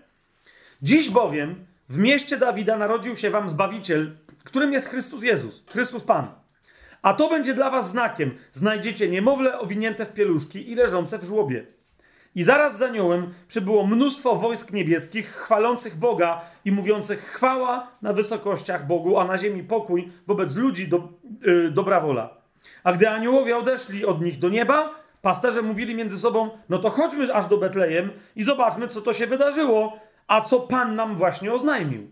Spiesząc się więc, przyszli i znaleźli Marię, Józefa i niemowlę leżące w żłobie, a ujrzawszy, rozgłosili to, co zostało im powiedziane o tym dziecku. Kto przyszedł do kogo? Nie wiem, czy widzicie. Przyszły Juhasy do Bacy. Widzicie to? Do pasterza. Liczba mnoga, pasterze z Izraela przyszli do swojego Bacy. Do tego jednego, jedynego pasterza, którego potrzebowali. A wszyscy, którzy słyszeli, dziwili się temu, co pasterze im mówili. Zauważcie, co robią pasterze teraz, skoro mieli objawienie? Usta robią nabożeństwo Marii, Józefowi i, i dzieciątku? Jeszcze raz pytam się, co robią? Zwróćcie uwagę. Wychodzą na zewnątrz i mówią ludziom, którzy jeszcze nie wiedzą. Rozumiecie? A zauważcie, gdzie są w tym czasie ludzie, którzy wiedzą. Są w Jerozolimie i Herod się ich pyta, znawcy Biblii. Gdzie się ma urodzić Mesjasz? Nie? Bo przyszli mędrcy i mówią, że gdzie się ma urodzić, ten nie wiem, tamtych się pyta. Wszyscy wycykani, nawet ci, którzy w teorii czekali na Mesjasza. Wszyscy przestraszeni. Zauważcie, faryzeusze, uczeni w piśmie, sędziowie i starsi Izraela. Wszyscy wycykani. Pasterze przyszli i zaczęli głosić dobrą nowinę. Zwróćcie uwagę. Jeden, jedyny raz. I otwórzmy sobie wreszcie absolutny klasyk, ale teraz popatrzcie, jak nam zabrzmi jeszcze raz cały ten tekst. Po pierwsze, to jest w ogóle Ewangelia Jana, 10 rozdział. On jest pełną odpowiedzią na 34 rozdział yy, Księgi Ezechiela. Nie? To jest odpowiedź Nowego Testamentu. Jak to się stanie? To, co między innymi w 34 rozdziale Ezechiela było prorokowane. W 10 rozdziale Jezus staje, powstaje i ogłasza. Amen, amen, powiadam wam. Od pierwszego wersetu, to jest pierwsza część tego, co on mówi, yy, od pierwszego do 16 wersetu. Amen, amen, powiadam wam. Kto nie wchodzi do owczarni drzwiami, swoją drogą, e, chcę wam zwrócić uwagę tu na jedną rzecz. Nie wiem skąd się to bierze, bo we wszystkich innych miejscach Nowego Testamentu e, tłumaczenia zasadniczo ten wyraz, który tu jest, nie wiem jak jest u BG, jeszcze musiałbym to sprawdzić, ale też mi się wydaje, że tak jest. Zasadniczo wszyscy tłumaczą te, to słowo jako owce albo stado owiec. A tu nagle ten wyraz jest tłumaczony jako owczarnia. Nie mam, nie widzę podstaw za bardzo do tego, więc przetłumaczmy to tak, jak tu najprawdopodobniej y, ma to tutaj miejsce. A więc amen, amen, powiadam wam, kto nie wchodzi do owiec drzwiami, a to jest jedno jedyne wejście, ale wchodzi inną drogą, to jest złodziej i bandyta. O co idzie? Jeżeli to jest owczarnia, to co nam się od razu kojarzy? Jakiś taki budynek, nie? A my tu mówimy o owcach, które się pasą. Więc jak jest zasło, jest, wiecie, jest, jest jakaś zabudowa, jakieś, nie wiem, porozciągane jakieś sznury, nieważne, jakiś płot zrobiony, cokolwiek by to nie było, jest jedno wejście. Nie? Ono jest potrzebne na przykład, żeby wydoić owce, żeby wszystkie je przeprowadzić. Wie, wiecie o co mi idzie, no nie? Te, co są do dojenia oczywiście i tak dalej. I nie ma potrzeby, żeby ktoś wchodził do owiec inną drogą niż tędy. A to jeszcze raz, pamiętajcie, co mówiłem o tym kosorzu, nie? Tak naprawdę to, to jest brama, którą ustanawia baca. To jest wejście. Ktokolwiek ma potrzebę, żeby nie wchodzić, i to tam przy okazji zazwyczaj jest gdzieś obok bacówka, czy tam ten całas, szałas taki specjalny, czy coś, jakby wiecie, naj, naj, najbardziej widok jest na to, nie? Jak ktoś się pojawia kompletnie z drugiej strony, to jest od razu pytanie, co to jest, nie? Ryś, wilk, niedźwiedź, złodziej, co, co się tam dzieje z drugiej strony? Tam trzeba lecieć, nie? Po to są psy, żeby one tam od razu reagowały, żeby wywęszyły takie niebezpieczeństwo, nie? Ktoś nie wchodzi od strony wejścia, od strony bramy. Tutaj chodzi o bramę, niekoniecznie o drzwi. Czy to jest jasne, nie? Ale dobra, zostańmy. Kto wchodzi inną drogą, jest złodziejem i bandytą. Kto wchodzi drzwiami, jest pasterzem owiec. No właśnie, to jest ten, kto je ustanawia. I zauważcie, jest jeden. Znowu, nie? Całej reszcie on pozwala. Jeżeli ktoś wchodzi bez pozwolenia, nawet przez te drzwi, to nadal jest złodziejem. Ale tu się pojawia bardzo interesujący wyraz, co? Nie wiem, czy go widzicie. Temu odźwierny otwiera i owce słuchają jego głosu, a on woła swoje własne owce po imieniu i wyprowadza je. Nie będę się teraz tu rozwijał, ale nie wiem, czy pamiętacie, jak Pan Jezus w jednej z przypowieści mówi, że e, o odchodzącym Panu, którego ustanaw który ustanawia swojego sługę odźwiernym, który ma czuwać. Jeszcze raz, kto to jest odźwierny? Jak przychodzi baca, czemu se sam nie może otworzyć? Bo ma juhasa od tego. Kogoś, kto jest odpowiedzialny, tak? Dokładnie za pilnowanie z tej strony. Kto jest być może szefem pozostałych juhasów. Ma to sens, co ja teraz mówię? Bo wśród nich może być hierarchia, nie? Ale on kogoś zostawił jako kogoś, kto ma czuwać. Sprawdźcie sobie ten wyraz e, odźwierny, on się nie pojawia, on się może 3-4 razy w, w, całym Nowym Testamencie pojawia. I zobaczycie, kto to jest w innych miejscach. To jest ktoś, kogo Pan zostawia pod swoją nieobecność, żeby czuwał. To jest odźwierny. Zasadniczo to się, z tego co pamiętam, ten wyraz się pojawia w jednej przypowieści Pana Jezusa, a potem dwa razy się pojawia przy okazji e, Piotra i to nie jest odźwierny, tylko to jest odźwierna. To jest ta dziewczyna, co, z którą Jan tam rozmawia, a potem ona patrzy na Piotra i mówi, a ty nie byłeś czasem z nim i on się dokładnie tej... Widzicie, to jest czujna odźwierna, nie? Ale tu chodzi o kogoś, kto jest odpowiedzialny za bramę do owiec, kogo zostawia baca, jasne? Czytamy dalej. No i wtedy baca wchodzi, owce słuchają jego głosu, a on woła swoje własne owce po imieniu i wyprowadza je. Widzicie, co jest grane? To jest taki ktoś. Dalej, gdy wypuści swoje owce, idzie przed nimi, a owce idą za nim, bo znają jego głos. Bardzo często w dawnych, dzisiaj to już jest trochę inaczej z tego co wiem, ale dawniej tak było, że na przykład przejście z hali na halę, nie? na inne miejsce wypasu, na juchasy, wszystko oni otaczają, wiecie, z tyłu, z boku, żeby owce się nie rozlazły, nie pogubiły psy, ale drogę znabaca i on wie, i potem przychodzi i mówi, teraz tutaj się pasiemy. Tu zróbcie, tu osłońcie, tu coś i on mówi, teraz tutaj, nie? Tu. On wie, on jest tym, który prowadzi. To jest to. Za obcym nie idą, lecz uciekają od niego, bo nie znają głosu obcych. Tę przypowieść powiedział im Jezus, lecz oni nie zrozumieli tego, co im mówił. Wtedy Jezus znowu powiedział do nich: Amen, amen, powiadam wam, ja jestem drzwiami owiec. Ja jestem bacą i ja jestem tym, który decyduje o wchodzeniu i wychodzeniu owiec, o wyprowadzeniu ich na hale. Zwróćcie uwagę, co to oznacza. Nie ma nikogo innego. Nikogo innego. Jeżeli ktoś w kościele uzurpuje sobie tę władzę i mówi, ja wiem, gdzie teraz nas Duch Święty prowadzi i tak dalej. Jeżeli Kościół nie daje mu potwierdzenia, w sensie, jeżeli ktoś tak mówi, tak? Ale mówi to, bo mówi, bo Pan Jezus mi to objawił. To ja na to mówię, halleluja! Bardzo dobrze. Ale jak on tak gada, a Kościół nie ma w ogóle zgody na to, mówi, to, ale to ty chcesz nas, nas, ty nas chcesz tam poprowadzić. Ty nam to chcesz teraz narzucić. To nie jest, my nie, nie rozpoznajemy tego jako głosu Bożego. To owce, rozumiecie, to jest dokładnie moment, w którym owce rozpoznają obcego.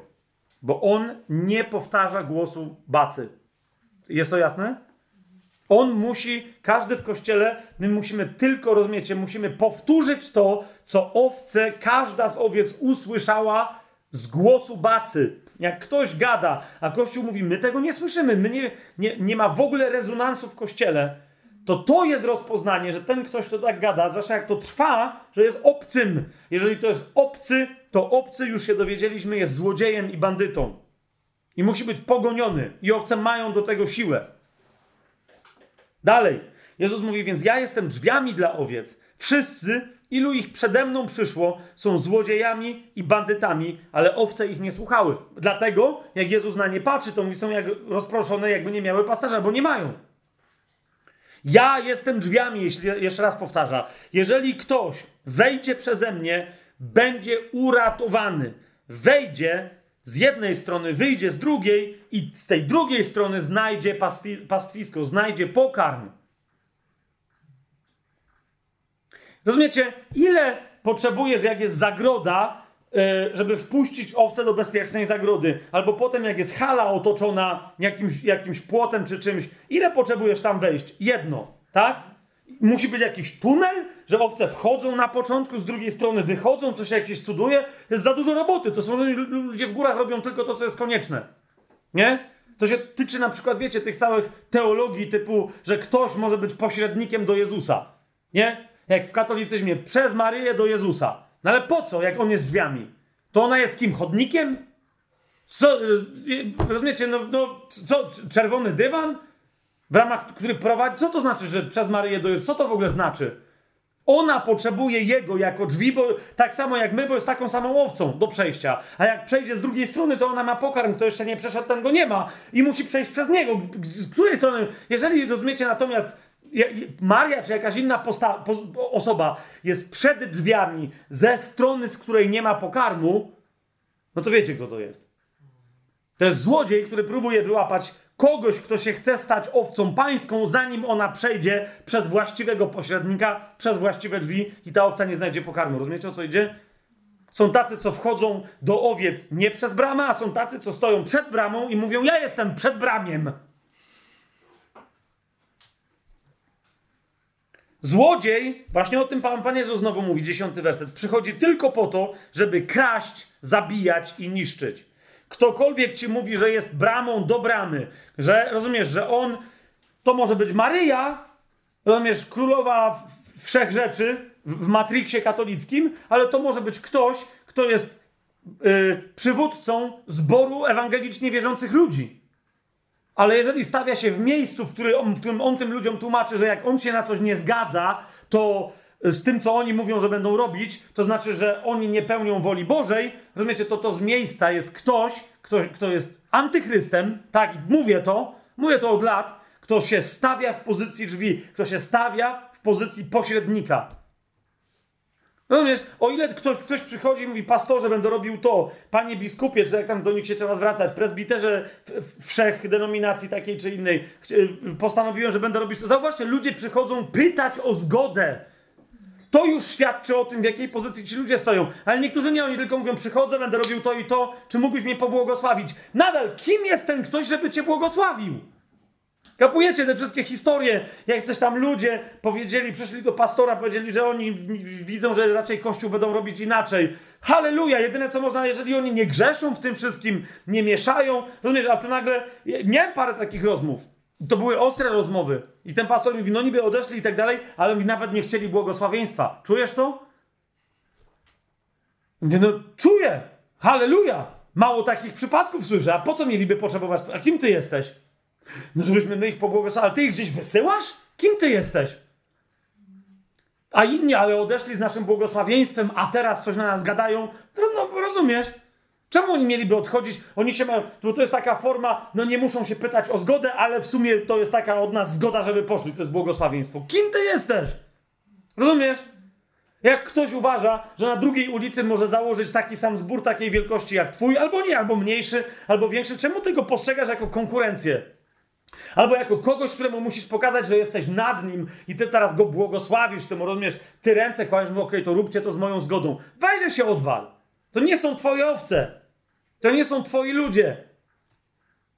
Tak samo w kości ktoś przychodzi, pastorze, bo ja bym chciał zacząć. W sensie, rozumiesz? Zacznij, rób co chcesz. Jak ci pastor zabrania, to idź robić gdzie indziej. Jak ci nie zabrania się go, nie pytaj o zgodę, bo on jest nikim, żeby pastora kogokolwiek innego, on jest nikim, żeby się go pytać. Jeżeli będziesz robić źle, bo niektórzy pastorzy mówią, nie możesz falam takich rzeczy mówić, a potem przecież ludzie są niedoświadczeni, są jacyś, coś, coś tam, ale przecież coś chcą robić. Masz doświadczonych 30-letnich w zborze, starych ludzi, którzy nic nie robią, no bo już co mają robić? Są doświadczeni, są posłuszni, pokorni, już ty wszystko robisz dla nich. A tu jest ktoś rok dopiero nawrócony. No ale bo oni będą, wiesz, doświadczać sideł diabelskich. Może ty jesteś od tego w takim razie, żeby ich uchronić. Nie żeby im pozwalać albo nie pozwalać, ale żeby patrzeć, czy to, co oni robią, przynosi owoc. Jak nie będzie przynosić albo będzie wręcz przynosić zły owoc, to na to samo wychodzi, to wtedy interweniuj. Czemu jesteś owcą, co nie przynosi mleka? Czemu jesteś owcą, co nie zaciążyła? Rozumiesz? Ale niech robią co chcą. Jeżeli ty natomiast oni potrzebują twojej zgody, to znaczy, że oni będą robić to, co ty chcesz, żeby oni robili. A nie, bo ja tu jestem ustanowiony przez Boga, ich tu nadzorcą i ja... I co i Bóg od tej pory mówi tylko do ciebie, gdy chodzi o ich życie? I jeżeli na przykład Zosia z Cesią coś próbują zrobić, to musi pytać ciebie o zgodę? To znaczy, że Bóg ustanowił nowego pośrednika między sobą a nimi. To jesteś ty. W sprawach robienia czegoś dla Jego królestwa. Widzicie to? Więc, ale to nie jest tylko kwestia pastorów, to jest kwestia masy ludzi, którzy w ten sposób tłumaczą swoją bezczynność. No pytałam się pastora, a on powiedział, że jeszcze nie czas. Była mu tego, nie zasłaniaj się tym, że ktoś ci pozwolił czy nie pozwolił. Rozumiesz? A jakby nie było takich ludzi, Jesteś owcą na pastwisku. W której części pastwiska będziesz żarła trawę? Ile mleka potem z tej trawy dasz? Rozumiesz? Juchas nie stoi nad owcą i nie mówi teraz żryj więcej, mało mleka wczoraj dałaś. Jest... Nie. Potem tylko baca mówi, no to jest jakoś tak olelawo, nie? Tego mleka tak daje dużo, a mało daje. Z dużej owcy mały mlek. To jest baca. Juchasa to nie interesuje. On tylko pilnuje, żeby ta owca nie była zestresowana, żeby nie była atakowana przez dzikie zwierzęta, żeby miała swobodę. To jest to, co robi Juchas. Psy? Jak dostaną rozkaz od Juchasa, to wtedy zaganiają owce. Ale co one mają, rozumiecie? Czasem Juchas musi odwołać psy, bo, bo stresują owce. I one nie wiedzą, mają jeść, czy co się dzieje, gdzieś idziemy, halo. Przylecieli pastorzy, szczekają, nie wiemy, co jest grane. Znaczy nie pastorzy, przepraszam, biskupi z diakonami.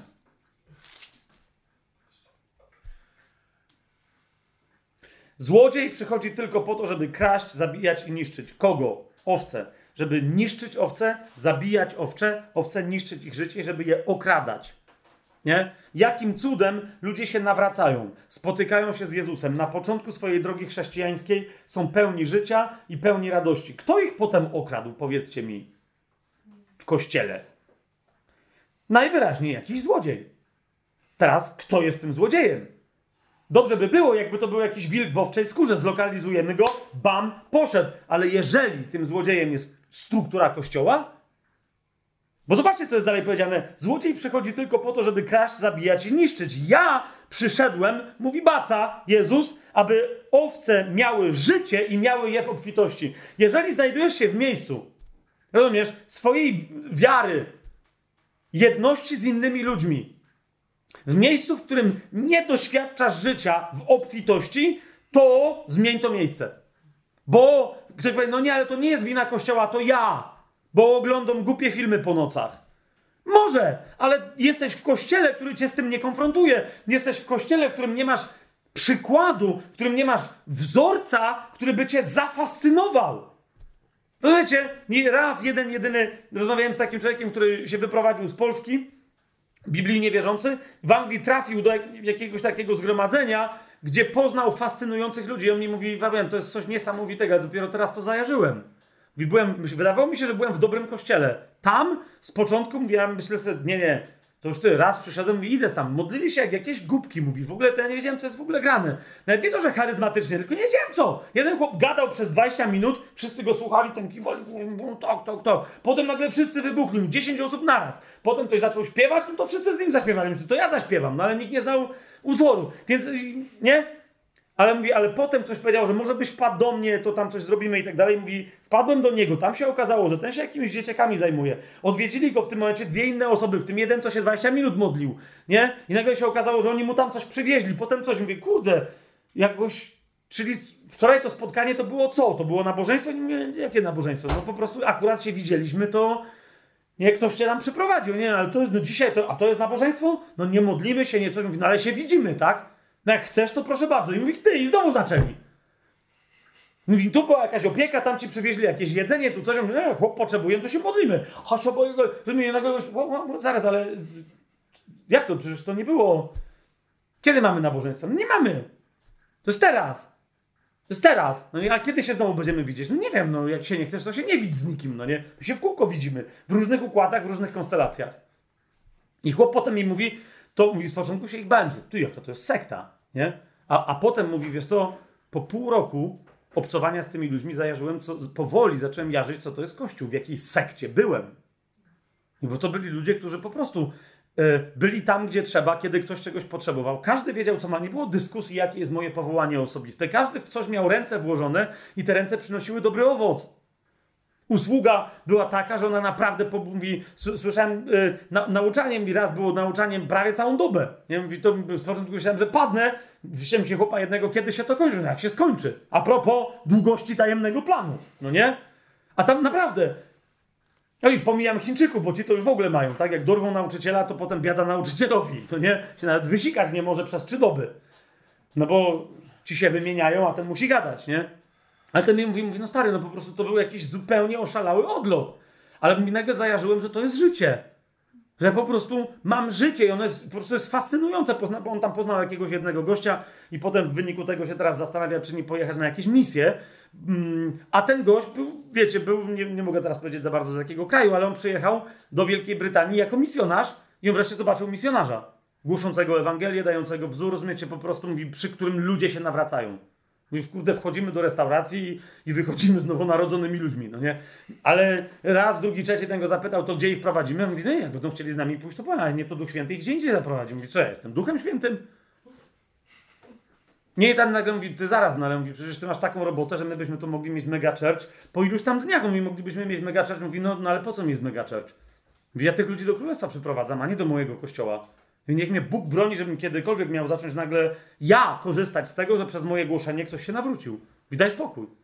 Chyba, że ten ktoś powie, ej, Duch Święty mi mówi, że, że mam za to... To nadal ja się pytam Ducha Świętego, a ma ten ktoś ze mną iść? Pamiętacie tego, co go Pan Jezus uwolnił od demonów? Co powiedział, że pójdzie za Jezusem, a on powiedział iść do domu? No, no serio teraz mówię. Nie? I on naprawdę chciał, nie tak jak tamten drugi, co powiedział, że pójdę za tobą, tylko jeszcze rodziców muszę pogrzebać. No daj spokój, nie? Ale ten chciał. Jezus mówi, nie, to nie jest twoje powołanie, ty nie będziesz chodził ze mną. To samo ten gość. I on mówi, kurde, to, to dla mnie to jest w ogóle wiodlot, nie? Ci ludzie potem, oni żyją normalnie, cieszą się. Mówi, ty, no przecież to jest w ogóle co innego. Mówi, to jest życie. I on dopiero wtedy odkrył, że mówi, dużo, on nawet świadectwa głosił, jak życie płynie w kościele i mówi, stary, jakim ja byłem kłamcą. Czułem się coraz gorzej w zborze, ale myślałem, że to jest to, co ja muszę robić. To jest to, co mi Pan każe robić. Kościół to jest spotykanie się raz na tydzień z ludźmi, to jest absolutny szczyt życia chrześcijańskiego, który trwa parę godzin raz w tygodniu, w ramach którego my udajemy, że akurat jest super, jest fajnie i akurat kazanie, które było nudne, było nędzne i cała ta reszta ludzi, nawet ich nie znam, nie wiem, co oni robią w życiu, no ale oni nie chcą za bardzo, żeby mnie dopuścić do siebie, więc ja to wiem. To, to, to jest życie? Które Pan Jezus nam dał? To jest życie? To, to jest życie owiec na pastwisku? To jest patrzenie na wrogów, wylegiwanie się, popijanie drinka i mówienie, pan, pan mnie karmi na oczach moich wrogów. To są zielone niwy? To jest Pan, który jest dobrym pasterzem? No jeszcze raz odpowiedzcie mi na to pytanie. Bo mi to tak nie wygląda. Zgromadzenia chrześcijańskie się zbierają i się boją. To jest zgromadzenie dobrego pasterza, bo, albo się nie zbierają, bo się boją, że ich zabije koronawirus. Albo jeszcze coś innego. Natomiast zgromadzenia chrześcijańskie się gromadzą i się pytają, co robić pastora, a ten nie wie, bo jeszcze mu biskup jego nie powiedział. Czy jakiś, jakkolwiek się tam nazywa ten jego papież lokalny. On nie wie. A jak się dowiedzą, to sprzedają politykę całemu kościołowi i kościół wie, jak teraz nasza denominacja uważa, że coś tam. Serio? Jezus wam to powiedział? To czemu wam powiedział co innego niż tej samej, nie tej samej, tylko innej denominacji, która działa w tych samych miastach, co wy, w tym samym kraju? Czemu? Pan Jezus dostał schizofrenii? Czy może to nie są słowa Pana Jezusa, a prowadzą was śle ślepi pasterze, tak samo ślepe owce i wszyscy skończymy w dole? Może czas najwyższy, żebyśmy wszyscy zaczęli słuchać głosu dobrego pasterza, żeby potem wiedzieć, że jak nam ktoś mówi, to mówi Pan, żebym powiedzieć, nie, nie mówi, to ty to gadasz. Rozumiecie, o co mi idzie? Bo najgorzej jest, jak złodziej wchodzi do kościoła, zaczyna rządzić kościołem, a kościół mówi, to jest ktoś posłany przez Pana, no bo to już jest zupełnie, to nawet nie jest wina złodzieja, no bo wiecie o co chodzi? No to tylko złodziej może się czuć szczęśliwy, nie? Wchodzi i mówi, oddajcie mi wszystko, co macie. A ludzie mówią, oto człowiek, którego Pan posłał, dajmy mu wszystko. I ten złodziej mówi, ja pierdzielę, ty, to ja nawet nie będę musiał uciekać, to tu zostanę chyba. Oddawajcie mi co tydzień wszystko, co macie. Dobra, to jest trochę prze, przegięcie. 10%? Jak najbardziej. Ja pierdolę. Nie będę już kradł po autobusach. Miał nie być sarkazmu, przepraszam. Naprawdę przepraszam. Jedenasty werset. Jezus mówi, ja, ja jestem dobrym pasterzem. I teraz obczajcie. Nawet jak Pan Jezus najmuje Juchasów, to zobaczcie, co on mówi. Oni muszą być Jego ducha, Jego postawy, Jego myśli. Muszą być myśli dobrego pasterza. Co to znaczy? Dobry pasterz oddaje swoje życie za owce, a nie żyje z owiec. Hmm? Najemnik który nie jest pasterzem. I teraz to jest interesujące, bo ktoś mówi, że to jest najemnik wojskowy. Nie, nie, nie. To jest wyraz, yy, który się pojawia w innym miejscu, jak jest powiedziane, że pamiętacie ojciec synu yy, Zebedeusz, ojciec yy, Jana i Jakuba. Wypływa w morze i on ma tych synów, tam jest jeszcze Szymon, Piotr, ktoś tam, ale on ma też najemników, którzy mu pomagają w łodzi. To są najemni robotnicy, którzy zostali wynajęci może do tej roboty, może sezonowo, na tydzień, może, wiecie o co mi chodzi? Tu jest mowa o wynajętych do pomocy. Ok? Jest pytanie przez kogo? Jezus jest dobrym pasterzem i on nie umie wynająć dobrych najemników? To są ludzie, którzy się najęli do roboty, ale mają nieszczerą intencję. Nie? Oni się najęli do roboty za co? Za pieniądze. Ich nie interesują owce. Nie? Dobry pasterz ich rozpoznaje, ale pytanie, czy wszystkie owce rozpoznają takich najemników? Czy też dają, po, wchodzą, pod ich, wchodzą pod ich autorytet, Hmm? Warning religious language. Wchodzą pod ich autorytet Język, który ja wiem, że czasem ludzie mają co innego na myśli, ale za, to jest zły język. Kto w kościele ma wchodzić pod autorytet kogoś innego niż Jezus? Jak potem taki chrześcijanin sam ma reprezentować autorytet Jezusa, kiedy wobec Jezusa jest pod autorytetem jakiegoś człowieka? Rozumiecie o co mi chodzi? Nie może tak być. Nie, po prostu nie może. Ten język jest zły, po prostu. Nawet jeżeli ktoś ma co innego na myśli, to niech to nazwie lepszym językiem, bo sam ten język przeklina lud Boży. Wchodzenie pod czyjś autorytet. My mamy przed sobą być odpowiedzialni, a nie wchodzić przed. Jak może mieć ktoś, nawet kto jest 40 lat dłużej w wierze, mieć większy autorytet ode mnie, skoro ja mam autorytet Jezusa tak samo jak on? Ja mam dar uzdrawiania, a on ma dar nauczania. Wiecie o co mi chodzi? I teraz w jakiej kwestii, kiedy on może mieć prawo decydowania, bo jest odpowiedzialny za jakieś zadanie, a ja mu pomagam. Jasne to jest? Ale za chwilę role się mogą odwrócić i ja jestem za coś odpowiedzialny i on wtedy musi mnie słuchać w ramach innego dzieła. Bo on się nie zna na uzdrawianiu. Ja się też nie znam, ale uzdrawiam. A on tylko naucza. To wie to o co chodzi? Przecież nauczyciele nie bardzo wiedzą o co chodzi. W, że tak powiem, robotach ręcznych. Najemnik, dwunasty werset, który nie jest pasterzem, do którego owce nie należą, widząc nadchodzącego wilka, opuszcza owce i ucieka, a wilk porywa i rozprasza owce. Przypomnijcie sobie, co Paweł mówił do, w 20 rozdziale do starszych z Miletu. Kto to był w takim razie? Nie mówi, przyjdą wilki. I co wy macie robić? Uciekniecie? To jesteście najemnikami. To teraz się lepiej przyznajcie, że macie fałszywe y, koncepcje w głowie. Najemnik ucieka, 13 werset, bo jest najemnikiem i nie troszczy się o owce. Proste, on się troszczy o swój interes. Ja jestem dobrym pasterzem i znam moje owce, a moje mnie znają. Jak mnie zna ojciec i ja znam ojca i oddaję moje życie za owce. 53 rozdział Izajasza. To jest dokładnie to, co Jezus tutaj mówi. 53 rozdział Izajasza. Ja jestem owym sługą Jahwe, który do rozproszonych owiec które się pogubiły, bo, każda poszła w inną stronę, przychodzi z jednoczącym te owce krzyżem, śmiercią i zmartwychwstaniem, który im da nowe życie. Ciekawą rzecz mówi Jezus, zauważcie, przedstawia się tutaj jako baca. Nie? Bo on mówi, że ma jedno stado, ale że ma też inne owce. Popatrzcie, mam także inne owce, które nie są z, te, z tej owczarni. Również te muszę przeprowadzić i będą słuchać mojego głosu i będzie jedna owczarnia i jeden pasterz. Nie ma żadnych dwóch pasterzy, dziesięciu kasty pasterskiej, nie ma niczego takiego. Jest jedna owczarnia i jeden pasterz. To jest wola Jezusa. Niezależnie skąd przyszły te owce. Dalej jeszcze Jezus kontynuuje ten temat w 25 wersecie, bardzo szybciutko. Jezus im odpowiedział, bo tam Żydzi go obstąpili. Zauważcie, o co go pytają. Jeżeli ty jesteś Chrystusem, powiedz nam to otwarcie. Zauważcie, jaką Jezus formułuje odpowiedź na pytanie, czy jest Chrystusem. Jezus im odpowiedział: Powiedziałem wam, a zauważcie, o czym on gada od początku tego rozdziału, że jest dobrym pasterzem. Powiedziałem wam, a nie wierzycie. Dzieła, które wykonuję w imieniu mojego Ojca, one świadczą o mnie, ale wy nie wierzycie, bo nie jesteście z moich owiec, jak wam powiedziałem. Po czym się poznaje owce Jezusa? Jeszcze raz, bo oni mogliby powiedzieć, a gdzie nam ty powiedziałeś, że my nie jesteśmy z twoich owiec? Bo Jezus powiedział wyraźnie, jakie są cechy jego owiec. One znają jego głos i idą za tym głosem. Rozumiesz? Jeżeli ty nie znasz głosu Jezusa, ale idziesz za głosem człowieka, bo twierdzisz, że to jest głos Jezusa przemawiający do ciebie, to nie jesteś owcą Jezusa. I to nie jest wina, kapujesz, to nie jest wina tego, może nawet nie być wina tego, za którym ty idziesz, jeżeli to nie jest jego intencja. Zważ, co ty robisz w swoim życiu. Jeżeli idziesz za człowiekiem, nieważne jaka jest twoja teologia, interpretacja, jak bardzo ten człowiek reprezentuje ci Jezusa. Rozumiesz, idź za danym człowiekiem tak długo, jak głos Jezusa mówi ci, żeby iść za tym człowiekiem. Nie? Jak przestaje, to nie idź.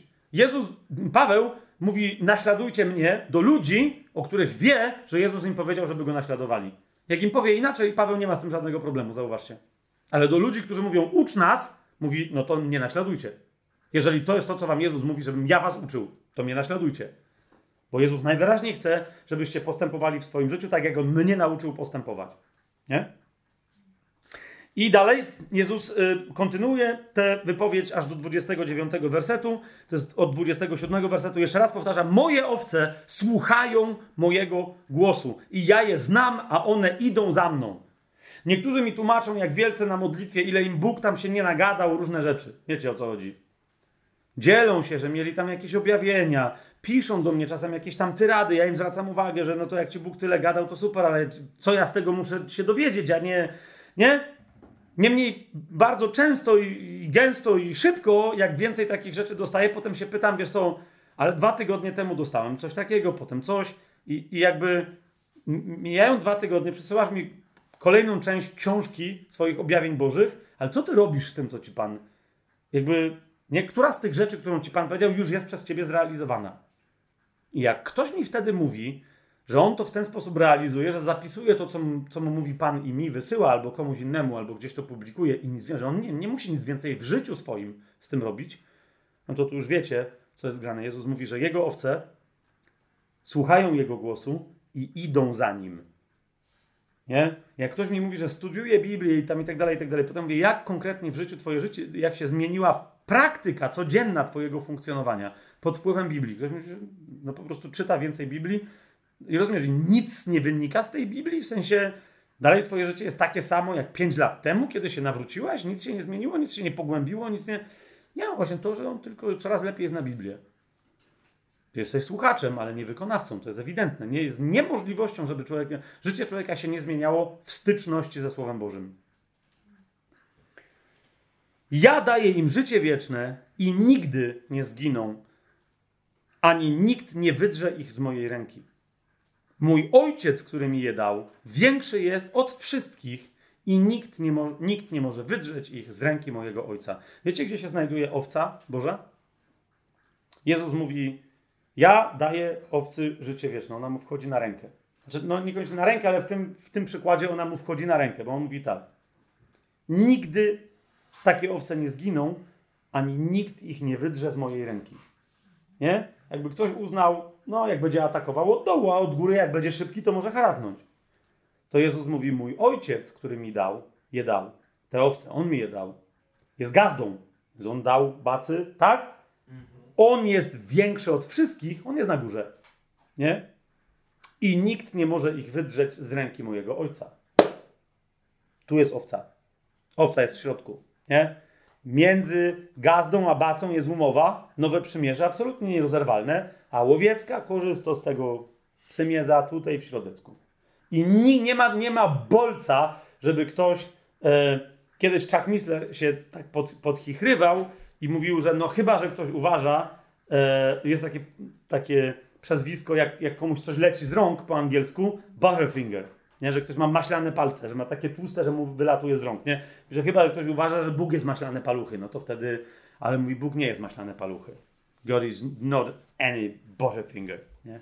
To jest łapa, jedna pewna, druga pewna. Nikt nie wydrze, a ojcu ani Jezusowi z ręki nic nie leci samo. Nie? Dziurawych ręk. No akurat Pan Jezus ma dziurawy, ale wtedy może oni jakoś tam... No nieważne! Nie da się wylecieć! nie da się wylecieć. Dalej. W Ewangelii Jana,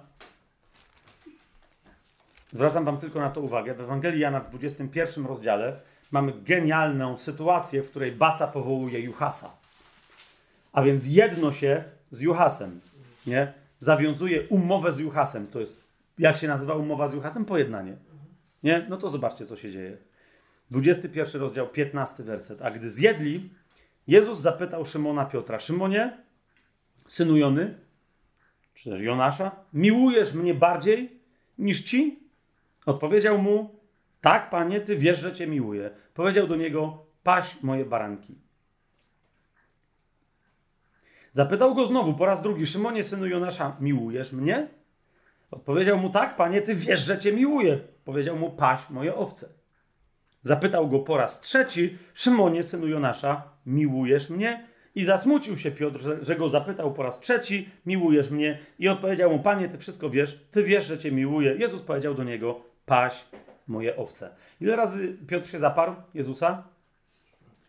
Po tym, jak powiedział, że nawet jak wszyscy cię opuszczą, ja cię nigdy nie zdradzę, pamiętacie to? Więc powiedział, kocham cię bardziej niż inni. Nie? Teraz, Gani, nie będę się na razie w to wdawał, ale chcę nam zwrócić uwagę, jak się powołuje Juhasa. Okay? Ktoś, kto chce służyć pasterzowi i nie cwaniakować, że jest wielkim pasterzem, musi parę rzeczy zrozumieć. Więc zobaczcie teraz, jak wygląda naprawdę ten dialog w języku greckim i zwrócę uwagę tylko na pewne szczegóły. Gdy zjedli, 15 werset, Jezus zapytał Szymona Piotra, Szymonie, synu Jony, czy miłujesz mnie bardziej niż ci? Widzicie ten, to pytanie? Jezus go więcej nie powtórzy. To jest tylko raz. Mówiłeś, że kochasz mnie bardziej niż oni, że jesteś lepszy od wszystkich innych moich sług, że jesteś lepszy od innych ludzi w moim kościele. Widzicie to? Czy kochasz mnie bardziej niż oni? Zauważcie, Szymon Piotr odpowiada, udziela bardzo dobrej odpowiedzi. Już się wyzbył cwaniactwa i odpowiada, że nie kocha go bardziej niż oni. On mówi, ty wiesz, że cię kocham. Jak? Tak, jak ty wiesz, że cię kocham. Niemniej, kochani, są dwa czasowniki w języku greckim, które oznaczają kochanie. Nie wiem, jak to. Nie? Jest, jest, jest agapeo, czyli kochać miłością bezinteresowną, charytatywną, jakby dać się zabić za kogoś. Jasne to jest? I fileo, czyli być komuś bratem, być komuś przyjacielem, uwielbiać kogoś, jakby kochać go, ale to trochę tak, jak ludzie mówią, że na przykład kocham burgery amerykańskie. Nie? Absolutnie kocham. Nie? Ale miłujesz je, dałbyś się zabić? No niekoniecznie. Nie? Więc Jezus go pyta, czy ty, Szymonie, miłujesz mnie agapeo bardziej niż oni? Jezus nie tylko mówi, y, Szymon mu nie tylko nie odpowiada, że go kocha bardziej niż oni, ale nie odpowiada mu w ogóle na pytanie, czy go kocha. Ponieważ on mu odpowiada czasownikiem fileo. Mówi, panie, ty wiesz, ty wiesz, że ja cię uwielbiam, że cię miłuję. Więc, więc, na to Pan Jezus mówi mu, paś moje jagniątka. I nawet nie mówi mu paść, czyli bądź pasterzem, wejdź w tą rolę. Jeszcze go nie zatrudnił tu jako Juhasa. Tylko mówi mu, to będziesz dawać jeść najmniejszym jagniątkom, barankom, baroneckom, takim malutkim. E, ten wyraz potem się nie pojawia już, w ogóle on się nigdzie nie pojawia w Biblii, chyba tylko i wyłącznie w Księdze Objawienia. Bardzo interesujące, ale o tym nie dzisiaj. Więc Jezus go pyta po raz drugi, Szymonie, synu Jonasza, czy mnie kochasz, agapeo? Nie bardziej niż oni, ale czy mnie kochasz? Ja się ciebie nie pytam, czy mnie filujesz, no nie? Czy, czy, czy, czy, czy mnie uwielbiasz, czy mnie lubisz, czyś mi bratem, czy mnie kochasz? Bo mówiłeś, że dasz się porżnąć za mnie. Albo przynajmniej, że innych będziesz zabijał. Nie? Agapeo. Czy masz agapę do mnie, Szymonie? A Szymon mu odpowiada, panie, ty wiesz, że ja cię fileo. Nie odpowiada mu na agapeo. Powiedział mu wtedy Pan Jezus, okej, dobra, odpowiadasz uczciwie. Nie masz do mnie agapy. Nie cwaniakujesz, że tu niezwykle będziesz dla mnie rzeczy tracił. Nie? Mówi, więc paś moje, i tu jest naprawdę pasterzuj moim owcom. Nie? Mojemu stadu. Zatrudniam cię. Ale uważajcie, pada trzecie pytanie. Zapytał go po raz trzeci, Szymonie, synu Jony, czy ty mnie lubisz? Czyś mi brat? Rezygnuje z czasownika agapeo. Rozumiecie, co się dzieje? I posługuje się. Teraz mówi, powtórzyłeś dwa razy na moje pytanie, czy mnie miłujesz, że mnie kochasz. To teraz się ciebie pytam, pytam, czy mnie kochasz? Fileo. Teraz rozumiecie, czemu się zasmucił Piotr? I zasmucił się Piotr, że za trzecim razem zapytał go, czy mnie kochasz, a nie czy mnie miłujesz. Jezus zszedł poziom niżej. Czy rozumiecie o co chodzi? On się nie smuci to tym, że on się go trzy razy pyta, ale że za trzecim razem zapytał go inaczej. Nie? Zapytał go tym czasownikiem, którym mu Piotr odpowiadał. Jezus mówi: OK, to się teraz cię pytam, czy jesteś uczciwy, jak mi tym, czym jeszcze innym odpowiesz. I Szymon mu odpowiada: Nie, nie, mówi, to jest prawda. Nie? Ale jest zasmucony czemu? Bo widzi, że nie jest w stanie, wiedząc, że ma przeniknięte serce uczciwością Jezusa, nie jest w stanie mu odpowiedzieć, że go miłuje miłością agapę. Czy to jest jasne, co się tu, co się tu dzieje? To jest zatrudniony przez bacę Jezusa, jego pasterz Juchas. Nie? Jezus mu powiedział, paś moje owce, jeszcze raz, w sensie, możesz im nosić pokarm. Nie? Nie tylko pasterzować, jakby doglądać ich, pilnować ich, ale możesz je je karmić i potem mu mówi, jakie, jaka tam jest jeszcze e, jaka tam jest jeszcze jego e, jaka tam jest jeszcze jego e, przyszłość, nie? Kochani, żeby zamknąć ten temat w liście do hebrajczyków, otwórzmy sobie list do hebrajczyków.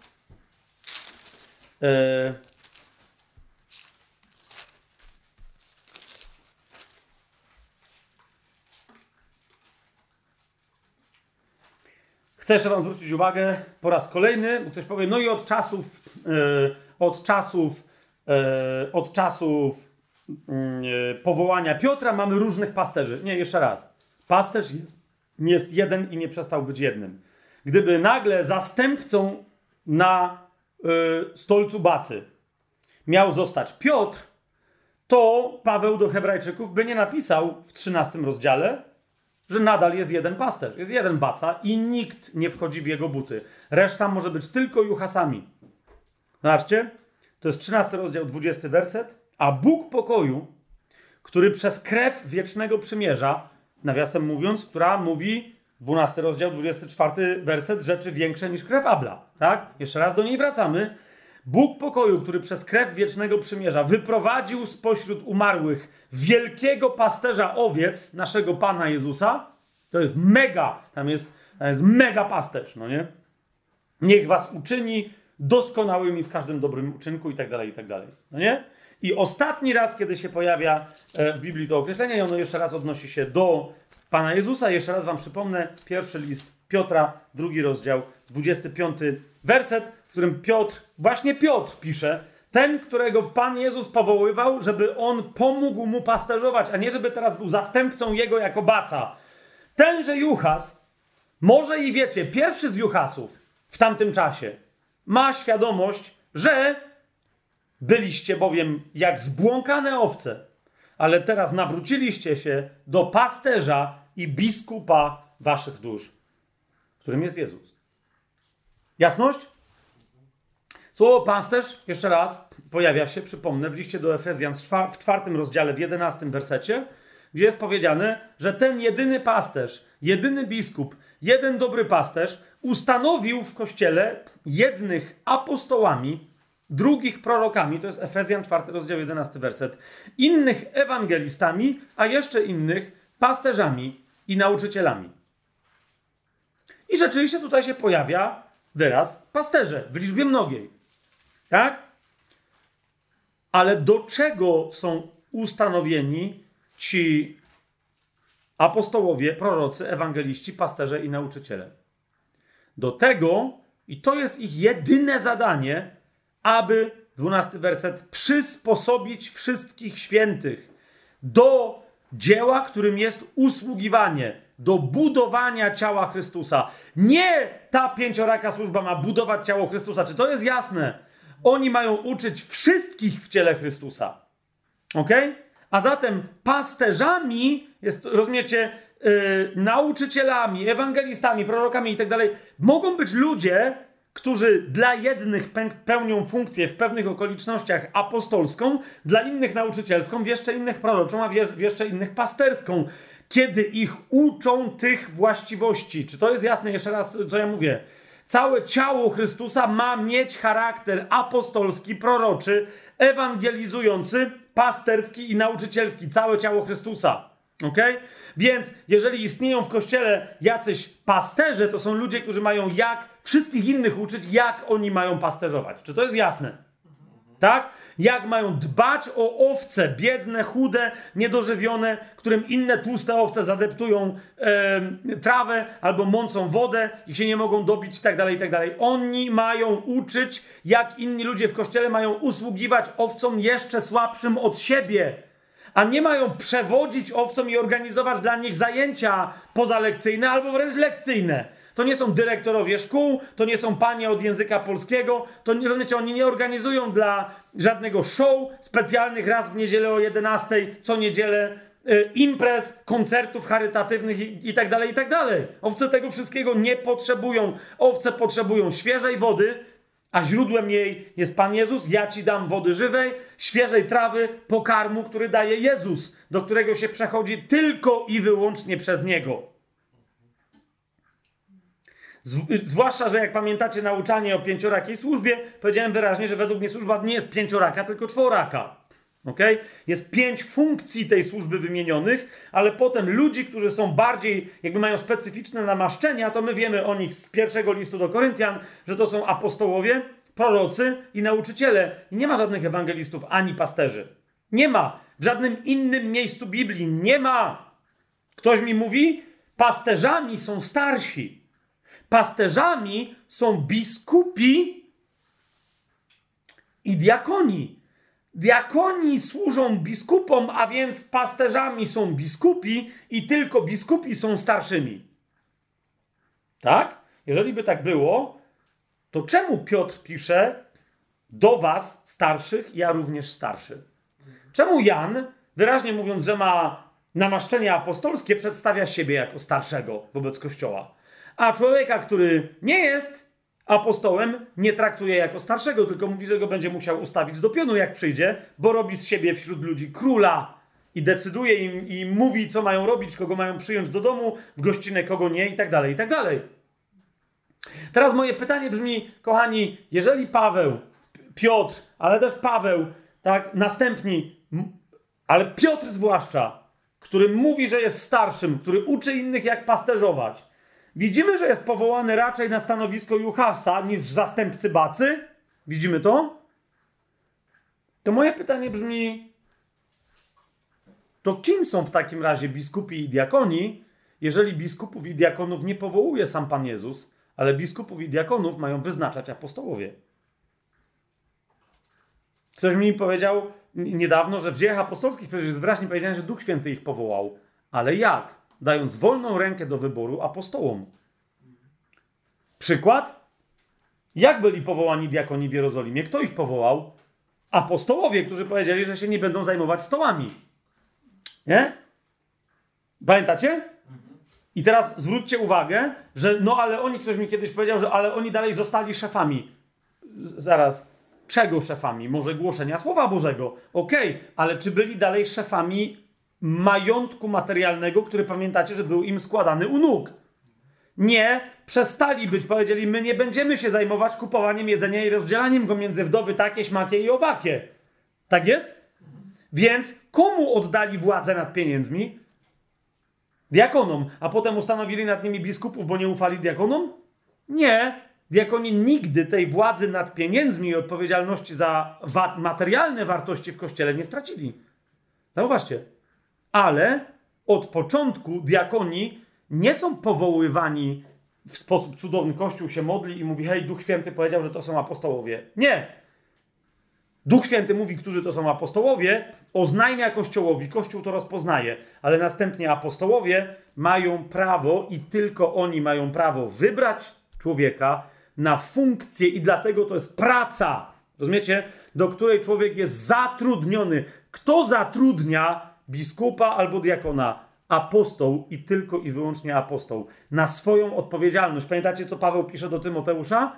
On mówi, nie nakładaj za szybko rąk na ludzi, żeby potwierdzić ich powołanie na biskupów czy diakonów, ale mówi, sprawdź ich dobrze. Dlaczego? Bo odpowiedzialność spadnie na ciebie, a nie na Ducha Świętego. Nie? Duch Święty się z tobą zgodzi, ale jeżeli się okaże, że oni coś tam słabowali, to, to ty będziesz dzielił grzech z nimi za nałożenie na nich rąk. Pamiętacie to? Nie pamiętacie. Czy pamiętacie, bo nie wiem, co te kiwną. Niektórzy pamiętają. Jak nie, do tego wrócimy, e, do tego wrócimy w przyszłym tygodniu.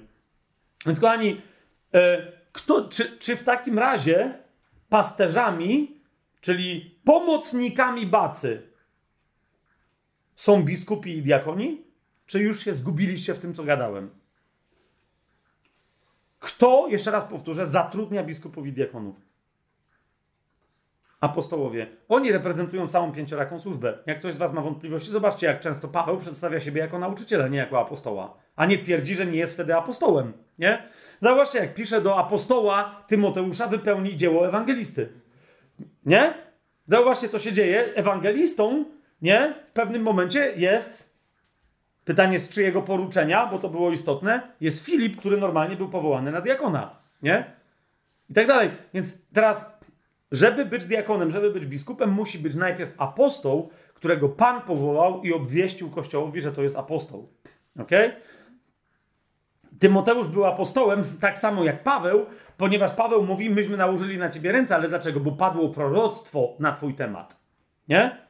Ale zauważcie, apostoł dostaje porady, apostoł Tymoteusz i apostoł Tytus dostają porady od apostoła Pawła, jak mają wybrać biskupów i diakonów. Dlaczego? Bo muszą rozsądzić po ludzku, czy, czy ci ludzie po ludzku się nadają. Dlaczego? Ponieważ robota, którą dostają w kościele, jest ludzka. Stąd, stąd biskupi i diakoni mogą być starszymi, ale nie muszą. Starsi to jest inna kategoria. Natomiast biskupi i diakoni są tylko i wyłącznie ludźmi, których wybrał apostoł, ok? W jedności i o ile z Duchem Świętym. Ale to są pomocnicy apostołów, a nie ludzie uczestniczący w zarządzaniu jakimkolwiek stadem. Biskupi i diakoni. ok? Jeszcze raz, to nie są pasterze. Jeżeli pastorzy uzurpują sobie funkcję biskupów czy diakonów, no to w takim razie niech powiedzą, który apostoł im to nakazał i gdzie Kościół tego apostoła rozpoznał, czy też jest to wynik wyborów, jak w partii politycznej, że jacyś ludzie go wybrali, tu było lobby takie, tam śmakie i tak dalej. Nie? W Kościele nie ma wyborów demokratycznych, nie ma losowania. Zanim Duch Święty stąpił, no to było losowanie, bo oni nie wiedzieli, co robić. Od czasu, jak stąpił, Duch Święty cały czas mówił Kościołowi, co robić. Ok? Potrzebujemy pięciorakiej służby i teraz uważajcie, teza moja jest przed następnym naszym spotkaniem, że tylko pięcioraka służba może być nazwana pasterzami. Cała. W rozumieniu juchasów, a więc pomocnikami wyznaczonymi do opieki nad stadem, ok? Pomocnikami wybranymi osobiście przez Jezusa, z którymi on ma pojednanie. Ma to jasność? Co, co ja gadam? Klarowność jest w tym? Nie? Jezus przedstawia siebie razem z nimi. Zobaczcie w jaki sposób w, w objawieniu Jana.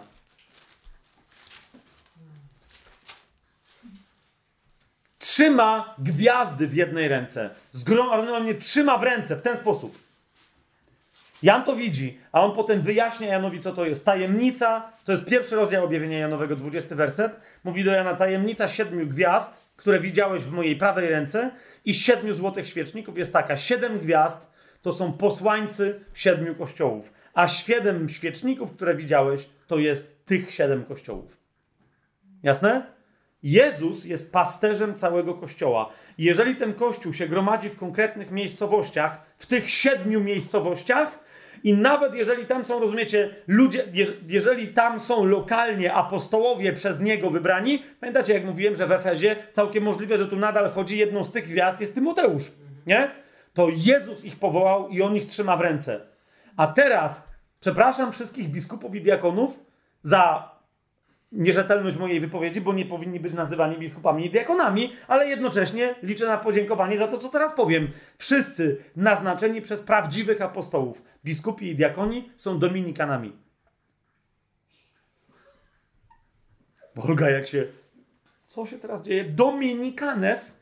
Oczywiście wszyscy mówią, że są od świętego Dominika pochodzą, ale Dominikanes niektórzy to tłumaczą z łaciny jako psy, canes, pańskie, domini, pana, nie? Więc to jest dokładnie to, nie? Tylko oni są takimi dominikani, na, dom, w sensie dominikane, psy pańskie, ci takie, to nawet nie są psy pańskie, rozumiecie?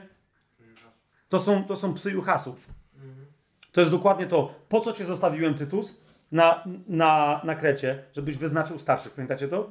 Jak? I on mu daje wytyczne. Sprawdź, czy nie są pijokami, czy nie biją żon, czy coś, bo oni po ludzku muszą pokazać, czy kiedy nas nie ma, co, co będą robić? Dopilnują stada. Jak? Jak psy, pilnując, żeby się nic nie stało złego temu stadu tam, gdzie je zostawiliśmy. Słyszycie, co się dzieje teraz? To jest, i zresztą zauważcie, jakie. Za... Wróćmy sobie razem do dziejów apostolskich, ok? I to będzie ostatni dzisiaj cytat. Patrzcie, co się tu dzieje. Dzieje apostolskie, 20 rozdział, 28-31 werset. ok? Do starszych y, z Efezu w Milecie Paweł mówi tak: uważajcie na samych siebie. Jak ty jesteś psem, to nie znaczy, że jesteś silniejszy od wilka. Ma to sens? Od niedźwiedzia, od czegoś. Musicie się trzymać razem, walczyć zjednoczeni w stadach. Ale po co? Uważajcie na samych siebie i na całe stado, w którym was Duch Święty ustanowił biskupami. Słowo biskup powinno być, jeszcze raz powtarzam, przetłumaczone jako kurator. Kurator czego? Stada. Nie? Wiecie, jak ludzie wychodzą na przykład z więzienia albo niegrzecznie się zachowują, dostają kuratora, nie? E, jak mają wyjście na... Jest tak dalej w Polsce, że jak ktoś ma takie warunkowe jakieś wyjście, że może wcześniej, że dostaje, że musi się spotykać z tym kuratorem. Co robi kurator? O, organizuje mu co tydzień e, zabawę? Lekcje? Przychodzi kurator codziennie i mówi, teraz dzisiaj robimy to, dzisiaj robimy tamto. Co robi kurator, pytam się. Przychodzi i sprawdza, czy nie dzieje się źle z tym jego podopiecznym. Zgadza się? A mu nic nie organizuje, tylko sprawdza, czy nie dzieje się źle. Jak się nie dzieje za dobrze, typu, że gość trzy miesiące dalej nie znalazł roboty i tak dalej, to mówi, zaraz będzie źle, nie? Więc mówi, w czym ci pomóc? Jak, dlaczego nie znalazłeś pracy? Nie szukasz, czy coś nie oszukuj, nie? Ale nadal może mu pomóc, ale zostawia mu wolność, a nie mówi mu, teraz robisz to, teraz robisz tamto, bo wtedy sąd takiego kuratora zmieni. To jest kurator, to jest nadzorca, nie? Z kuratorium też jak przyjeżdża kurator, nie? On potem może... Por... Czy, czy słyszeliście kiedyś o historii, w ramach której kurator napieprza, przepraszam za określenie, ale napieprza na klasę? Wiecie, siedzi w klasie, nauczyciel ma lekcję i potem on wstaje i mówi dosyć tego, chamy zbolałe, gnoje małe, słuchać mi tego nauczyciela. Czy raczej po nieudanej lekcji kurator mówi do nauczyciela, a co się tu dzieje? Dlaczego nie ma dyscypliny? Czemu? Co to jest w ogóle za wykład? Ta lekcja była nieciekawie przygotowana. Rozumiecie, o co mi chodzi? Ja mówię teraz o... Nie wiem, jak dzisiaj kuratorzy działają, ale oni sprawdzają pracę nauczycieli, a nie uczniów. No tak? Więc to jest, to jest nadzorca. Więc kogo nadzorują w takim razie ci biskupi wybrani przez apostołów w Duchu Świętym? Jakich ludzi? Oni mają ich zwoływać, żeby coś dla nich organizować?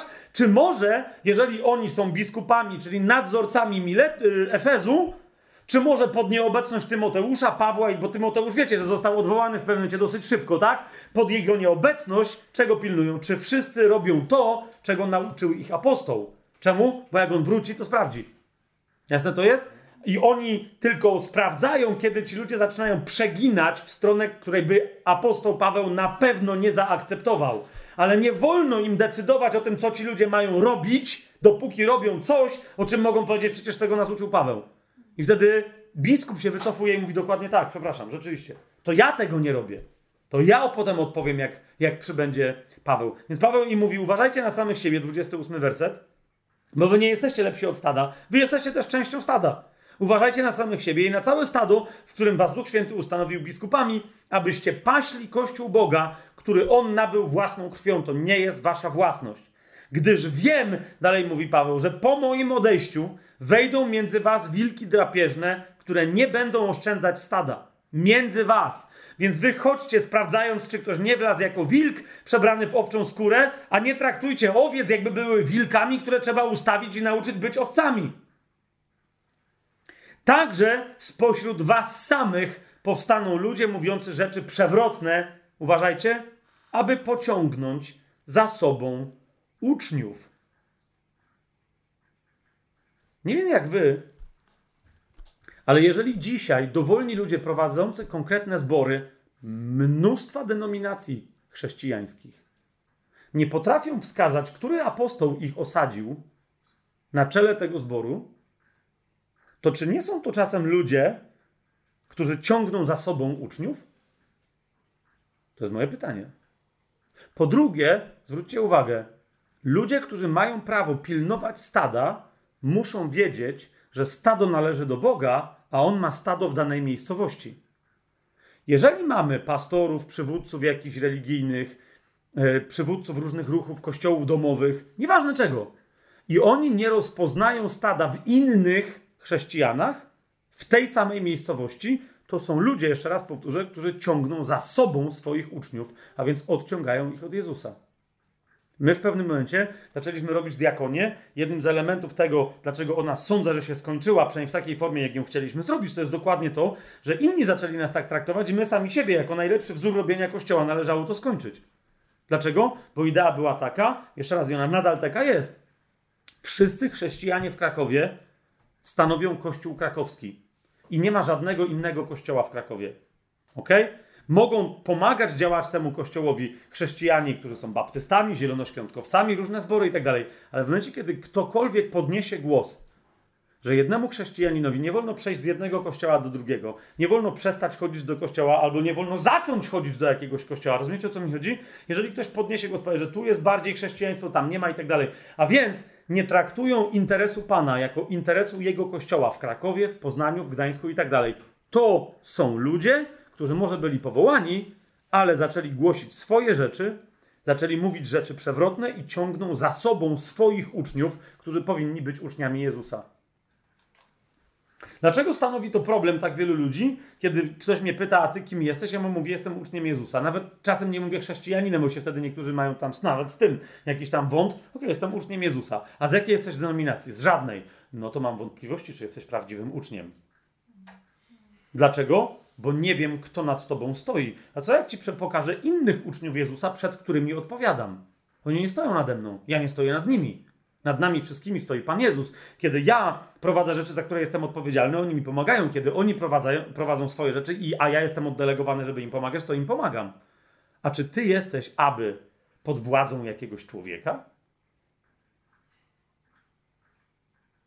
To skąd twoje wątpliwości co do mojego uczniostwa u Jezusa? Bo ty nie jesteś uczniem Jezusa, jeżeli jesteś pod władzą innego człowieka. Jeżeli jesteś człowiekiem, który marzy o władzy nad innymi ludźmi w kościele, tylko się jej jeszcze nie dochrapał i tak dalej. Nie? Czemu uczeń Jezusa ci nie wystarcza? Po czym się poznaje ucznia Jezusa? Po tym, że ma etykietkę, zielonoświątkowiec, baptysta, członek diakonii, uczestnik ruchu kościołów domowych, ale nie tych ze Śląska, tylko tych y, z Gdańska, nie tych z Krakowa, tylko tych ze Śląska, nie tych, gdzie kobietom nie wolno zakładać chust na głowę, tylko tym, którym muszą zakładać chusty na głowę? To jest twoja identyfikacja? Po tym nas Pan... Czy może, jak Ci mówię, że jestem uczniem Jezusa, to sprawdzisz, jak kocham ludzi, o których Ci mówię, że ich kocham, ponieważ to jest mój Kościół, z nimi mnie Jezus połączył. Kto za kim chodzi? Kto woła za sobą swoich uczniów? Czy myśmy dzisiaj nie ugrzęźli, rozumiecie? Są denominacje, które mają kółka biblijne, kółka jakieś, tutaj szkółkę niedzielną, tu obsługują tamci. Jednym z kółek jest kółko uczniostwa. I potem ludzie się spotykają i ktoś mówi, że, że będzie szkoła uczniostwa, obóz uczniostwa. Jakby dla kogo? Dla wybrańców, ale potem są następnie, nie, nie, bo ja, ja uczniostwa się uczyłem w kościołach domowych, a tam to organizują wolni chrześcijanie. Teraz jest moje pytanie, czekaj, ale ja myślę, że to jest uczniostwo biblijne, a nie uczniostwo wolnych chrześcijan, kościołów domowych czy czegoś. Teraz nie chodzi mi o to, kto tu ma rację, kto nie ma, tylko co się w ogóle dzieje. No ale kto będzie prowadził to uczniostwo? No mam nadzieję, że Jezus. Jeżeli ktokolwiek inny, to jest żadne uczniostwo. Znaczy to jest, ale to jest wtedy, jeszcze raz powtórzę, ciągnięcie uczniów za sobą przez ludzi. Dlatego 31 werset, to są odźwierni. Dlatego czuwajcie, pamiętając, że przez trzy lata, we dnie i w nocy, nie przestawałem ze łzami napominać każdego z was. Rozumiecie, Paweł nie mówi, że miał relację osobistą i że znał osobiście wszystkich ludzi w Efezie ale tych ludzi każdego znał osobiście. Zobaczcie, on potem pisze do Tymoteusza, który ma następnych biskupów i diakonów, wyzna- następnych starszych wyznaczać w Efezie. Nie? On mu, on mu mówi, jak on ich wybierał. Musiał ich dobrze poznać. Musiał ich dobrze poznać. Musiał ich tak dobrze poznać, że na przykład pytał się ludzi, z którymi prowadzili biznes. Nie? Wiesz co, jestem tutaj gościem, nieważne, posłuchaj, słyszałem, że kiedyś miałeś interesy z tym i z tym. Jak tam? Jak człowiek ze świata powiedział Pawłowi, Wiesz co, nie wiem, co tam powoduje, bo słyszałem, że on w jakiejś dziwnej sekcie jest, ale dla mnie zawsze był uczciwy. Było tak, było tak, było tak, był sprawiedliwy. Pan mówi, okej, okay, ten gość ma świadectwo, ale rozumiecie, to był obowiązek apostoła, a nie mistycznego rozeznania w głowie. To jest konkretne, jeżeli człowiek wyznacza człowieka, widzisz, jak Pan wybrał apostoła, Pan tylko może go odwołać, ale jego wybranie jest nieodwołalne, nie? Apostoł może się stać apostołem zdradzieckim, prorok, nauczyciel, ale, ale Pan nie zmienia mu namaszczenia. Tak? Natomiast jeżeli człowiek powołuje człowieka, to ten człowiek, który powołał drugiego człowieka, biskupa czy diakona, apostoł, ma prawo go też odwołać, ponieważ on nie jest nieomylny. Jasne? Ale dlatego ja zawsze, rozumiecie? Y, to, I to jest struktura Kościoła, mówiąc najprościej. Nie? Ona nie służy do tego, żeby organizować. Siostra, z którą rozmawiałem, Tamtą siostrę nazwałem siostrą Kasią, ta ma takie samo imię, więc tą nazwę siostrą Katarzyną. Ta, co mi napisała, że dzięki za opowieść o owczarni, to była nieco, nie pamiętam czy skrócona, czy dłuższa od tej, ale podobna wersja. Może krótsza, bo jej nie cytowałem całej Biblii na ten temat. E, ta, co mi napisała, że dzięki za opowieść o owczarni. E, między innymi rozmawialiśmy też o tym, bo ona w pewnym momencie zamknęła, zamknęła. Po prostu stwierdziła, że więcej nie prowadzi dalej yy, kościoła, który prowadziła. To był kościół domowy. Swoją drogą mówię wam, że to jest ruch, który jest naturalny i oczywisty dzisiaj we wszystkich miejscach na świecie, gdzie jest ciało Chrystusa, i jednocześnie ten ruch wywołuje drugi ruch w kościele, który stanowi opór. Jak możecie zamykać kościoły? Przecież nie ma już pandemii, nie ma już niczego. A myśmy dalej, myśmy mieli w czasie pandemii spotkania, były spotkania kościołów domowych. To nie był problem żaden. To dlaczego zamykacie te kościoły? Bo to jest to, czego chce Pan. Pan chce zamykania kościołów? Tak, bo Pan chce kościoła. Słuchajcie, ona zamknęła ten i ona potem. Bo dlaczego ja jej o tej owczarni mówiłem? I to już kończę na dzisiaj, ale to jest bardzo istotne. Bo, bo podawałem jej przykład rodziny i ona mówi: No tak, no ale tu są chrześcijanie i teraz co z nimi będzie? Ale rozumiesz, ale to jest dla ciebie pasterzowanie, że ty raz na tydzień robiłaś dla nich spotkanie razem ze swoim mężem, ze swoim synkiem i ci ludzie przychodzili i, i od roku, dwóch, pięciu nie przynosili żadnego owocu, między sobą mieli niesnaski, tobie zarzucali, że nieciekawe było spotkanie, że coś tam, że proroctwo było jakieś tam takie czy inne, że nauczanie... Rozumiesz, czy to jest obowiązek kogoś, rozumiesz, to są owce, Jedyne, co możesz zrobić, to ich zwołać raz na jakiś czas i powiedzieć, okej, okay, opowiadajcie, jak tam przynosicie mleko. Nie? Jak tam na pastwisku, na którym nam, nas Pan postawił, są to okolice, nie wiem czego, Poznania, Lublina, czegoś, nie? Jak wam jak się żre, nie? Żre się czy się nie żre? Jak ludzie nie mają o czym opowiadać, to jest jakby, rozumiecie, Juchas nie może bić owcy, żeby żarła trawę. Wiecie o co mi chodzi? Baca wtedy musi wiedzieć, co jest grane. Ale jeżeli ta owca nie chce mieć relacji z bacą, to go nie będzie słuchać. Nie? Jak ona chce chodzić na imprezy swoje, na pustynię, gdzie nie ma żadnej trawy, bo jej się nie podoba, gdzie ją baca przyprowadził, to wiecie o co mi chodzi? To nie jest obowiązek Juhasa, to pas też będzie szukał wtedy tej owcy, którym jest Jezus. Nie? A nie ten człowiek. Nie, owce nie robią żadnej. Dla, gdzie, kiedy każe ktoś jeszcze raz? Pytam się wam, was. Wyobraźcie sobie Juhasów, stado ośmiu, i teraz baca zatrudnia specjalnych Juhasów. Jednych od tego, żeby karmili te owce. Dosłownie chodzą, owce stoją, mają zawiązane pyski, a oni chodzą po, po tej y, łące, wyrywają trawę, zdejmują to mówią, teraz zryj. I za chwilę co? Owca chce jeść? Nie, nie ma. Ja, ja ci daję trawę. Tym jej dajesz trawę, a potem przychodzą następni, kapujecie? I oni, I oni wtedy organizują, każą owcom, na przykład robią im ćwiczenia, żeby owce skakały, potem im mówią, o, teraz robimy skok przez ognisko, bo są, jest noc świętojańska czy coś. Serio? To rozumiecie? I to co niedzielę? Coś muszą wymyślić? No i Juchas by się wtedy zatrudnił. Co jestem? Małpa? Do tych owiec. No co to jest? A owce zresztą nie potrzebują takich występów, tylko ktoś przyszedł i im powiedział: Ej, e, to to, na czym polega Kościół. Nie, Kościół nie polega na tym, żeby się raz na tydzień spotykać. Nie? Ta siostra, jak skończyła e, te spotkania, stwierdziła, że po prostu, no już nie wiem, co ona tam stwierdziła, po prostu skończyła, nie? Ale pytam, mówię, Kasia, no, no, ale co, nie masz kościoła? Nie mówi, no przecież jest mój mąż wierzący, mamy synka, jest nastroje w domu, ale nie, tylko mąż, nie? Czasem ktoś nas odwiedzi, modlimy, no my gadamy, my co prawda przez internet gadamy, no ale, nie? Czasem jedziemy z tymi, z tymi byliśmy na wakacjach, mieliśmy kościół dwutygodniowy, z tymi coś, wiesz o kim ja mówię, no nie? No i mówię, no to? I on mówi, no tak, no ale...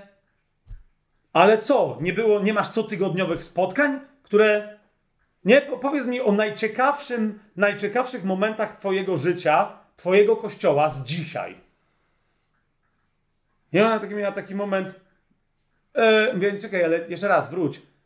Zapytam inaczej. Opowiedz mi o najciekawszych momentach dzisiaj, gdzie wiedziałaś, że płynie życie, czułaś radość i tak dalej. Ja przyszedłem, żeby owce miały życie, żeby je miały w obfitości.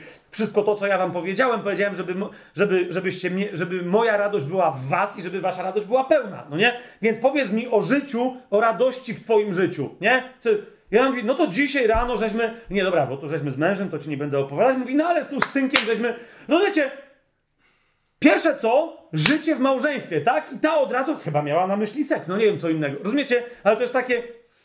Ale zapytałem ją o kościół, to ona pomyślała, yy, co jest kościołem. Twoje życie jest kościołem, twoja rodzina jest twoim pierwszym kościołem.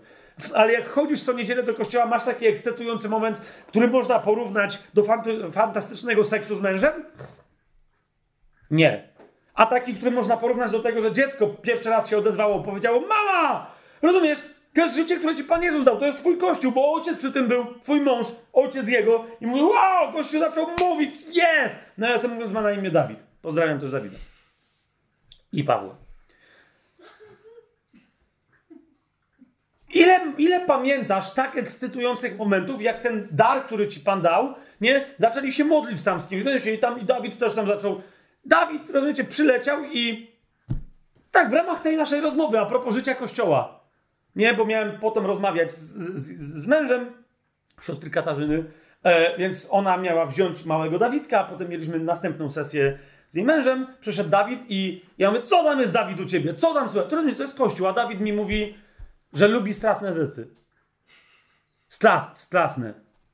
Przecież, kurde, co? Ale z drugiej strony Kasia się śmieje, nie ma, no no ale co jakie strasne, no nie? I mówi, jak ludzie są w grobach, myślę, kurde, to jakiś horror czy coś, nie? A on mówi tak jak Pan Jezus, co był w grobie. A potem przestraszył, bo on wysz, wyszedł z grobu i przestraszył żołnierze uciekali do miasta. Takie straszne rzeczy. Umarł, było straszne na... na... Ty rozumiecie, ja mówię, ty, on mi całą Ewangelię głosi. Wiesz o co chodzi? Golgota? Było straszne. Grób? To było straszne. Potem wyszedł jeszcze, ale... Ale to było takie straszne, że już nie dla nas. No nie wiem, czyli...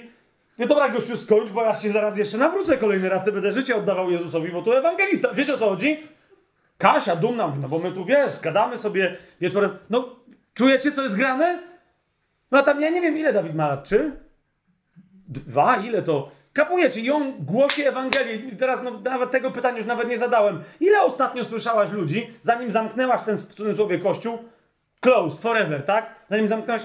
Ile słyszałaś tych ludzi głoszących dzień w dzień, tak jak ci teraz Dawid głosi, zaraz po paru dniach dyskusji z tobą, czytania Biblii tak. Ile słyszałaś takiego entuzjazmu? Przyleciał do wujka pierwsze co, nie widzieliśmy się, wujka, nie widzieliśmy się, nie, nie pamiętam ile go nie widziałem, no z parę tygodni, tak? Pierwsze co mi gość mówi, nie, że ma nowy samochodzik, nie coś, tylko mówi straszne zec i Jezus wysyć z globu i po prostu uciekali do miasta. Ha! Rozumiecie? Jeżeli ktoś ma kościół i w tym kościele nie dzieją się takie rzeczy, rozumiesz? Był obiad, tak? Ci mówią, i teraz córki powiedziały, dawno się nie modliliśmy. Czyli, mówi mi jedna siostra, czyli rano. I ona nagle, ja mówię, czyli co się, jak się teraz mamy modlić? I te zaczęły rozumieć jakąś tam, Jezus, coś tam, coś tam, zaczęły się tłuc, no nie? Oczywiście tam mówi, dobra, bo się zaraz zażygacie, a jej mąż też wierzący stwierdził, że takiego uwielbienia też nie było, zaczął tłuc talerz tak, że go rozwalił, no nie? Te Wiecie, ta spanikowała, mówi, a dobra, to rozwalcie to i potem będzie, czy to było dobre uwielbienie. Ale córki od razu zauważyły, że ma... Rozumiecie, tak w ogóle taką, ja mówię o kościele teraz. Wierzący ludzie, dwie nawrócone, jedna ma 7 lat, druga ile, 12, córki, rodzice wierzący i teraz one prowadzą... Kto je namaszczał na liderki uwielbienia? Kiedy wydały swój śpiewnik? Dlaczego jeszcze nie przetłumaczyły e, hitów z Jesus Culture, Culture is Bethel? Dlaczego, dlaczego? Kto im pozwolił niszczyć talerze w, w ramach nieumiejętności gry na innych instrumentach? I dlaczego to był biskup tego domu, e, stróż ich dusz, czyli tata? Wiecie o co mi chodzi? Widzicie, co jest grane? To było nabożeństwo, czy nie było? Gdzie w Biblii masz nabożeństwa? Jeszcze o tym więcej będę mówić, ale, ale tylko tak, jakbym już y, nie dość dużo kijów wstawił w mrowisko, to powiem, że ostatnie nabożeństwa w Biblii opisane, które są dokładnie takie jak nabożeństwa, które dzisiaj w kościołach się promuje jako nabożeństwa chrześcijańskie, ostatnie takie nabożeństwa są w Biblii opisane jako spotkania przed zesłaniem Ducha Świętego w wieczerniku. W momencie, kiedy przyszedł Duch Święty, skończył taki sposób spotykania się, taki sposób świętowania Słowa Bożego, głoszenia itd., tak itd. Tak Oni tam siedzieli w wieczerniku, śpiewali psalmy, mieli przewodniczenie, jak nie wiedzieli jak wybrać, losowali itd., itd., itd. Zobaczcie, że od tej pory nie ma ani jednego takiego opisanego zgromadzenia. Ani jednego. Nie? Ani jednego. Duch Święty skończył takie spotkania. Skąd myśmy to wzięli, że zadaniem od Ducha Świętego naszym jest zrobienie takiego kościoła? Skąd myśmy to wzięli? I że wtedy biskupi to są pastorzy, którzy robią te nauczania, do których nikt ich nie powoływał. Masa z nich to są ludzie, którzy by się troszczyli o innych w kościele, jakby nie musieli głosić tych kazań w niedzielę i tak dalej, i tak dalej. Jak ma wyglądać Kościół, kochani? Jak ma wyglądać? Rozumiecie? Wystarczy, że ludziom odebrano nabożeństwa niedzielne, jak w niektórych denominacjach i kościołach przez chwilę był chaos, że nie było spotkań, ale nie było jeszcze transmisji online i niektórzy nie wiedzieli, czy są w kościele. Naprawdę dla ciebie Kościół oznaczał spotykanie. Nie mówi, że on był codziennie w zborze, bo były różne zajęcia. A jak wychodziłeś ze zboru, to, to wychodziłeś z kościoła? Gdzie twoja żona, cała twoja rodzina, pół bloku to są ewangeliczni chrześcijanie w Niemczech. I to wtedy, to jakim cudem ty musiałeś iść do kościoła człowieku na drugą stronę miasta? Jak ci zamknęli kościół, to ty nie jeszcze jesteś w kościele. Z kim ty masz relację? Z kim ty masz jedność? Jakie są twoje zadania w kościele? Chodzić do kościoła? Zadaniem kościoła jest coś robić. Zadaniem kościoła nie jest robienie kościoła. Miłość zawsze wychodzi na zewnątrz siebie. Celem życia Kościoła nie jest spotykanie się. My się spotykamy, kiedy ktoś nas zwołuje. Eklezja jest zgromadzeniem na konkretne zwołanie. Ale kiedy się gromadzi eklezja, zadaje pytanie, kto nas wołał? Marcin. Po co? Po co? I na przykład Pan Jezus mówi, zwołajcie takie zgromadzenie, jeżeli kogoś chodzicie upominać, pamiętacie to z Ewangelii Mateusza, chodzicie, chodzicie kogoś upominać i on was nie słucha. Bierzecie świadków ze sobą, on was nie słucha. Wtedy zwołajcie Kościół, żeby rozsądzić tę sprawę. Kościół przychodzi po co? No bo Fabian się nieładnie zachowuje wobec Marcina i dlatego Marcin zwołał i słusznie, bo już wcześniej był z Jolą i z Agnieszką i upominali, a on nic. A on dalej nic. Jak on się zachowuje? Rozumiecie o co mi chodzi? Zwołanie i teraz, ale teraz ktoś mówi, wiecie co, nie wiemy, czy będą dalej takie sprawy, ale w razie gdyby były, umówmy się, że co tydzień będziemy się o tej samej porze tutaj spotykać. Kościół powinien zapytać, ale po co? Dlaczego masz zakładać, że to co tydzień ktoś będzie tak grzeszył, że nie będzie kogoś słuchał? Dlaczego? No, pewnie będą jakieś inne potrzeby. Jak będą, to się zwołamy. A Jerozolima, a Jerozolima, w której codziennie byli w świątyni, te ludzie się tam spotykali po domach. Ok? A ta świątynia, zauważcie, że raczej była kamieniem u nogi kościoła, a niczym fantastycznym. Dlaczego? Bo Pan Jezus powiedział, żeby się rozchodzili do Samarii, Judea, Samaria i aż po krańce ziemi, a nikt wtedy z Jerozolimy nigdzie nie poszedł. Nikt. Wszyscy siedzieli w Jerozolimie. Kiedy słowo zaczęło się rozchodzić, jak, no jak nie chcieli nigdzie pójść, to spadło na nich prześladowanie. Mieli nabożeństwa codzienne? Mieli nabożeństwa codzienne u Salomona? Yy, nawa imienia świętego Salomona w świątyni jerozolimskiej? Nie, nie mieli. Ktoś im zabraniał spotykać się po domach? Nie, nie mieli nabożeństwa, ale spotykali się po domach. Gdzie? Wszędzie, aż po krańce ziemi. Kto im organizował te nabożeństwa domowe? Nikt, bo oni po prostu. Rozumiesz o co chodzi? my mamy tą swoją interpretację, że oni spotykali się po domach, czyli jedne nabożeństwa były prowadzone przez apostołów w świątyni, a inne nabożeństwa były prowadzone przez różnych gości po domach. I w tych domach ludzie się ale gdzie to masz napisane? Tam jest powiedziane, że ludzie spotykali się po domach. Kto? No ten, kto mieszkał w tym domu, się spotykał z całą resztą. Zauważcie, tam się nawracały całe rodziny. Tak? Paweł, zauważcie, jak było ogłoszenie, cały dom się nawracał, zgadza się? No to jak się cały dom nawrócił i obok się drugi cały dom nawrócił, to oni mieli wynająć trzeci, większy dom, żeby sobie robić nabożeństwo, czy po prostu się spotykali z tymi ludźmi, z którymi i tak się spotykali. Tak? Nie jedli chleba? Jedli. To łamali się kiedy? No jak jedli. Przy okazji się modlili. Jeżeli wieczorem było wino, czy kiedy tam, to przy okazji mieli też dzielenie się kielichem. Mieli? Mieli, naturalnie, naturalnie. Paweł mówi za każdym razem, jak macie okazję. Nie? Jak do was ktoś natomiast przychodzi w gości, to wtedy patrzcie, czy ktoś swojego jedzenia nie, nie przynosi i tak dalej, i tak dalej. Ale jeszcze raz, w Jerozolimie nie ma sugestii, że ludzie z innych domów przychodzili. Może tak było. Chodzi mi tylko o to, że nie to jest ideą. Ideą jest, żeby wszystkie domy były nawrócone i żeby domy były kościołami domowymi. Rozumiecie? A nie żeby przenosić tradycyjne zbory do mniejszych zgromadzeń zwanych kościołami domowymi. Ludzie będą wiedzieć, co mają robić. Jeżeli ktoś nie wie, co ma robić, słucha teraz tego nagrania, nie wie, co ma robić, w przyszłym tygodniu będziemy kontynuować to studium, ale na koniec powiem, bracie, siostro, rób, co chcesz. Prostu wyjdź z miejsca, w którym nie wiesz, co robić i znajdź się w takim miejscu, gdzie nawet nie wiesz, kto by ci miał powiedzieć, co robić. I co zaczniesz robić? Albo się okaże, że jesteś człowiekiem, który umiłował świat, albo pytaj wtedy Ducha Świętego, co mam robić i sprawdzaj, czy to, co robisz, rzeczywiście ma błogosławieństwo od Niego jest tym czymś, co od Niego pochodzi po prostu. Jak kogoś, z kim się chcesz spotykać w domu, spotykaj się. Z czyim pozwoleniem? Ducha Świętego, nikogo więcej. Jeżeli to przyniesie złe owoce, Duch Święty przyprowadzi do was biskupa, który was napomni, że odeszliście od Słowa Bożego, nauczyciela, który wam usłuży, proroka, który powie, co się teraz dzieje. Kościół ma działać, fermentować od wewnątrz, od środka. Chciałoby się powiedzieć od dołu, ale Kościół nie ma żadnego dołu, bo Kościół ma tylko jeden poziom. Na drugim poziomie jest już tylko Pan Jezus, a na trzecim Bóg. Ma to sens, co mówię? To jest to. Więc rozumiecie, do boju. Bo jak staniesz przed Panem Jezusem, nic cię nie. Rozumiesz, on powie: Jo, twoje owoce, owco, twoje mleko, twoje dzieci, któreś urodziła, młode owieczki, gdzie są moje jagniątka? I co ty powiesz, że ale pastor mnie nie nauczył rodzić? Może cię jeszcze miał zapłodnić. Uspokój się. Nawróć się do Pana. Jak mówiłem pod koniec sierpnia publikowaliśmy jako ostatnie z cyklu Wakacje 1939 Wojna domowa w kościele. Według mnie wojna domowa w kościele, którą wielu proroków przepowiadało, ona się właśnie zaczęła. Ona dokładnie, jeżeli później nie tylko o to się będzie toczyć, ale teraz będzie się toczyć o to. Kapujecie? Kiedyś była wojna o owce. Nie? Ktoś przeszedł z jednego zboru do drugiego. Złodzieje owiec, jak jeszcze ktoś się pojawił, nowy, nowy zbór otworzył, coś tam, ludzie tam szli, o, tam jest fajnie, coś, złodzieje owiec. Teraz, jeżeli ktoś innego w kościele, yy, nieważne jakie on ma intencje, pamiętacie co powiedział Paweł? Dopalają mi, w liście do Filipian, pamiętacie, dopalają mi, żeby yy, głoszą Ewangelię, żeby, żeby potem ktoś się wnerwił i żeby mi dopalić jako głównemu głosicieli Ewangelii. I on mówi, a ja się cieszę. Nieważne z jakiego powodu to robią. Jak głoszą, niech głoszą. No wiecie?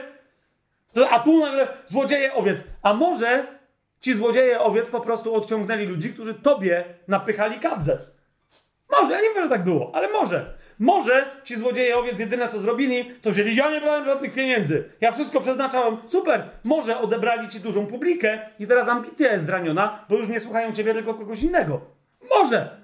Nie wiem, może, ale zastanów się, kogo nazywasz złodziejem owiec. A teraz rozumiecie, co będzie?